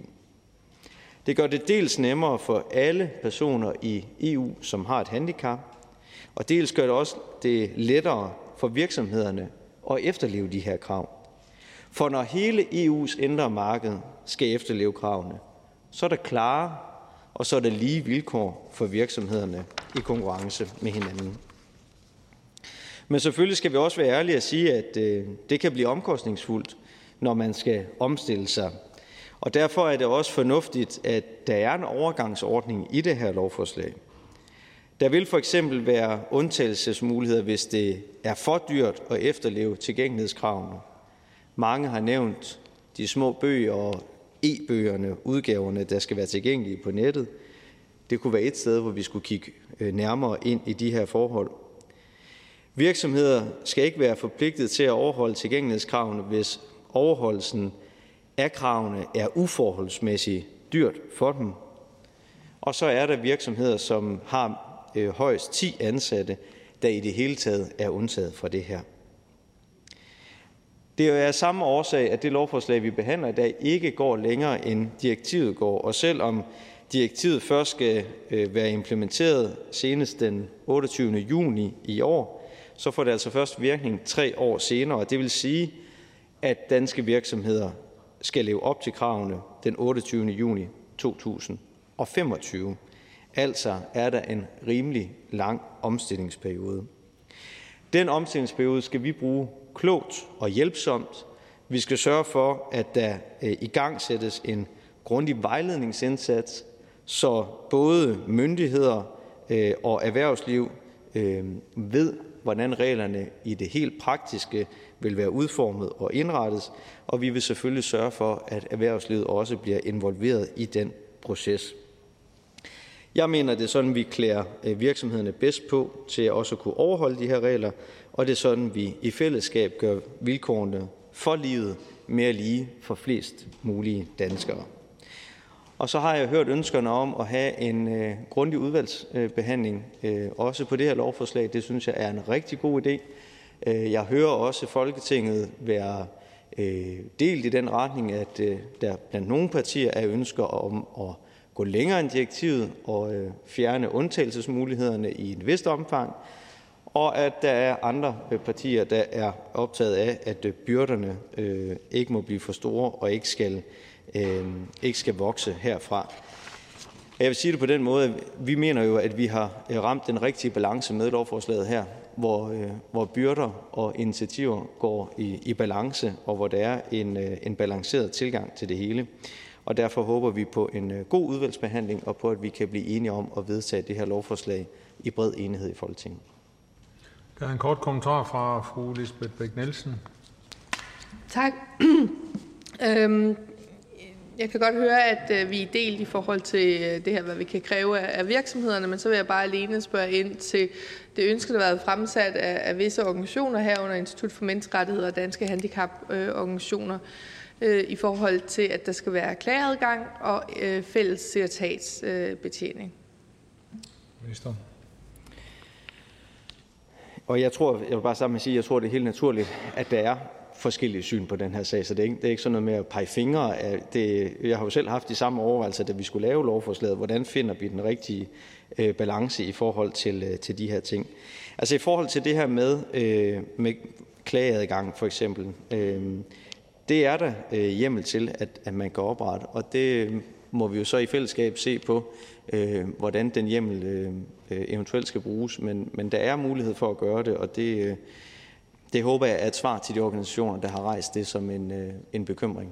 For jeg tror, at det her bliver komplekst. Nu er der en, en, en overgangsperiode, og de tre år skal bruges klogt, og der bliver en kæmpestor vejledningsindsats.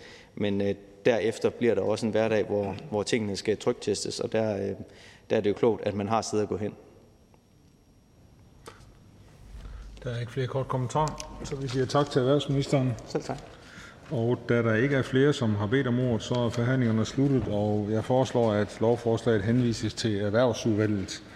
Der ser ud til at være stor lyst til at lave et udvalgsarbejde. Hvis ingen gør indsigelse, betragter jeg dette som vedtaget. Det er vedtaget. Det næste punkt på dagsordenen er punkt 15, og det er første behandling af lovforslag nummer L 126, forslag til lov om ændring af retsplejeloven for Grønland, kriminallov for Grønland og forskellige andre love. Og det er justitsministeren Nick Hækkerup. Forhandlingerne er åbnet, og den første for ordet det er hr. Kasper Rå fra Socialdemokratiet. Værsgo. Tak for det, formand. Det her lovforslag, vi skal behandle i dag, har det til formål at styrke justitsområdet og retssikkerheden i Grønland på en række forskellige måder eller områder. I Socialdemokratiet ønsker vi at sikre en ligeværdig styrket partnerskab med Grønland, hvor vi i fællesskab kan udvikle de danske ansvarsområder ved at opdatere lovgivningen og sikre en tidsvarende myndighedsstruktur. Derfor så har vi Derfor så har man i Justitsministeriet udarbejdet det her lovforslag med en række ændringer, blandt andet på retsplejeloven, kriminalloven for Grønland, og det er sket efter ønske for naalakkersuisut. Lovforslaget består af et sæt af forskellige forslag, som indeholder en hel del forskellige elementer, som jeg synes er beskrevet rigtig godt i lovforslagets resumé. Som grønlandsordfører er jeg selvfølgelig meget optaget af, at al lovgivning, der skal gælde i Grønland, bliver udarbejdet i tæt, godt og ligeværdigt samarbejde med det grønlandske selvstyre. Og det er mit klare indtryk, at det er en meget bred opbakning i det her lovforslag i Grønland, da det efter blev efterspurgt af naalakkersuisut og enstemmigt vedtaget i Inatsisartut. Socialdemokratiet støtter selvfølgelig lovforslaget, og tak for ordet, og jeg ser frem til en god debat selvfølgelig. Og så skal jeg sige, at Radikale Venstre også støtter lovforslaget. Tak for det. Der er ingen kort kommentar, så vi går hastigt videre til hr. Christoffer Ågaard Melson fra Venstre, Danmarks Liberale Parti. Tak for det, øh, og tak til ministeren for at fremsætte øh, det her forslag, som jo imødekommer ønsker øh, fra fra det grønlandske selvstyre i forhold til at at få styrket retssikkerheden og få moderniseret politiet i Grønland. Det kan vi kun støtte op for, overfor, og vi synes, at retssikkerheden på i Grønland bliver øget med det her lovforslag, og vi tror også, at det bliver godt for øh, for politiet, at man nu bliver mere øh, ligestillet øh, mellem Grønland og danske kredse. Det sagt, så håber vi også, at det her det kun er en start på vores gode samarbejde om at få forbedret retsvæsenet i Grønland. Blandt andet synes vi jo, der er en række efterslæb i forhold til at få IT-systemerne gjort up to date i Grønland, og vi håber jo på, at det er næste skridt, vi kommer i gang med, når vi nu har taget hul på den her øvelse. Så tak for en god start til øh, ministeren på at følge op på de grønlandske ønsker, og vi ser frem til det fortsatte arbejde med at komme helt i mål med et øh, moderne retsvæsen i Grønland. Tak for det.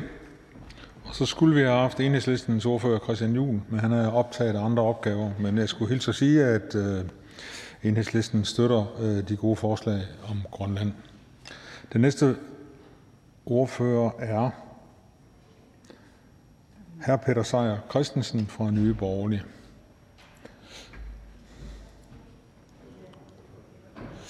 At min opfattelse er, at, at hvis, hvis øh, der skulle være enkelte, der i dag er lidt sent på den, så er det fordi, det er gået enormt stærkt her i, i de første numre, og de får selvfølgelig muligheden for at, få ordet, hvis de når det, inden vi afslutter punktet. Værsgo, her. Tak. Så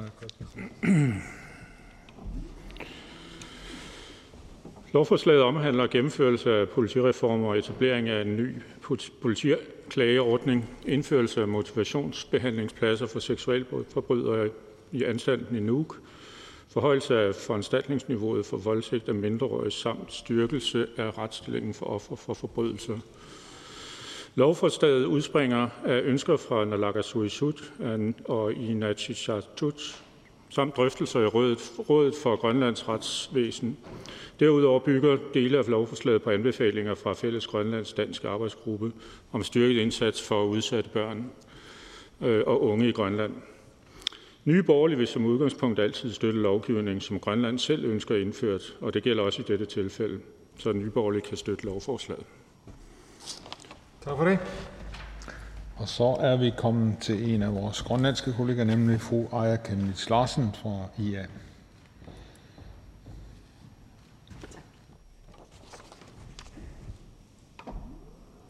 Tak for ordet.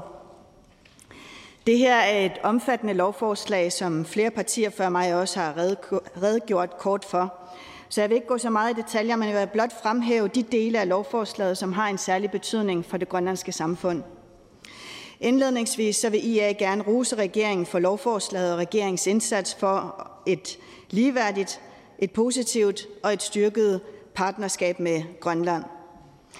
Der er med lovforslaget tale om en, et hav af stramninger, som Inuit Ataqatigiit har efterlyst og arbejdet for, så vi mener, at det er en glædens dag, hvor fokus i høj grad er på at forebygge personfarlig kriminalitet og sikre bedre hjælp til offrene så tak til regeringen for det. Med en styrket indsats over for sårbare børn skal der ske 50 procent forhøjelse af foranstaltninger, når børn oplever seksuel overgreb. Og hertil kommer motivationsbehandling til seksualoffre, øh, seksualforbrydere. Offrene får en vejledning og en underretning, når denne lov træder i kraft. Det er rigtig positivt. Offrene får også mulighed for at få oplysninger overtræder løslades eller deltager i tv- eller radioprogrammer, og der sker en yderligere beskyttelse af vidner. Vi synes, det er rigtig positivt, at der er øget brug af fjernkommunikation og adgang til retsmøder. Og endelig kan vi se med det her lovforslag, at Grønlands politi bliver anerkendt som en politikreds på linje med de øvrige 13 politikredse. Det er sandelig også på sin tid.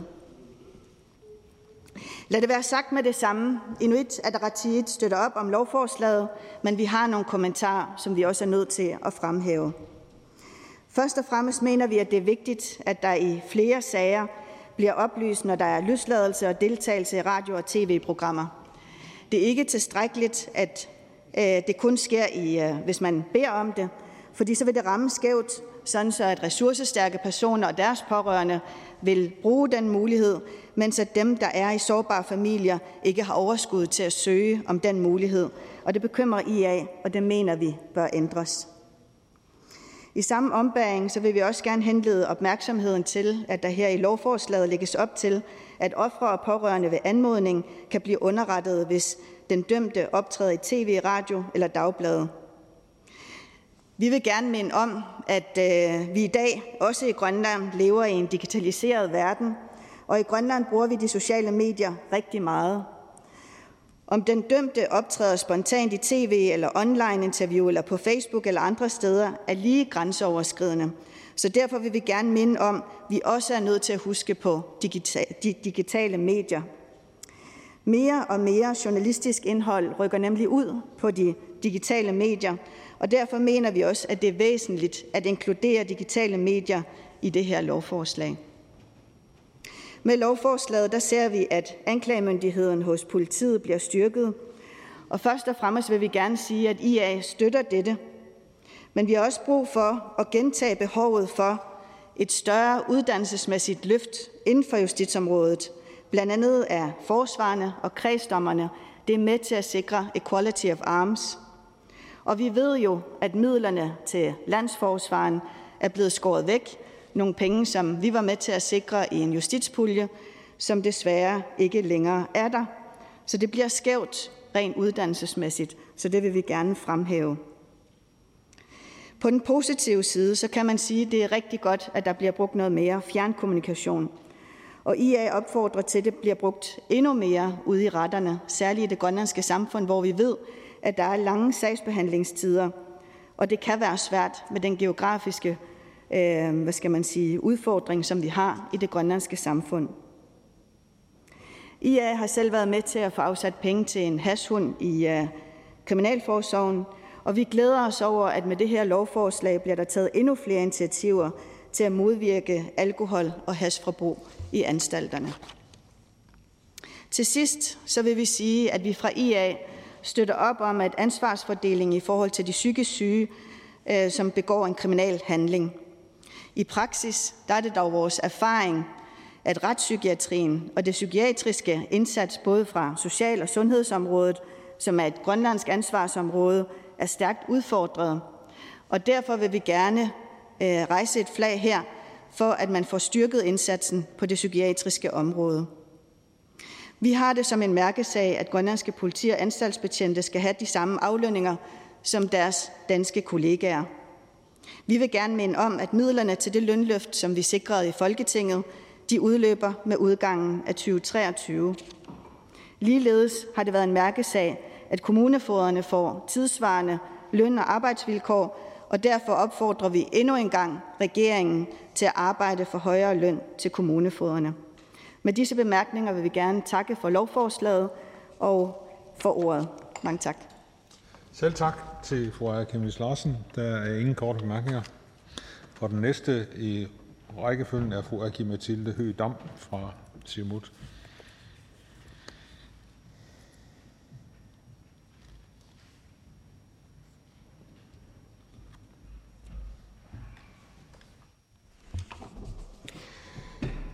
Tak for ordet.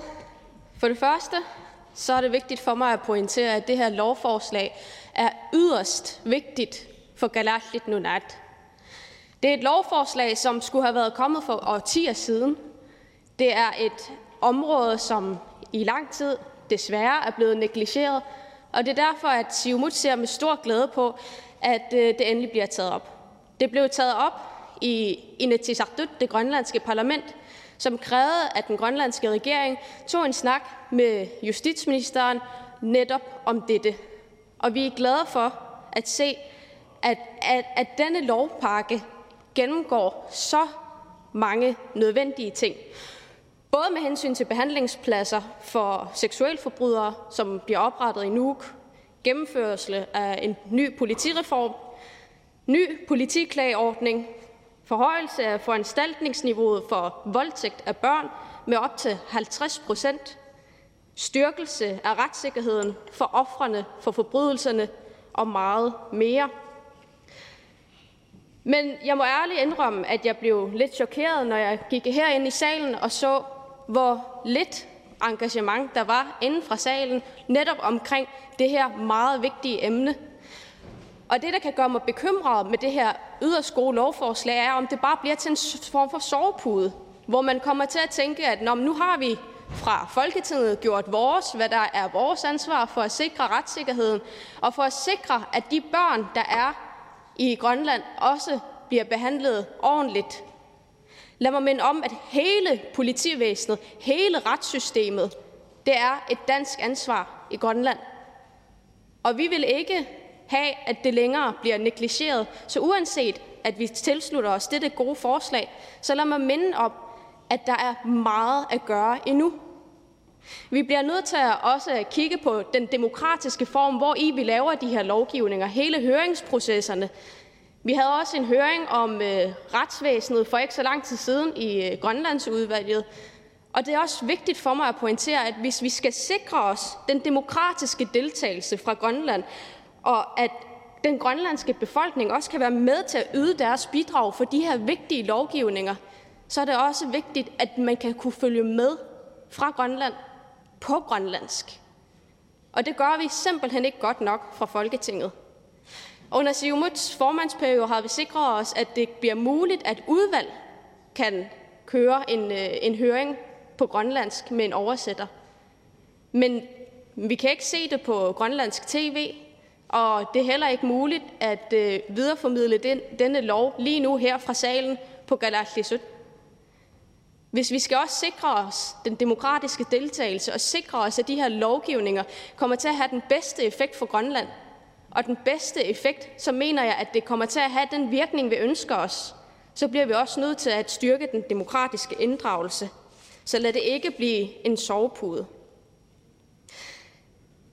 Jeg synes, at det er godt, at vi tager det her op. Jeg synes, at der er nogle gode initiativer, men jeg synes, at der er meget, vi skal nå endnu.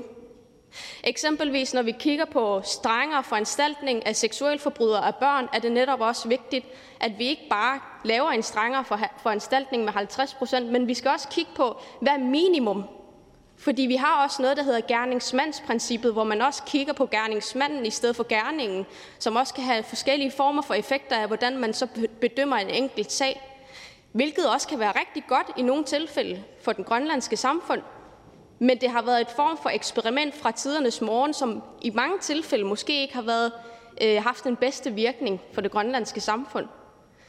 Og dertil så synes jeg, at øh, vi skal kigge yderligere på gerningsmandsprincippet, og især med hensyn til seksuelle forbrydelser af børn, om ikke den her også skal revurderes yderligere.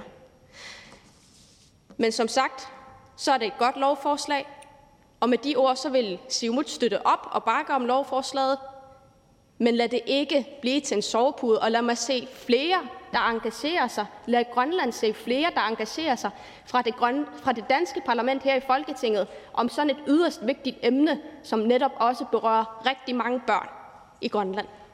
Tak for ordet. Selv tak. Og der er ikke nogen korte bemærkninger. Og som jeg nævnte under det foregående punkt, så skal de første blive de sidste, og derfor tager vi dem, der er nået frem øh, under debatten. Og jeg vil gerne byde velkommen til hr. Carsten Hønge fra Socialistisk Folkeparti. Værsgo. Det er en øh, omfattende revision, vi øh, behandler i dag. Men min øh, ordførertale bliver kort, fordi det er et øh, godt gennemarbejdet forslag, vi har på bordet. Der er jo i høj grad brug for en opgradering af hele justitsområdet øh, i Grønland. Og den revision, vi står med her, det er et blandt flere helt nødvendige skridt. SF støtter forslaget, som jo også allerede har været behandlet i både Naalakkersuisut og Inatsisartut. SF støtter det. Tak for det. Det gav heller ingen korte bemærkninger, så vi går videre til den næste. Det er hr. Rasmus Jarlov fra Konservativ Folkeparti.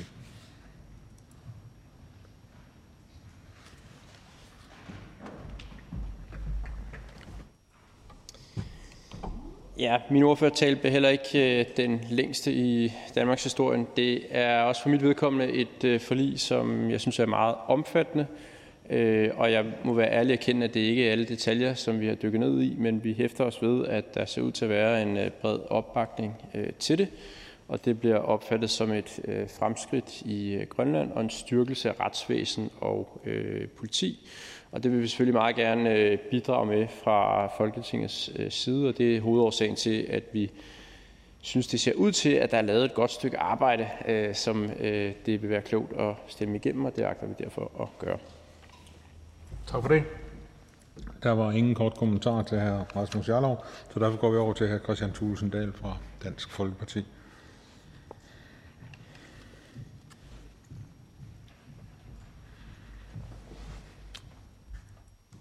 Tak for det, formand. Og øh, normalt ville øh, hr. Peter Skorp nok have stået her, når det er retsforhold. Men øh, jeg har fået øh, æren i dag øh, af at, at kunne sige, at øh, vi i Dansk Folkeparti øh, støtter øh, forslaget. Der er lagt et meget grundigt øh, forarbejde i at nå hertil, øh, at man kan foreslå en reform af politi- og anklagemyndigheden øh, for den grønlandske Øh, Øh, del. Vi synes, der er mange positive ting i det her, specielt selvfølgelig det med, at man i højere grad også kan skride ind over for seksuelt misbrug af øh, børn, men også i forhold til uafhængigheden i politiklagesager, i forhold til at forbedre retsstillingen for offer for forbrydelse, øh, beskyttelse af vidner osv., er der lagt en, en række gode forslag frem i det, der er fremlagt for os her i dag, og derfor kan vi støtte forslaget. Tak for det. Der er ingen kort kommentar, og så er vi nået til justitsministeren.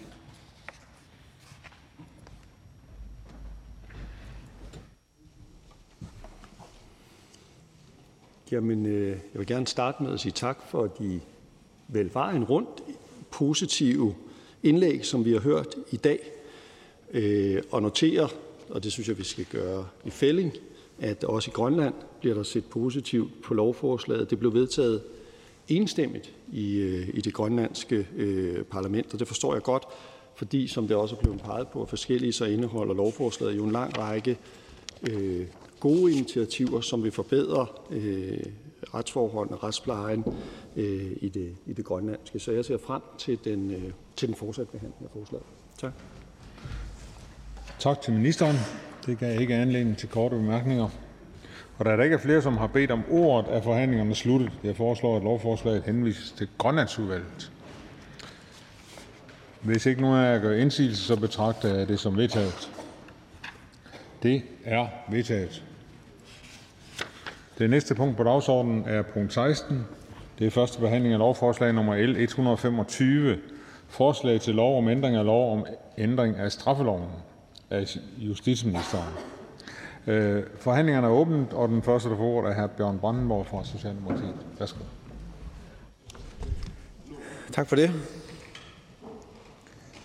Det her lovforslag det handler om, at vi skal beholde paragraf 136 stykke 3 i straffeloven, Bestemmelsen blev indsat i 2016 og kriminaliserer det, vi, øh, det, vi kalder udtrykkelig billigelse af visse strafbare handlinger, herunder voldtægt, bigami, terror og drab som led i religiøs oplæring. Da den blev indført, blev der knyttet en revisions, revisionsbestemmelse til den, og derfor skal vi nu tage stilling til, om vi, som regeringen, foreslår fortsat skal have bestemmelsen. Det er vores klare opfattelse, at det skal vi. Vi stemte sammen med et bredt flertal for bestemmelsen i 2016, og det gjorde vi, fordi vi ikke vil have, at religiøse forkyndere misbruger deres store autoritet i visse miljøer til at undergrave vores danske love og værdier. Vi vil simpelthen ikke acceptere, at nogen gennem forkyndelse forsøger at skabe parallelsamfund, hvor opfattelsen af vores demokratiske fællesskab og vores demokratiske rettigheder er en helt anden. Det lavede vi så et værn imod i 2016 som en del af en række initiativer, og det værn skal vi beholde. Jeg er med på, at det er et meget øh, komplekst spørgsmål, det her, og at der ikke er nogen øh, enkle løsninger på de udfordringer, som vi ser. Men grundlæggende så handler dagens diskussion om, hvorvidt man ønsker at gøre legitimering af eksempelvis øh, drab, stening og bigami som led i religiøs oplæring lovligt igen. Det ønsker vi ikke, og derfor støtter vi selvfølgelig forslaget om at ophæve revisionsbestemmelsen og beholde paragraf 136 stykke 3, som den ser ud nu. Tak for ordet. Selv tak. Der er ingen korte bemærkninger, så jeg vil gerne have lov til at give ord til hr. Preben Bang Henriksen fra Venstre, Danmarks Liberale Parti.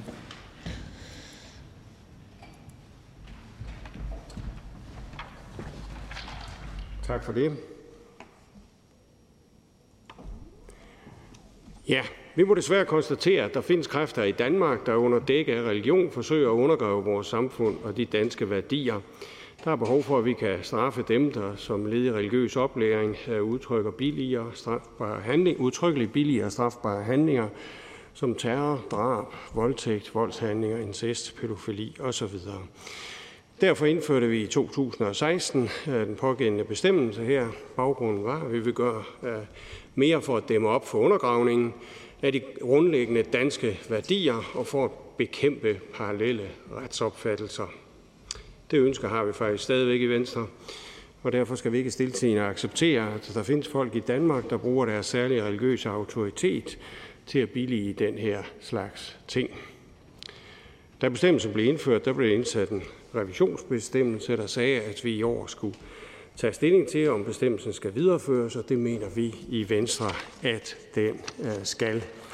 Vi kan i øvrigt også konstatere, at den er blevet anvendt. Østerlandsret øh, benyttede den øh, for øh, et, nogle tid siden, hvilket udløste seks måneders fængsel for en person, der billigede drab under en prædiken. Den sag illustrerer ganske glimrende, hvorfor der fortsat er behov for at holde fast på de her regler.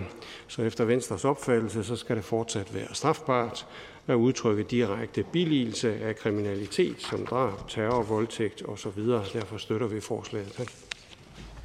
Selv tak til hr. Preben Bang Henriksen. Der er ingen kort kommentar, og jeg vil gerne byde velkommen til fru Karina Lorentzen Denhardt fra Socialistisk Folkeparti. Tak for ordet. Forslaget her ligger jo i forlængelse af loven om at kriminalisere udtrykkelig billigelse af visse strafbare handlinger, f.eks. voldtægt, terror og drab som led i religiøs oplæring. Med forslaget så ophæves revisionsbestemmelsen, og straffelovens paragraf 136 stykke 3 videreføres og bliver permanent. I SF er vi ikke specielt autoritetstro. Vi mener, at vi øh, som politikere har et særligt ansvar for at sikre, at autoriteter, f.eks. religiøse, ikke misbruger deres position til at undertrykke eller vildlede uskyldige, sprede had eller undergrave vores demokrati. Derfor støttede vi også forslaget her, da det engang blev fremlagt i sin tid. Det er vigtigt at bemærke, at kriminaliseringen, som det her forslag medfører, alene omfatter ytringer, som fremsættes som led i religiøs oplæring af en autoritet og samtidig har et forkyndende element. Det vil sige, at for eksempel ganske almindelig religionsundervisning eller det, at en underviser læser op for nogle meget gamle religiøse skrifter, hvor der også kan stå mere eller mindre sære ting, øh, selvfølgelig er helt lovligt. Det vil også sige, at man i enhver anden sammenhæng end en oplæringssituation med et forkyndende element kan sige lige præcis, hvad man vil, og skrive lige præcis, hvad man vil. Det er også vigtigt for os i SF at stå vagt øh, om ytringsfriheden. Det står soleklart i bemærkningerne, at det her lovforslag lever op til grundloven og vores internationale forpligtelser. Loven rammer alene nogle hadefulde mennesker, som bruger alt deres krudt og tid på at oplære sårbare mennesker i, at ulovligheder og strafbare handlinger skulle være okay. Giver det så mening at føre bestemmelsen videre? Ja, evalueringen peger på et meget lille antal sager på området. Blandt andet en sag om en imam, der under en prædiken i en moské i marts øh, 2017 udtrykkeligt billigede drab.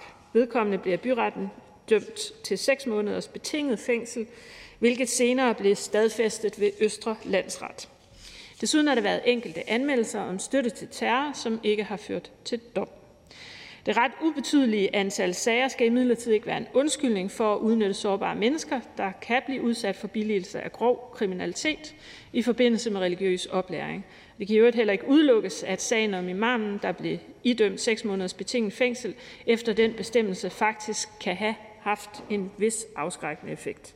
Det er derfor også vores opfattelse, at der er brug for at have den her paragraf fremover, og SF kan støtte forslaget. Og i øvrigt vil jeg så sige, at vi i SF også er på vej med et forslag om et forbud mod, at religiøse ledere kan udnytte personer for deres menigheder. Der er i dag en beskyttelse af patienter mod at blive udnyttet på baggrund af en behandlingsmæssig afhængighed af psykologer eller læger, men den beskyttelse har en person fra en menighed ikke, og det ønsker vi indført. Vi synes, at det her forslag ligger i fin forlængelse heraf. Tak.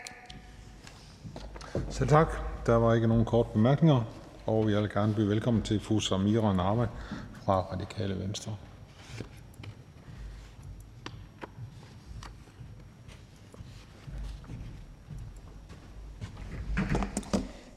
Mange tak. I Radikale Venstre der ser vi med øh, stor alvor på radikalisering.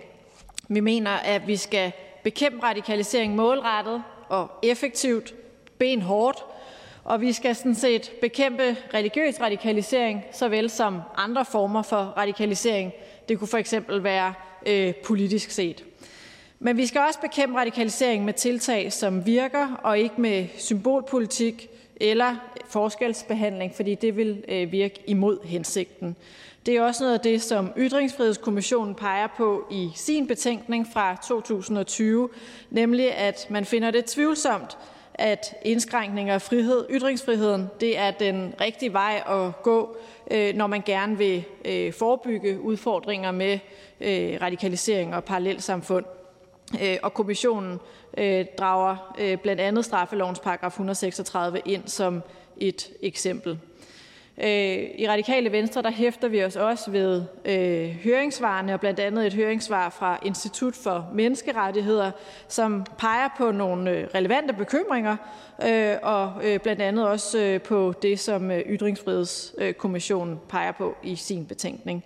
Øh, og de øvrige bekymringer, der er rejst i høringssvarene, kunne for eksempel også være i forhold til proportionaliteten, øh, når der nu alene har været øh, registreret tre anmeldelser, øh, hvoraf der er faldet dom i, i en af sagerne. Så i Radikale Venstre kan vi ikke støtte forslaget her, og jeg skulle hilse fra enhedslisten og sige, at de heller ikke støtter. Tak. Selv tak. Der er ingen korte bemærkninger, så vi går videre til fru Britt Bager. Ja, tak. I Det Konservative Folkeparti bakker vi op omkring det her forslag. Vi bakker op om at imødegå adfærd, der undergraver danske love og danske værdier. Vi bakker op om at imødegå, at der er en parallel retsopfattelse, og øh, vi støtter det her forslag. Tak for det. Kort og kontant. Vi går videre til næste ordfører, hr. Peter Skaarup fra Dansk Folkeparti.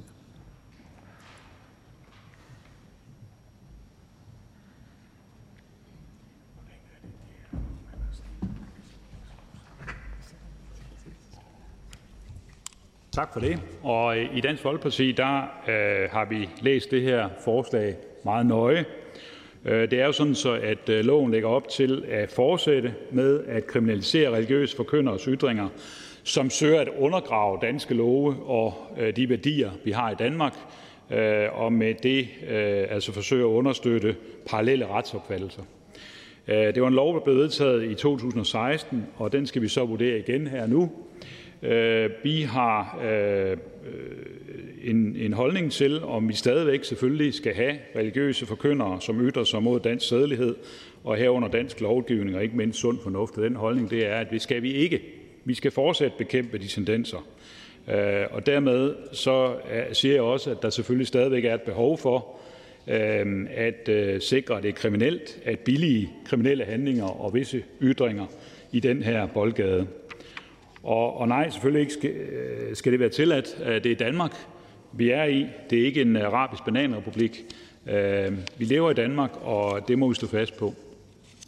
Helt grundlæggende handler loven jo selvfølgelig om, om alle religiøse forkyndere, men de egentlige modtagere og grunden til, at loven i første omgang blev lavet, det er jo de islamistiske imamer og andre såkaldte lærte folk, som kommer til Danmark fra andre lande, og som ytrer forskellige uhyreligheder, som slet ikke hører til her i landet.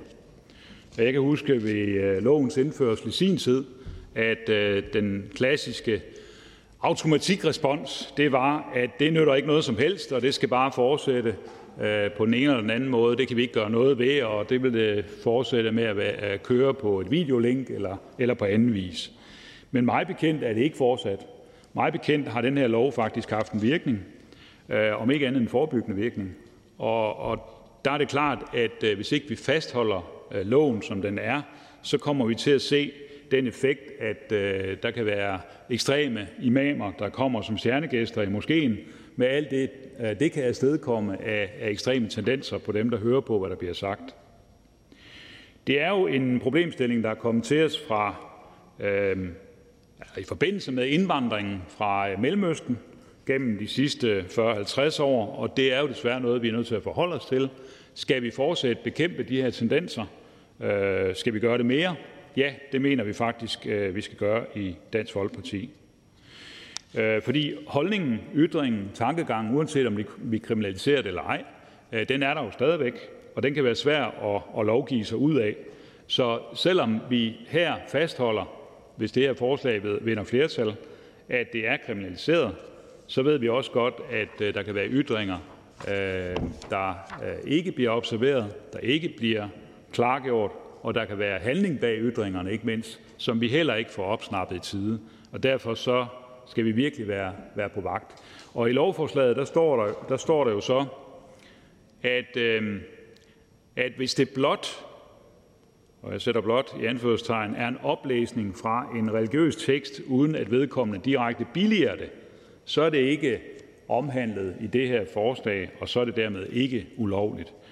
Og det er vi måske ikke så overbevist om, at det er, at det er godt nok, fordi der kan jo sagtens være ekstreme imamer, som øh, skjuler sig under, at de prøver bare at læse noget op, som nogle andre har skrevet, og det er ikke lige øh, øh, andet end det.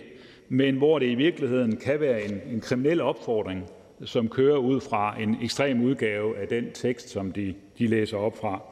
Så øh, vi synes, at det her forslag skal bruges med den brede pensel, og hvis ikke det er nok, øh, så skal vi kigge på, om det skal strammes op på et tidspunkt, øh, når der kan blive flertal for det. Jeg er helt med på, at der i rigtig mange religioner øh, kan findes opfordringer til vold, drab og andre uhørligheder på en indirekte måde. Forskellen er bare, at vi her i Danmark jo kun oplever problemer stort set med øh, miljøer, der kommer fra Mellemøsten, typisk der udspringer af islam, øh, og det er typisk også nogle mennesker, der ikke kan finde ud af at opføre sig ordentligt og ikke gider at leve sig ind i det, der foregår i Danmark. Og det er jo sådan set derfor, at den her lov er blevet lavet. Som det ligger her, så stemmer vi altså for, selvfølgelig, at begrænse visse vanvittige menneskers kriminelle ytringer. Den enkelte muslim, den enkelte borger kan selvfølgelig være ok og, og vil øh, integrere sig og klare sig godt, det findes der jo bestemt mange eksempler på, men der er desværre også nogen, der ikke gider at følge det, vi står for i Danmark, og endda kommer med ekstreme ytringer. Og der skal vi sætte hårdt ind, øh, fordi det skal ikke inspirere andre til at gøre noget grimt. Så grundlæggende et ja tak fra Dansk Folkeparti øh, til det her forslag. Tak for det. Der er ingen kort kommentar, så vi har muligheden for nu at gå over til fru Mette Thiesen fra Nye Borgerlige.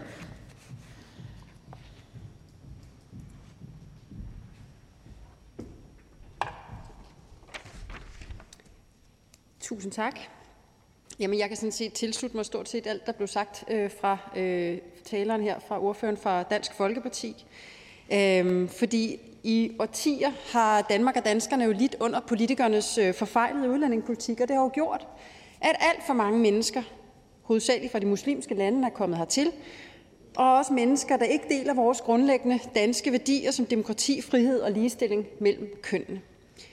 Imamer, der til bøn i moskeen prædiker død over jøder og billigelse af terror. Og sådan noget vil vi ikke have i Danmark. Den er bare ikke længere. Umiddelbart så kan jeg kun se, at der er én person, der er blevet dømt efter loven siden dens indførelse. Øh, og derfor kunne vi rigtig godt tænke os, at vi i udvalgsbehandlingen øh, ser på, om loven er restriktiv nok. Men derudover er der ingen tvivl øh, hos os i Nye Borgerlige, at den dømte udlænding skal vedkommende udvises konsekvent og efter første dom. Har den dømte fået tildelt dansk statsborgerskab ved lov og idømmes en frihedsstraf, ja, så skal det statsborgerskabet fratages og vedkommende udvises, uanset i øvrigt om den pågældende bliver statsløs. Vi bakker op om, at loven skal videreføres, men vi vil i udvalgsbehandlingen sikre os, at den er tilpas restriktiv til, at man fanger alle dem, som den er tiltænkt. Selv tak. Der er ingen kort kommentar, og derfor er vi nu kommet til justitsministeren.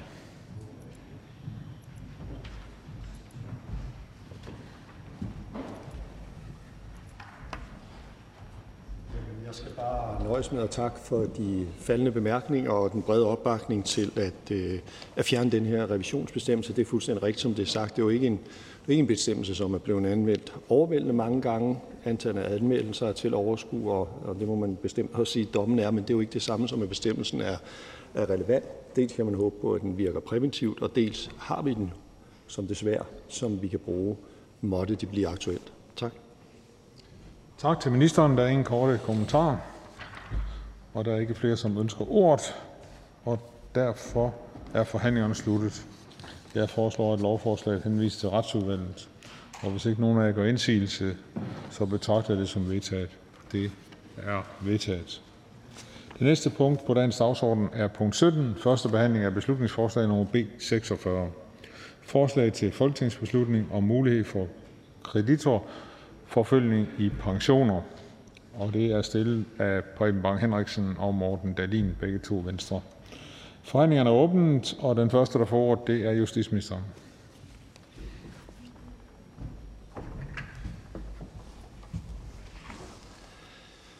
Tak for ordet.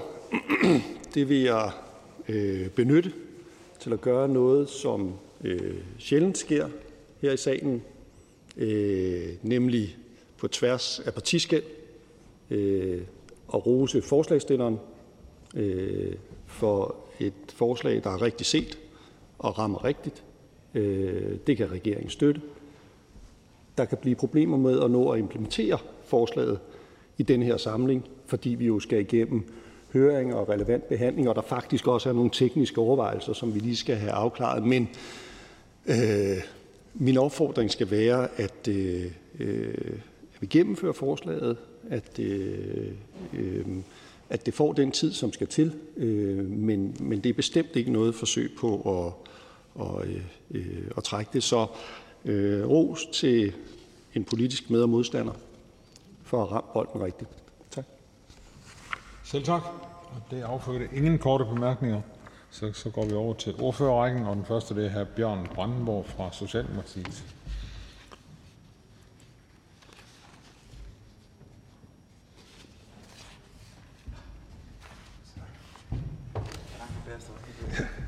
Det var en hurtig minister, vi havde. Tak, tak for det. Øhm, og også tak til forslagsstillerne for øh, at stille det her beslutningsforslag. Det er en vigtig del af vores retsfølelse, at forbrydelse det ikke skal kunne betale sig. Man skal ikke have lov til at kunne beholde 20 koster, og man skal selvfølgelig ikke kunne beholde penge, som man har svindlet sig til. Hvis de penge ligger hjemme i gerningspersonens madras, så kan man konfiskere dem. Men virkeligheden den er sjældent så enkel. Og her er så opstået et spørgsmål som indstående på, om indstående på pensionskonti. For vi har ganske rigtigt regler om at beslaglæggelse og konfiskation, men vi har også regler, som giver en skyldner nogle rettigheder i forbindelse med kreditopfølgning. Og de regler gælder også for kreditorer, der er forurettet i en straffesag. De regler giver beskyttelse i forhold til pensionsopsparinger, og det gør jo, at de midler, som står der, er fredet for en kreditor, også selv om at kreditoren er blevet svindlet af pensionsindehaveren. Det giver jo reelt en person, som er dømt for økonomisk kriminalitet, muligheden for at bringe midler i sikkerhed på en pensionskonto. Det er ikke rimeligt. Det er vi enige med forslagsstillerne i, at vi skal gøre noget ved, og derfor så kan vi stemme for beslutningsforslaget. Vi er dog ikke så overraskende enige med justitsministeren i, at vi bliver nødt til at have en grundig undersøgelse af de komplicerede regelsæt og deres samspil, før vi kaster os ud i at lave nye regler. Det er derfor godt, at justitsministeren vil gå videre med sagen, så vi får set på, hvordan vi bedst gennemfører de ændringer, som det gode beslutningsforslag lægger op til. Tak for ordet. Selv tak. Ingen kort kommentar. og jeg vil gerne byde velkommen til fru Karina Lorentzen Dehnhardt fra Socialistisk Folkeparti.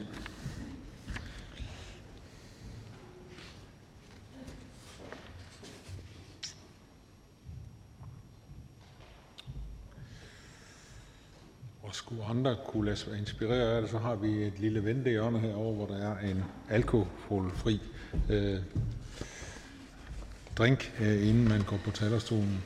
Velkommen, fru Tak for det.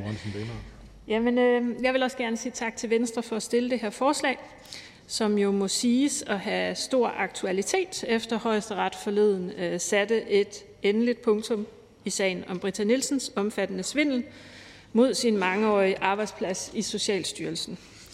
Svindlen foregik jo igennem 25 år, hvor Britta Nielsen løbende overførte styrelsens penge til sig selv. Faktisk blev hun dømt for at have foretaget næsten 300 overførsler til sig selv, og det er jo penge, som skulle være gået til vores mest udsatte borgere.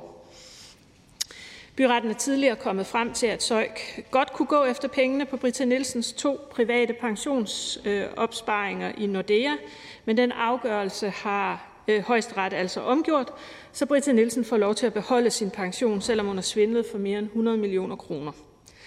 Forslagsstillerne ønsker, at lovgivningen ændres, så kreditorer fremover kan gå efter indestående på pensionskonti i det omfang, det skyldige beløb stammer fra berigelseskriminalitet. I SF er vi enige i, at det er uholdbart, at private pensionskonti kan ende med at være sikker havn for personer, som har begået omfattende og grov økonomisk kriminalitet gennem mange år. Derfor støtter vi også ambitionen i forslaget her. Øhm, vi vil bare være helt sikre på, at, øh, at vi øh, ikke er ude i situationer, hvor en person har begået noget helt bagatelagtigt, øh, som kan betyde, at man så bliver udsat for et meget øh, stort indgreb efterfølgende. Øh, og derfor synes vi også, at det giver mening at øh, få sat et arbejde i gang, som kigger nærmere på, hvordan sådan en ordning kan se ud. Øhm, ja, og det, øh, det arbejde vil vi selvfølgelig gerne indgå i. Vi er helt enige i intention, intentionen her, men vi vil også sikre os, at, at det så selvfølgelig bliver fuldt ordentligt til dørs. Tak for ordet. Selv tak til fru Karina Lorentzen Dehnhardt. Der er ingen kort kommentar, og velkommen til fru Samira Narva fra Radikale Venstre. Tak, og jeg gjorde, som formanden opfordrede til. Tak til øh, Venstre for, øh, for det her øh, beslutningsforslag, som jo kommer i kølvandet på Britta Nielsen-sagen. Og vi forstår sådan set godt i Radikale Venstre, at det strider imod retsfølelsen, at man kan, at pensionen kan være et sted, hvor man får sikret sine midler. Men ligesom SF's ordfører også lige nævnte, så har vi nogle bekymringer, som, som vi også gerne så afdækket i et, et arbejde, så, som, som regeringen så sætter i gang. Så, så det kigger vi på med, med stor interesse og tager stilling til det på baggrund af det. Tak. Selv tak. Der var ikke nogen kort kommentar, så vi går over til den næste ordfører. Det er fru Britt Bager fra Konservativ Folkeparti.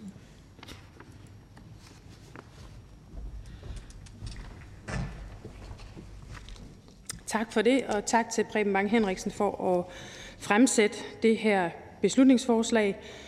Det skal selvfølgelig ikke være sådan i Danmark, at man kan begå berigelseskriminalitet og så efterfølgende gemme pengene på en pensionsopsparing. Det må selvfølgelig være sådan, at man kan som kreditor foretage udlæg i, øh, i den opsparing, og derfor støtter vi det konservative Folkeparti det her forslag. Tak for det. Her var der heller ikke nogen kort kommentar, og jeg vil gerne byde velkommen til hr. Peter Skorp fra Dansk Folkeparti.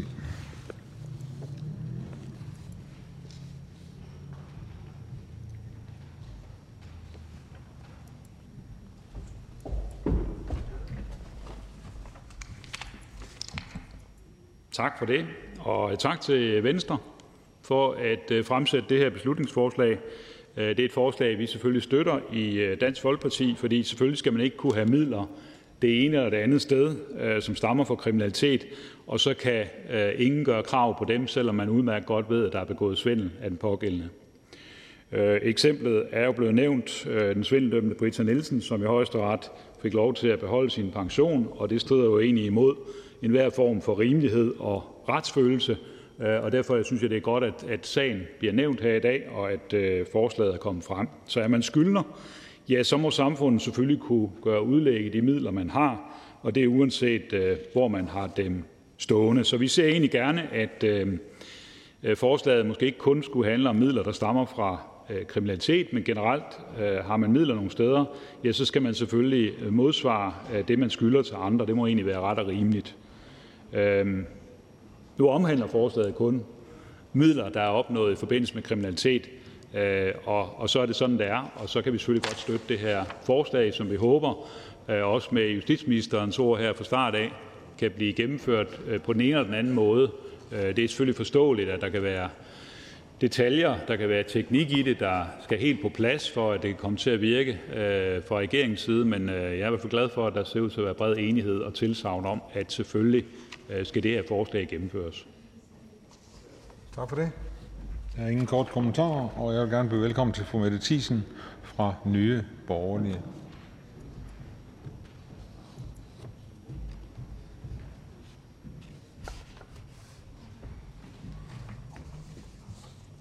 Tusind tak.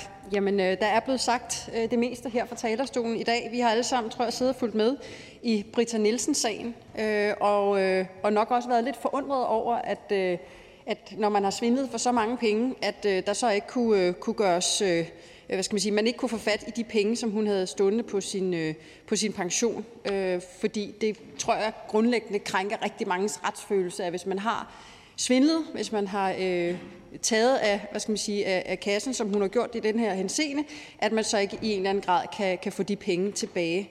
Øh, så derfor så støtter vi sådan set også det her beslutningsforslag og glæder os også til at se øh, både i udvalgsbehandlingen, men også øh, det arbejde, som jeg kunne forstå på justitsministeren, at justitsministeren ville sætte i gang i den her henseende. Tak for det. Der er ingen korte bemærkninger, så vi iler videre til hr. Ole Birk Olesen fra Liberal Alliance. Tak for det. Det er et øh, godt beslutningsforslag fra Venstre, og det vil vi stemme for. Ja, og så er vi kommet til ordføreren for forslagsstillerne, hr. Preben Bang Henriksen, Venstre, Danmarks Liberale Parti. Det er et dejligt langt navn, så man kan nå at nå op. Værsgo. Tak for det. Ja, men øh, tidligere ordfører har gjort det kort, og derfor er der som ingen grund til at gøre det alt for langt. Alligevel lad mig lige understrege, Øh, forslaget her øh, i dag forsøger at sætte en, øh, øh, en barriere op for, at man kan stjæle penge og så placere dem på pensionskonti, hvorefter den, der har penge til gode, ikke kan få fat i dem. Det er ikke rimeligt, øh, og så enkelt kan det siges, og så enkelt er det også blevet sagt af andre ordfører. Øh, den konkrete sag skal jeg ikke gengive nærmere. Folk kender den jo Øh, 113 millioner. Det er godt nok noget af en skilling, og, og jeg må sige, at det virker totalt stødende, hvis man kan få lov at forsøge dommen med øh, kapital- og rettepensionsindestående øh, i en situation, hvor man har rent med så mange penge fra statskassen, ovenikøbet penge, der skulle have været sendt videre til de, de svageste her i samfundet. Så ja, øh, jeg er glad for opbakningen. Tak for det. Der er blevet nævnt, at der kan være visse bekymringer. Jeg fik godt nok ikke at vide, hvilke bekymringer der er. Jeg synes ikke, der er, der er ret meget at snakke om øh, her, øh, heller ikke på de ting, der kom frem i Folketingssalen.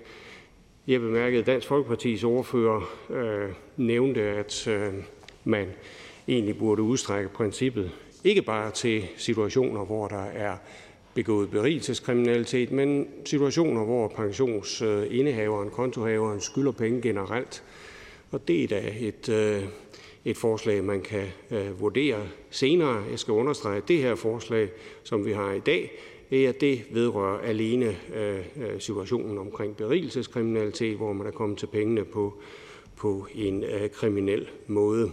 Om det skal udstrækkes til øh, andre situationer, hvor man skylder penge til private, jamen det må komme an på en senere behandling. Så med de her ord så vil jeg sige tak for øh, den pæne modtagelse rundt omkring. Jeg har noteret øh, justitsministerens bemærkninger om, at det kan, kan være svært at nå i indeværende folketingssamling og, og, og, og fremsætte det fornødne, det eller de fornødne forslag. og det har jeg fuld forståelse for. Det er, øh, det er et øh, komplekst område, når først vi kommer ind i retsplejelovens øh, kapitel på det her område. Øh, derfor så går jeg ud fra, at vi i udvalget får, får det tilpasset på en eller anden måde, så vi kan få enigheden rubriceret og få det her til at være en ændring af retsplejeloven. Tak for det. Der er en kort bemærkning. Fru Rosa Lund. Ja, tak for det. Beklager, jeg kom for sent, så jeg vil bare benytte lejligheden til at sige til Venstre og hr. Preben Bang, at enhedslisten støtter forslaget. Vi har også nogle bekymringer. Jævnfør jeg kom for sent, har jeg jo ikke hørt, hvad de andre partier har sagt, men vi ser også frem til at deltage meget aktivt i udvalgsbehandlingen om det her forslag fra Venstre, hvor vi er fuldstændig enige i intentionerne i hvert fald. Ja, jeg kan kun sige tak for de pæne ord, og fru Rosa Lund, til trods for, at hun ikke var til stede her, så følger hun fint op med andre, der også nogle andre, der også har haft bekymringer, men ligesom fru Rosa Lund heller ikke lige har offentliggjort bekymringerne. Men vi kigger på det i retsudvalget. Tak. Så siger vi tak til ordføreren, og så vil jeg sige til fru Rosa Lund, hvis uh, der er mulighed for at komme på talerstolen nu, hvis fru Rosa Lund ønsker. Fru Rosa Lund har sagt det, der er nødvendigt. Og da der ikke er, da der ikke er flere, der har bedt om ordet, så er forhandlingen sluttet, og jeg foreslår, at lovforslaget henvises til retsudvalget. Hvis ingen gør indsigelse, betragter det som vedtaget. Det er vedtaget.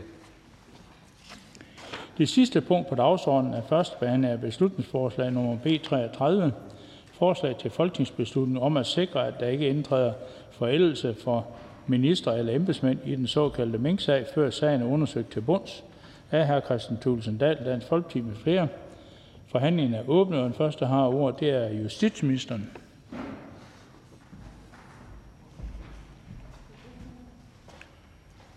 Og øh, jeg kan se, at ordføreren ikke er til stede. Vi skal lige høre, hvad gruppeformanden siger.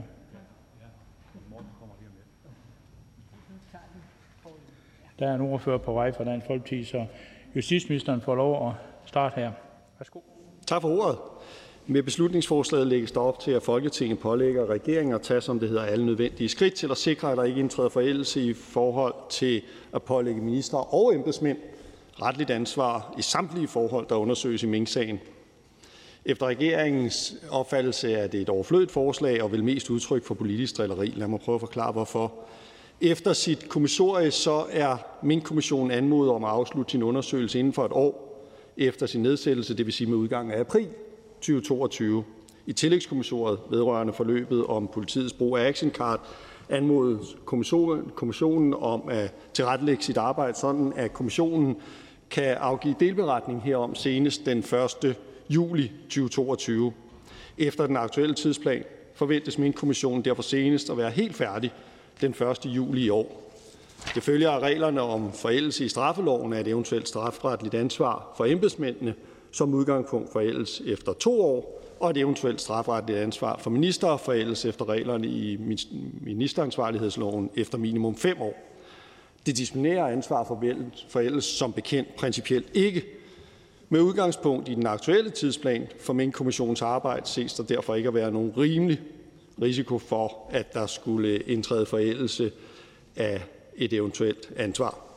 Så spørgsmålet er, om øh, der måske snarere i virkeligheden er en anden begrundelse for, for beslutningsforslaget, og må ikke den skal findes i den øh, løbende mistænkeliggørelse af regeringen og motiverne i forbindelse med Mink-sagen og et forsøg på at holde gryden i kog på det punkt. Og lad mig gentage, hvad jeg og regeringen har sagt mange gange i det her forløb. Det er, og det har hele tiden været, i regeringens interesse at få den her sag undersøgt. Derfor støttede vi også beslutningen om, at øh, forløbet vedrørende aflivning af alle mink skulle undersøges. Regeringen støttede også, at man ændrede reglerne om undersøgelseskommissioner, så Folketinget kunne nedsætte en grænsningskommission til formålet. Med forslagsstillernes parti og andre dele af den borgerlige lejr vidste jo allerede i foråret, hvordan man forholder sig til den her sag øh, ved at stemme for et forslag om at rejse en rigsretssag, selvom kommissionen, forslagstillerens parti, har været med til at nedsætte, knap nok havde indledt sin undersøgelse, Det tror jeg, man må sige taler for sig selv. Så vil jeg vende mig mod det generelle spørgsmål, om det er retssikkerhedsmæssigt er hensigtsmæssigt at regulere ansvarsreglerne for en specifik verserende sag.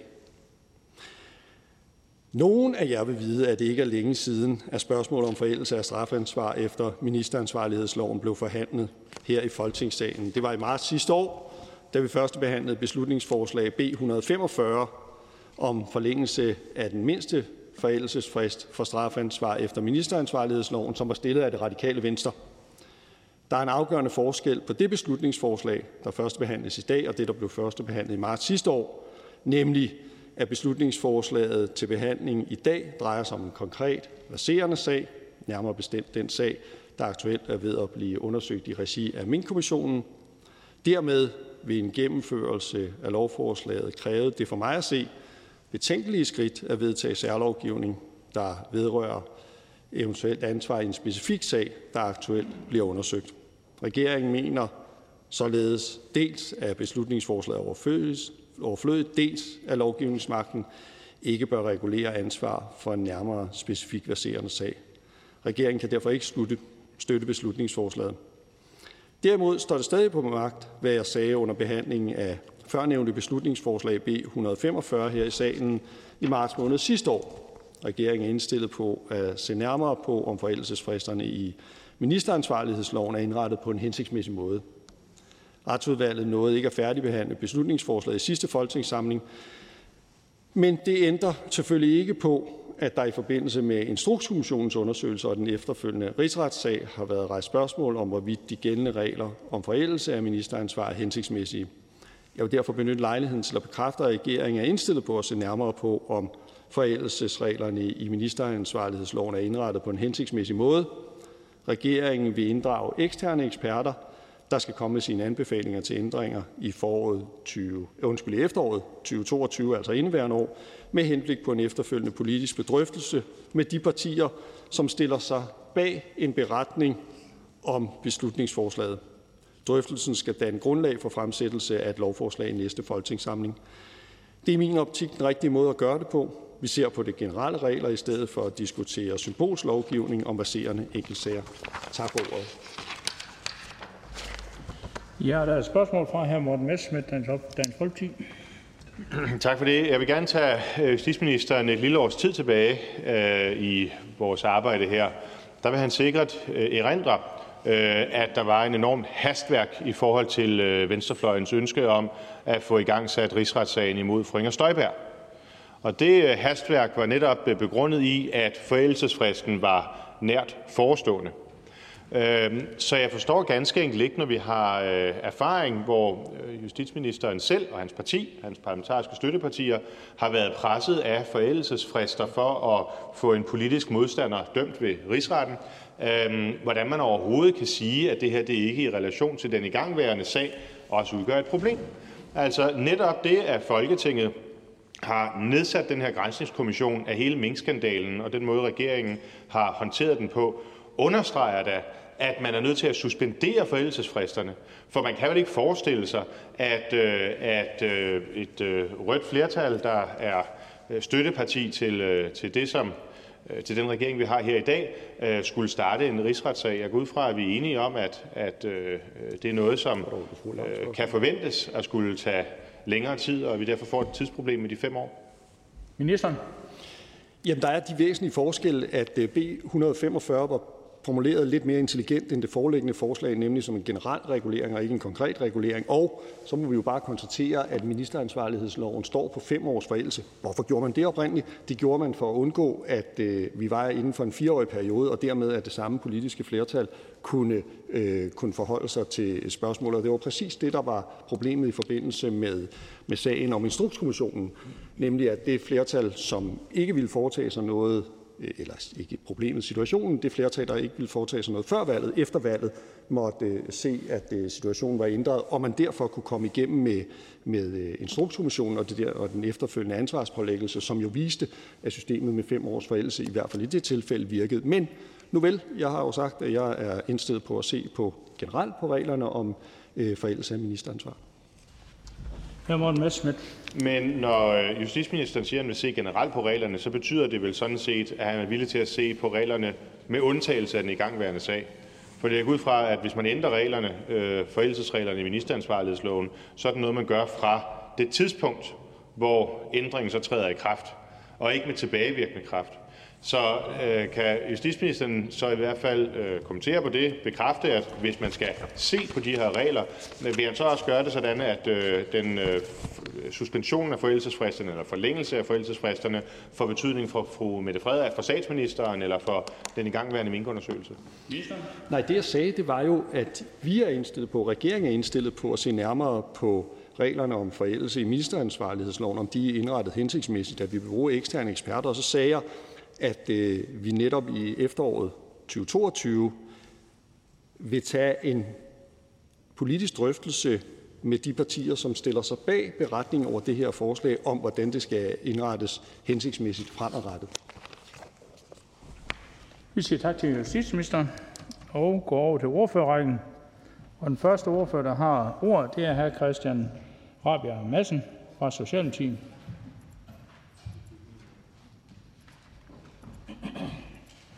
Værsgo.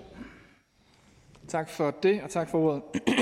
Det forslagsstillerne ønsker med, med det her beslutningsforslag, det er at lave øh, særlov øh, for, øh, for ansvarsforholdet i en specifik verserende sag, nemlig, nemlig Mink-sagen. Og jeg vil gerne starte med at slå fast, at det er ikke et forslag, vi kan støtte i Socialdemokratiet. Minister, justitsministeren har allerede været inde på, hvorfor beslutningsforslaget er, er overflødigt. Øh, og først og fremmest er vi, som justitsministeren også har forklaret, øh, ikke i nærheden af, at der indtræder forældelse i den øh, specifikke sag, som, øh, som, som det her beslutningsforslag øh, det vedrører. I forhold til den specifikke sag kan jeg nævne, at regeringen jo et hele tiden har været øh, optaget af at få den konkrete sag undersøgt, og det øh, så hurtigt som muligt. Og til det formål er der jo også nedsat en, en helt ny og hurtigt arbejdende øh, type undersøgelseskommission, nemlig en, en grænsningskommission. Når nu forslaget her det jo så ganske tydeligt er overflødet, så kan man selvfølgelig spørge sig selv om, øh, om om forslaget i virkeligheden er ønske, eller ønske for, for, noget, for noget andet end at, end at fremme det, som der står i forslaget, øh, nemlig et ønske om at øh, ville holde øh, Mink-sagen øh, i live, et ønske om, at vi skal diskutere Mink-sagen øh, her igen. Og det bruger man så øh, det her øh, beslutningsforslag som, som en undskyldning for at tage en, en debat om, øh, om Mink-sagen. Og det synes jeg jo ikke er sådan øh, meget seriøst, faktisk. Øh, summa summarum, som øh, justitsministeren var inde på, øh, så er det ikke så længe siden, at vi diskuterede øh, ministeransvarlighedslovens forældelsesregler her i salen. Det var med det B-forslag, der hedder B 145 i marts sidste år. I den forbindelse der havde vi en diskussion om forlængelse af fristerne, og det var jo, som vi husker, en generel diskussion, som ikke havde til formål at vedtage særlovgivning vedrørende et eventuelt ansvar i en verserende og konkret sag. Dengang øh, sagde justitsministeren, at han var indstillet på at se nærmere på forældelsesfristerne, og det har han også, det har justitsministeren også øh, gentaget i dag. Øh, det er ikke øh, noget, man bør gøre med et øh, snuptag eller et beslutningsforslag, fordi man har en bestemt holdning til en bestemt sag. Det kræver nogle, nogle mere grundige overvejelser, sådan så vi lander på en, en ordentlig og gennemtænkt løsning. Derfor er det også positivt, at justitsministeren nemlig tilkende, netop tilkendegav, at man ønsker at inddrage øh, eksterne eksperter, så vi på den måde kan få en mere tilbundsgående drøftelse af de forhold, øh, der gør sig gældende, en drøftelse, som kan munde ud i, øh, i nogle gennemtænkte regler. Jeg mener, det er den, den savlige og ordentlige måde at gøre det på. Med de ord kan jeg sige, at vi ikke kan, kan støtte forslaget. Tak. Ja, der er et spørgsmål her, Morten Messerschmidt. Ja, det kommer selvfølgelig ikke som nogen stor overraskelse, at den socialdemokratiske ordfører er enig med sin justitsminister. Øh, men det kunne være, at den socialdemokratiske ordfører kan sige lidt mere, end justitsministeren gjorde i relation til den villighed, man har for at øh, revidere reglerne. Fordi hvis man gerne vil revidere reglerne, sådan at der måske ikke indtræder forældelse, sådan har vi det jo nogle delikter i straffeloven, eller at øh, man er villig til at prolongere forældelse, er det så noget, som også vil omfatte dem, der i dag er under udredning eller granskning øh, i forbindelse med Mink-sagen, altså embedsmænd der, eller selvfølgelig, og måske endnu mere øh, relevant, ministre? Ordføren? Jamen, jeg tror, det er vigtigt, at når vi taler om forældelse i øh, den eller andre sager, at vi så gør det på et generelt niveau, og derfor tror jeg, det er fornuftigt, at vi, øh, at vi sikrer, at vi får øh, eksperter ind i forhold til at, at belyse, hvordan vi gør det øh, bedst, bedst muligt. Så det er en diskussion, vi meget gerne tager. Jeg tror, vi skal tage den i forlængelse af, at der er kommet et, et indspil fra øh, de gode folk, som vi beder om at kigge på den her sag. Hr. Morten Messerschmidt. Nu har vi jo altså folkestyre, ikke ekspertstyre i det her land, og hvis ikke hr. Rabia Madsen husker det, så er han altså en af dem, folket har peget på. Derfor er det mere interessant at høre, hvad han mener, end en eller anden ekspert mener. Mener hr. Madsen, at vi skal suspendere forældelsesfristerne, eller finder han, at det vil være i orden, at øh, statsministeren eventuelt øh, inden Øh, 1. Juni udskriver et folketingsvalg, får et øh, rødt flertal i ryggen og således kan undgå øh, at blive stillet for en rigsretssag, fordi hun selvfølgelig kan dele nogle lunser og nogle ben ud til sine parlamentariske støttepartier, sådan at de nok hjælper hende igennem tingene. Mener hr. Madsen, at det vil være en rimelig måde at, at forvalte tingene på? Jeg mener, at det forslag, vi behandler i dag, det er sådan på en seriøsitetsskala befinder sig lige omkring det niveau, som øh, det forslag havde, hvor, hvor en samlet øh, blå blok øh, vedtog uden i øvrigt nogen form for undersøgelse, at øh, statsministeren skulle få en, en, en rigsret. Måske rangerer det her forslag lige marginalt over, men, men det, er ikke, det er ikke meget. Jeg ser frem til, at vi får en drøftelse af spørgsmål om forældelse på et generelt niveau på et oplyst grundlag. Det her forslag er ikke seriøst, og derfor bakker vi ikke op om forslaget. Vi siger tak til ordføreren. Så er det her Thomas Danielsen, Venstre, som ordfører.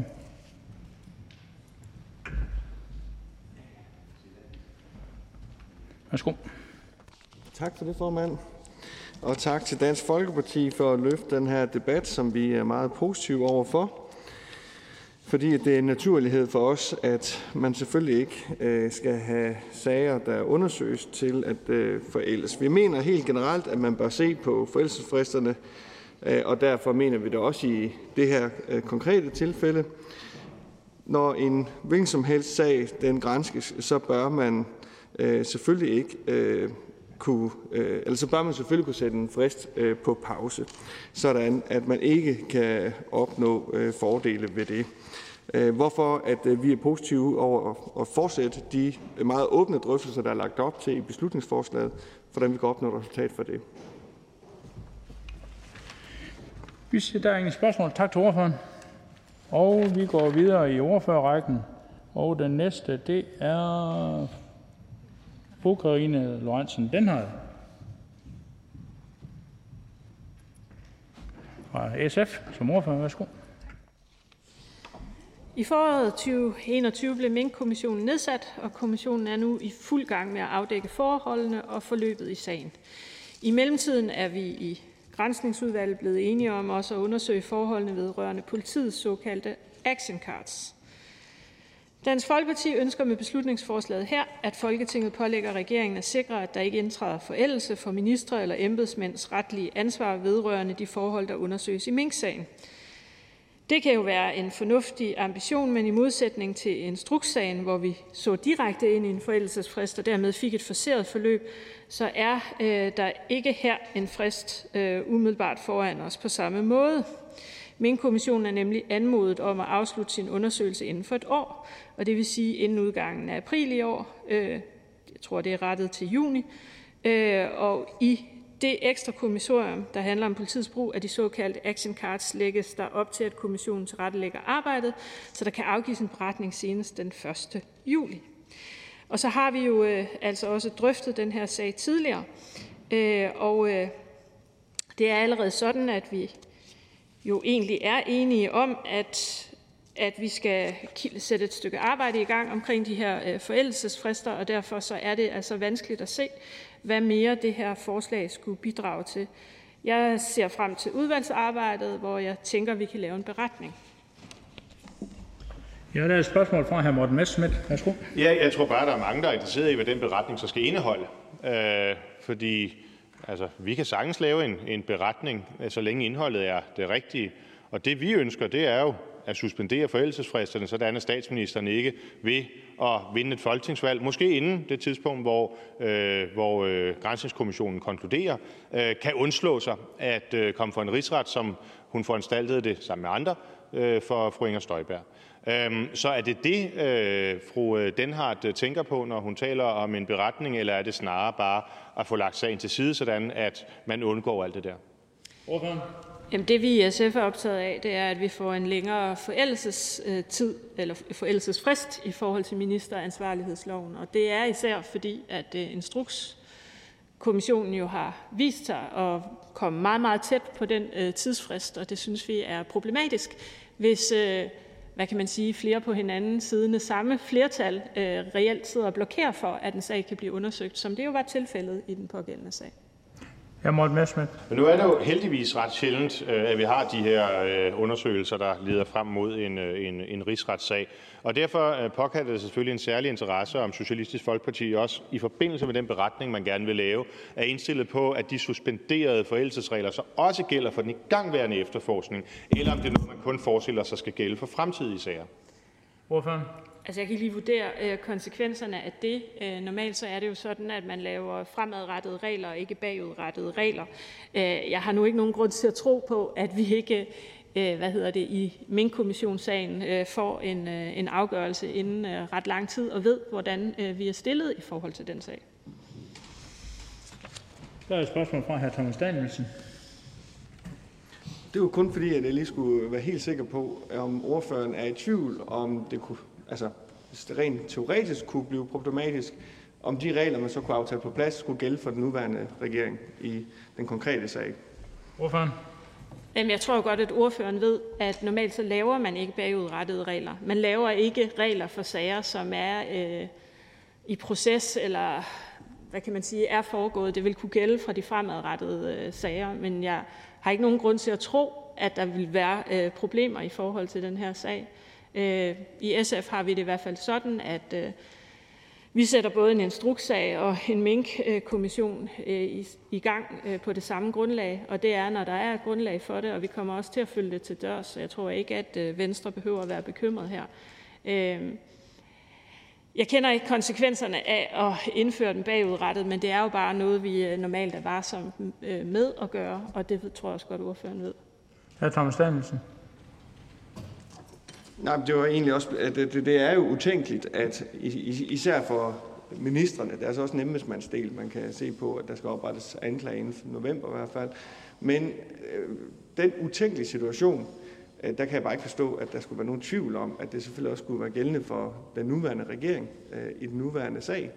Så er det jo helt ekstraordinært, hvis man forhaler sagen så meget, at, øh, at det kan blive øh, komme på tale. Så derfor så burde det jo være helt åbenlyst, synes jeg. Men, øh, sådan det.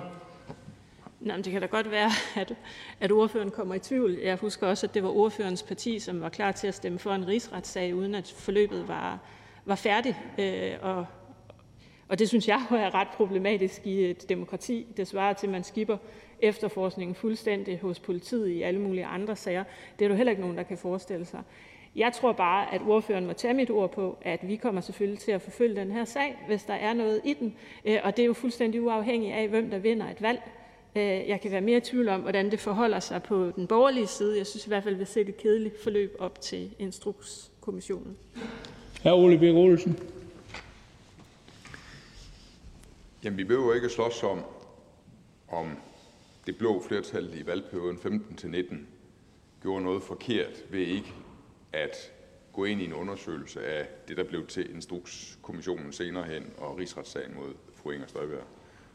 Det gjorde de blå partier. De gjorde noget forkert. Øh, så med den indrømmelse, så kan vi gå videre til næste punkt, som er, hvis nu der kommer en hård kritik af statsministeren eller andre ministre øh, ud af Mink-kommissionens, øh, Mink-grænsningsundersøgelsen, så kan man jo risikere, at der er et rødt flertal, som siger, nej, men det er jo landets statsminister osv., og det, er jo, det var måske slet ikke hendes skyld, og måske var det Mogens Jensen, der planlagde det hele. Øh, på de der koordinationsudvalgsmøder. Og så ville det da være ærgerligt, at øh, der så ikke kan føres en rigsretssag på det i en valgperiode derefter, hvis nu de røde vinder næste valg igen, fordi der er en forældelse på. Vil det ikke? Hvorfor? Jo, men det her, hele det her spørgsmål bygger jo på en præmis om, at, øh, at de røde partier vil øh, forhale en eventuel rigsretssag. Indtil videre har vi jo rigtig god tid. Øh, vi har ikke en brændende platform for at lave bagudrettede regler, som man jo normalt ikke gør. Det er bare et retssikkerhedsmæssigt princip, at det gør man ikke. Øh, jeg har ikke nogen øh, eller noget ønske om, at den her sag skal trækkes i langdrag, så den ikke kan føre til en eventuel rigsretssag, hvis det er det, der må være konklusionen på øh, kommissionens beretning, når den kommer. Hr. Ole Birk Olsen. Men det, vi diskuterer her, det er om... Vi har den generelle regel om, at der er, at der er forældelse efter fem år. Og det er der en snak øh, om om det skal ændres til noget mere, fordi vi synes, det er problematisk, hvis man hen over et par valgperioder kan øh, udskyde noget, som gør, at tingene bliver forældet, så der aldrig bliver en rigsretssag. Det her forslag vil jo sikre, at uanset om der måtte være sådan nogle lyster, så skal det i hvert fald ikke ske i minksagen. Minksagen skal ikke kunne udskydes, hvis der nu er det samme flertal efter næste valg. Og så er spørgsmålet bare, vil SF støtte, at det ikke, heller ikke teoretisk kan ske i minksagen, fordi det simpelthen er for vigtigt, den sag også bliver undersøgt af en rigsret, hvis øh, kritikken er alvorlig? Hvorfor? Jamen, jeg, ved, jeg ved godt, at højrefløjen vil have indført alle mulige ekstraordinære øh, regler på alle mulige mærkelige måder, rigsretssager og regler med tilbagevirkende kraft. Det tror jeg ikke, vi kommer til at deltage i, medmindre at øh, vurderingen er, at det er fuldstændig øh, uproblematisk. Øh, jeg tænker, det er et brud på den måde, man normalt går til det her på. Øh, og nu vil jeg bare minde om, at det er altså ikke SF, der har blokeret for, at en instrukskommission kunne blive nedsat og kunne blive undersøgt. Og vi kommer heller ikke til at blokere for, at det her det får sit eget forløb, når vi kender udfaldet af det. Det tror jeg er den store forskel. Ja, tak. Tak til ordføreren. Der er ikke flere spørgsmål. Så går vi videre i rækken af ordfører, og den næste radikale er her ikke, så er det fru Rosa Lund, enhedslisten. Værsgo. Tak for det. Som flere ordfører har været inde på, så har vi jo heldigvis, vil jeg sige, diskuteret forældelsesfristerne i ministeransvarlighedsloven før. Vi diskuterede det faktisk øh, sidste år, også i marts måned. Og jeg synes vidderligt, det er et problem, den måde loven er bygget op på, nemlig at et, hvis det samme flertal genvinder magten, så kan man øh, blokere for en undersøgelse, man kan blokere for en eventuel rigsretssag, men det vigtigste er nok, at man jo kan blokere for, at tingene bliver undersøgt til bunds, som jo er det allervigtigste. Og endnu vigtigere, at man kan blokere for, at en minister, uanset hvad for en post den minister har, kan blive stillet til ansvar. Og derfor er jeg også glad for, at der i marts sidste år var flertal for at se på de her regler. Og jeg, øh, jeg har personligt en stor frustration over, at man ikke fra Justitsministeriets eller justitsministerens side rykkede på det beslutningsforslag med det samme. Det ville jeg synes har været det allerbedste. Det har man så ikke gjort. Det, man, det vi så gør nu på baggrund af det her beslutningsforslag, som jeg forstår det på ministeren og på Socialdemokraternes ordfører, det er, at nu kommer lovforslaget i næste samling. Og det ser vi meget frem til i Enhedslisten. Jeg synes, vi er nødt til at se på de her forældelsesfrister, og jeg synes, det er øh, rigtig dejligt, at der er så mange partier, som er optaget af det her med at kunne stille ministre til ansvar. Når det er sagt, så er vi i Enhedslisten ikke tilhængere af, at man laver særlovgivning. Vi er heller ikke tilhængere af, at man laver lovgivning med tilbagevirkende kraft. Og det her er jo et forsøg på at lave en særlov, og det er vi ikke enige i i Enhedslisten at man skal lave på igangværende sager, hverken i forbindelse med ministeransvarlighedsloven eller med alle mulige andre love for den sags skyld. Så er det et, øh, et mærkeligt princip, eller så er det modsat, det er et godt princip, at vi ikke laver lovgivning med tilbagevirkende kraft, og et godt princip, et retssikkerhedsmæssigt princip, at det, det gør vi simpelthen ikke. Og derfor kan enhedslisten ikke støtte B-forslaget, som det ligger, men øh, vi vil rigtig gerne være med til at lave en beretning ud fra de ting og de bekymringer, som er blevet rejst om forslaget her. Og jeg vil sige meget klart herfra, at det er en forudsætning for, at enhedslisten kan være med i sådan en beretning, at Justitsministeriet garanterer, at nu rykker de på de her ting. Det kan ikke bare ligge i en syltekrukke et helt år igen. Det dur simpelthen ikke. Øh, fordi jeg forstår sådan set udmærket godt bekymringen fra jer, der har stillet forslaget, og fra de andre ordførere øh, i salen her, at der jo selvfølgelig naturligt er en bekymring for, hvad betyder det her?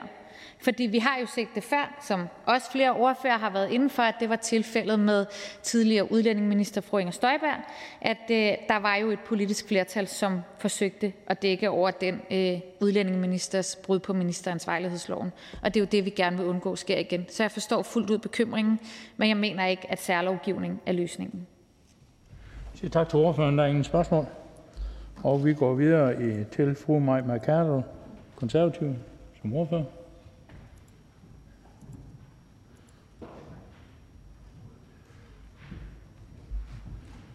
Værsgo. Tak, formand. Og tak til Dansk Folkeparti for at stille øh, nærværende beslutningsforslag. Og alt andet lige efter de drøftelser, vi har haft i udvalget for forretningsorden, så øh, burde det jo sådan set ikke have været nødvendigt at fremsætte det her lovforslag eller beslutningsforslag, fordi så ville vi have været inde i en proces, hvor at der var kommet et lovforslag, og vi var bekendt med, hvornår det ville blive fremsat, med hvornår at man kan pausere øh, en øh, forældelsesfrist, imens at en kommissionsundersøgelse pågår. Og det er sådan set et øh, klogt øh, lovforslag, som er øh, på vej, al den stund, at lige nu der har vi jo en grænsningskommission, der er i gang. Øh, den problemstilling, som den undersøger, er sådan set velvalgt for den øh, type af kommissionsundersøgelse, nemlig en grænsningskommission. Der er tale om en relativt afgrænset, snæver problemstilling, som udspiller sig over et relativt snævert øh, øh, periode.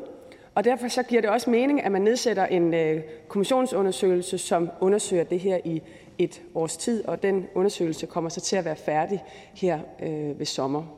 Men der kan jo godt være andre sager, som egentlig kunne kræve, eller hvor det kunne være formålstjenligt, at man faktisk kunne dykke længere ned, at man kunne have en kommissionsundersøgelse, som gik over et længere forløb, et år, to år, måske endda tre år, og hvor man af frygt for, at forældelsesfristen altså ville blive overskredet, ville undlade at vælge den rette kommissionsundersøgelse til øh, den øh, type af problemstilling. Og derfor så er det også godt, at øh, der er annonceret sådan et øh, lovforslag. Det er bare ikke godt nok, at øh, vi øh, nu og her ikke er bekendt med øh, præcis, hvornår at, at det fremsættes. Og derfor så er det også et godt forslag, som Dansk Folkeparti har stillet, og tak for det. Det støtter vi gerne. Og for så vidt er jeg egentlig enig i det principielle, som Enhedslisten også rejste med, at, at principielt så er det jo lidt en, en, en uskik at, øh, at træffe beslutninger om sådan et, øh, et beslutningsforslag. Men på den anden side, når vi vælger at støtte det, så er det fordi for os, der vejer hensynet bare tungere til, at vi kommer til bunds i den her sag. Og det er det, der gør, at vi øh, til syvende og sidst har valgt, at vi støtter det her beslutningsforslag, som i øvrigt er udmærket skrevet. Og tak for det. Vi siger tak til ordføreren. Og næste ordfører, det er hr. Peter Seier Christensen, Nye Borgerlige. Værsgo. Det er jo også og nye borgerlige, at de regler, der gælder for forældelsesfristerne i relation til de nærværende beslutningsforslag, er, som de er. Jeg mener, at en forældelsesfrist på fem år er for kort. Netop derfor, øh, fordi et politisk flertal kan forhandle i gang, forhale igangsættelsen af undersøgelser af disse sager. De politiske intentioner og det politiske ønske, der ligger bag beslutningsforslaget for Dansk Folkeparti, deler nye borgerlige til fulde. Det er ikke rimeligt, at der gælder forældelsesfrister, som gør, at man kan komme ud omkring sit, øh, komme omkring sit ansvar. Også selvom man er objekt for at blive undersøgt i en undersøgelseskommission. Og slet ikke i Mink-sagen, som er blandt de største politiske skandaler i nyere tid. Nye Borgerlige mener dog, at beslutningsforslagets omfang bør ændres, således at også fremtidige sager er omfattet. Det er således Nye Borgerliges holdning, at der ikke bør indtræde forældelse i forhold til at pålægge minister og embedsmænd retslige ansvar i forhold, der undersøges efter lov om undersøgelseskommissioner og grænsningskommissioner, eller for forhold, der er genstand for en advokatundersøgelse med offentlig ophav. Vi stiller derfor et ændringsforslag om, at beslutningsforslaget ikke er begrænset til Mink-sagen, og Nye Borgerlige kan støtte beslutningsforslaget. Tak. Tak til ordføreren. Så er det her Ole Birk Olesen, Liberal Alliance, som ordfører. Værsgo. Tak for det. Øhm, jeg tror ikke, det kan være anderledes, end at i sager, hvor man øh, fører rigsret mod en minister for ikke at have administreret efter loven, at der må det være Folketinget, der i gang sætter sådan en sag. Fordi øh, alternativet ville jo være, at det var en, øh, en domstol, som ultimativt set er, er underlagt Justitsministeriet i en eller anden form. Øh, og øh, det kan vi ikke have, at justitsministeren har øh, ret til at forfølge politiske modstandere. Så derfor er det Folketinget, der gør det her. Og øh, det giver så det dilemma, at hvis et folketingsflertal vil holde hånden over en egen minister, øh, som måtte have begået øh, noget ulovligt, så kan det lade sig gøre. Øh, og øh, hvis dette folketingsflertal bliver ved med at binde magten i Folketinget øh, valg efter valg, øh, så kan noget, der er en potentiel ulovlighed, ikke blive undersøgt ved en domstol, øh, fordi øh, dette flertal ikke vil lade sin egen minister undersøge. Og øh, Øh, der spiller den forældelsesfrist ind, som gælder i lovgivningen, at efter fem år, så kan det slet ikke lade sig gøre. Det sikrer, at man øh, på skift, altså hen over et folketingsvalg, kan i gang sætte ting, men det sikrer jo ikke, at man kan i gang sætte ting, hvis det er det samme flertal, der får magten igen øh, ved folketingsvalget. Og derfor er der det her arbejde i gang, som regeringen bliver ved med at udskyde med at få ændret forældelsesfristen. Og vi hører her i dag, at både regeringen og regeringens støtteparti SF ikke ønsker, at når man ændrer forældelsesfristen, at det så skal have tilbagevirkende kraft. Og det vil sige, at øh, den eventuelle forbrydelse, der måtte være begået af ministre i øh, Mink-sagen, at den øh, vil ikke kunne undersøges af et kommende blåt flertal, hvis dette blå flertal ikke allerede materialiserer sig i næste valgperiode, fordi der er en forældelsesfrist på fem år, uanset at man laver ting om fremadrettet. Beslutningsforslaget her tager hånd om, at der ikke skal være sådan en forældelsesfrist konkret på Mink-sagen, i erkendelse af, at det er en meget væsentlig sag og en meget øh, omfattende sag og en ret øh, uhørt sag i, i dansk øh, lovgivning og dansk politik. Og det bliver vi nødt til at, at støtte, fordi vi er nervøse for, at den her meget ekstraordinære Mink-sag, at den vil blive ramt af en forældelsesfrist, hvis ikke det lykkes for de blå partier at vinde næste folketingsvalg. Og øh, det kan man jo ikke vide med 100% sikkerhed, at, at vi gør. Og derfor vil vi gerne allerede nu sikre, at øh, der ikke er forældelse på, på Mink-sagen øh, ved at stemme det her beslutningsforslag igennem, og derfor stemmer vi for beslutningsforslaget. Vi siger tak til ordføreren. Der er ingen spørgsmål. Og så går vi over til ordføreren for forslagsstillerne, hr. Morten Messerschmidt, Dansk Folkeparti. Tak, formand. Det er ikke første gang i Danmarks historien, at der har været øh, rigsretssager om øh, ministres øh, manglende efterlevelse af loven. Men det er, som jeg lige husker det, første gang i Danmarks historien, at vi taler om øh, ministres foragt for øh, grundloven. Og det gør jo, øh, at den her sag, der jo helt fundamentalt handler om en regerings enrådige ekspropriation af et helt erhverv, øh, er ganske enestående. Og med den tilgang til magten, som man har set fra den her regering, der øh, tror jeg ikke, at det kræver ret meget fantasi at øh, forestille sig en situation, hvor man spekulativt lægger et folketingsvalg, sådan at man efterfølgende kan undgå, øh, at der indtræder forældelse, ved måske at udvide regeringen med nogle af de partier, som man så får til at sikre, at der ikke rejses en sag, før forældelsesfristen indtræder, eller på anden måde politisk agere. Det er jo en øh, gammel kendt sag, at mange politiske øh, skandaler eller problemsager øh, måske kunne have været øh, løst hurtigt, øh, men at det er forsøget på at øh, dække over dem, som så ender med at være det fældende. Men lige her, der øh, handler det jo om juraen, og der er der faktisk mulighed for, hvis bare man lader det gå længe nok, at man så kan slippe af krogen. Nemlig hvis man længe nok kan overbevise et flertal i Folketinget om, at øh, der ikke skal rejses en sag. Fordi det er jo de her sager, som også hr. Birk Olsen er inde på, hvor Folketinget helt ekstraordinært agerer, ikke som lovgiver, men som anklager. Og det skaber nogle dilemmaer, og det skaber nogle ekstraordinære omstændigheder, der altså også kræver, at vi især i den her sag, hvor det handler om en krænkelse eller en potentiel krænkelse af grundlovens øh, eksplicite hjemmelskrav i paragraf 73 om ekspropriation, hvor vi også må gøre noget ekstraordinært. Øh, og det kunne selvfølgelig også i lyset af, at der er i gang sat en grænsningskommission, meget vel være, at man siger, at forældelsesfristerne suspenderes. simpelthen for at undgå, at det misbrug, der kan finde sted af den politiske magt, ved at Folketinget her ikke bare er lovgiver, men også anklager, at det ikke kan lade sig gøre. Og jeg synes egentlig også, at det måtte være i regeringens interesse, sådan at hele den snak, hele den frygt, som er i brede dele af det danske samfund for, at man vil misbruge den mulighed bare at få tiden til at gå, at den kan fortone sig sådan, at man i god ro og orden kan få endevendt alle dele af sagen. Øh, vi ved jo ikke, hvad øh, Granskningskommissionen grænsningskommissionen ender med at konkludere.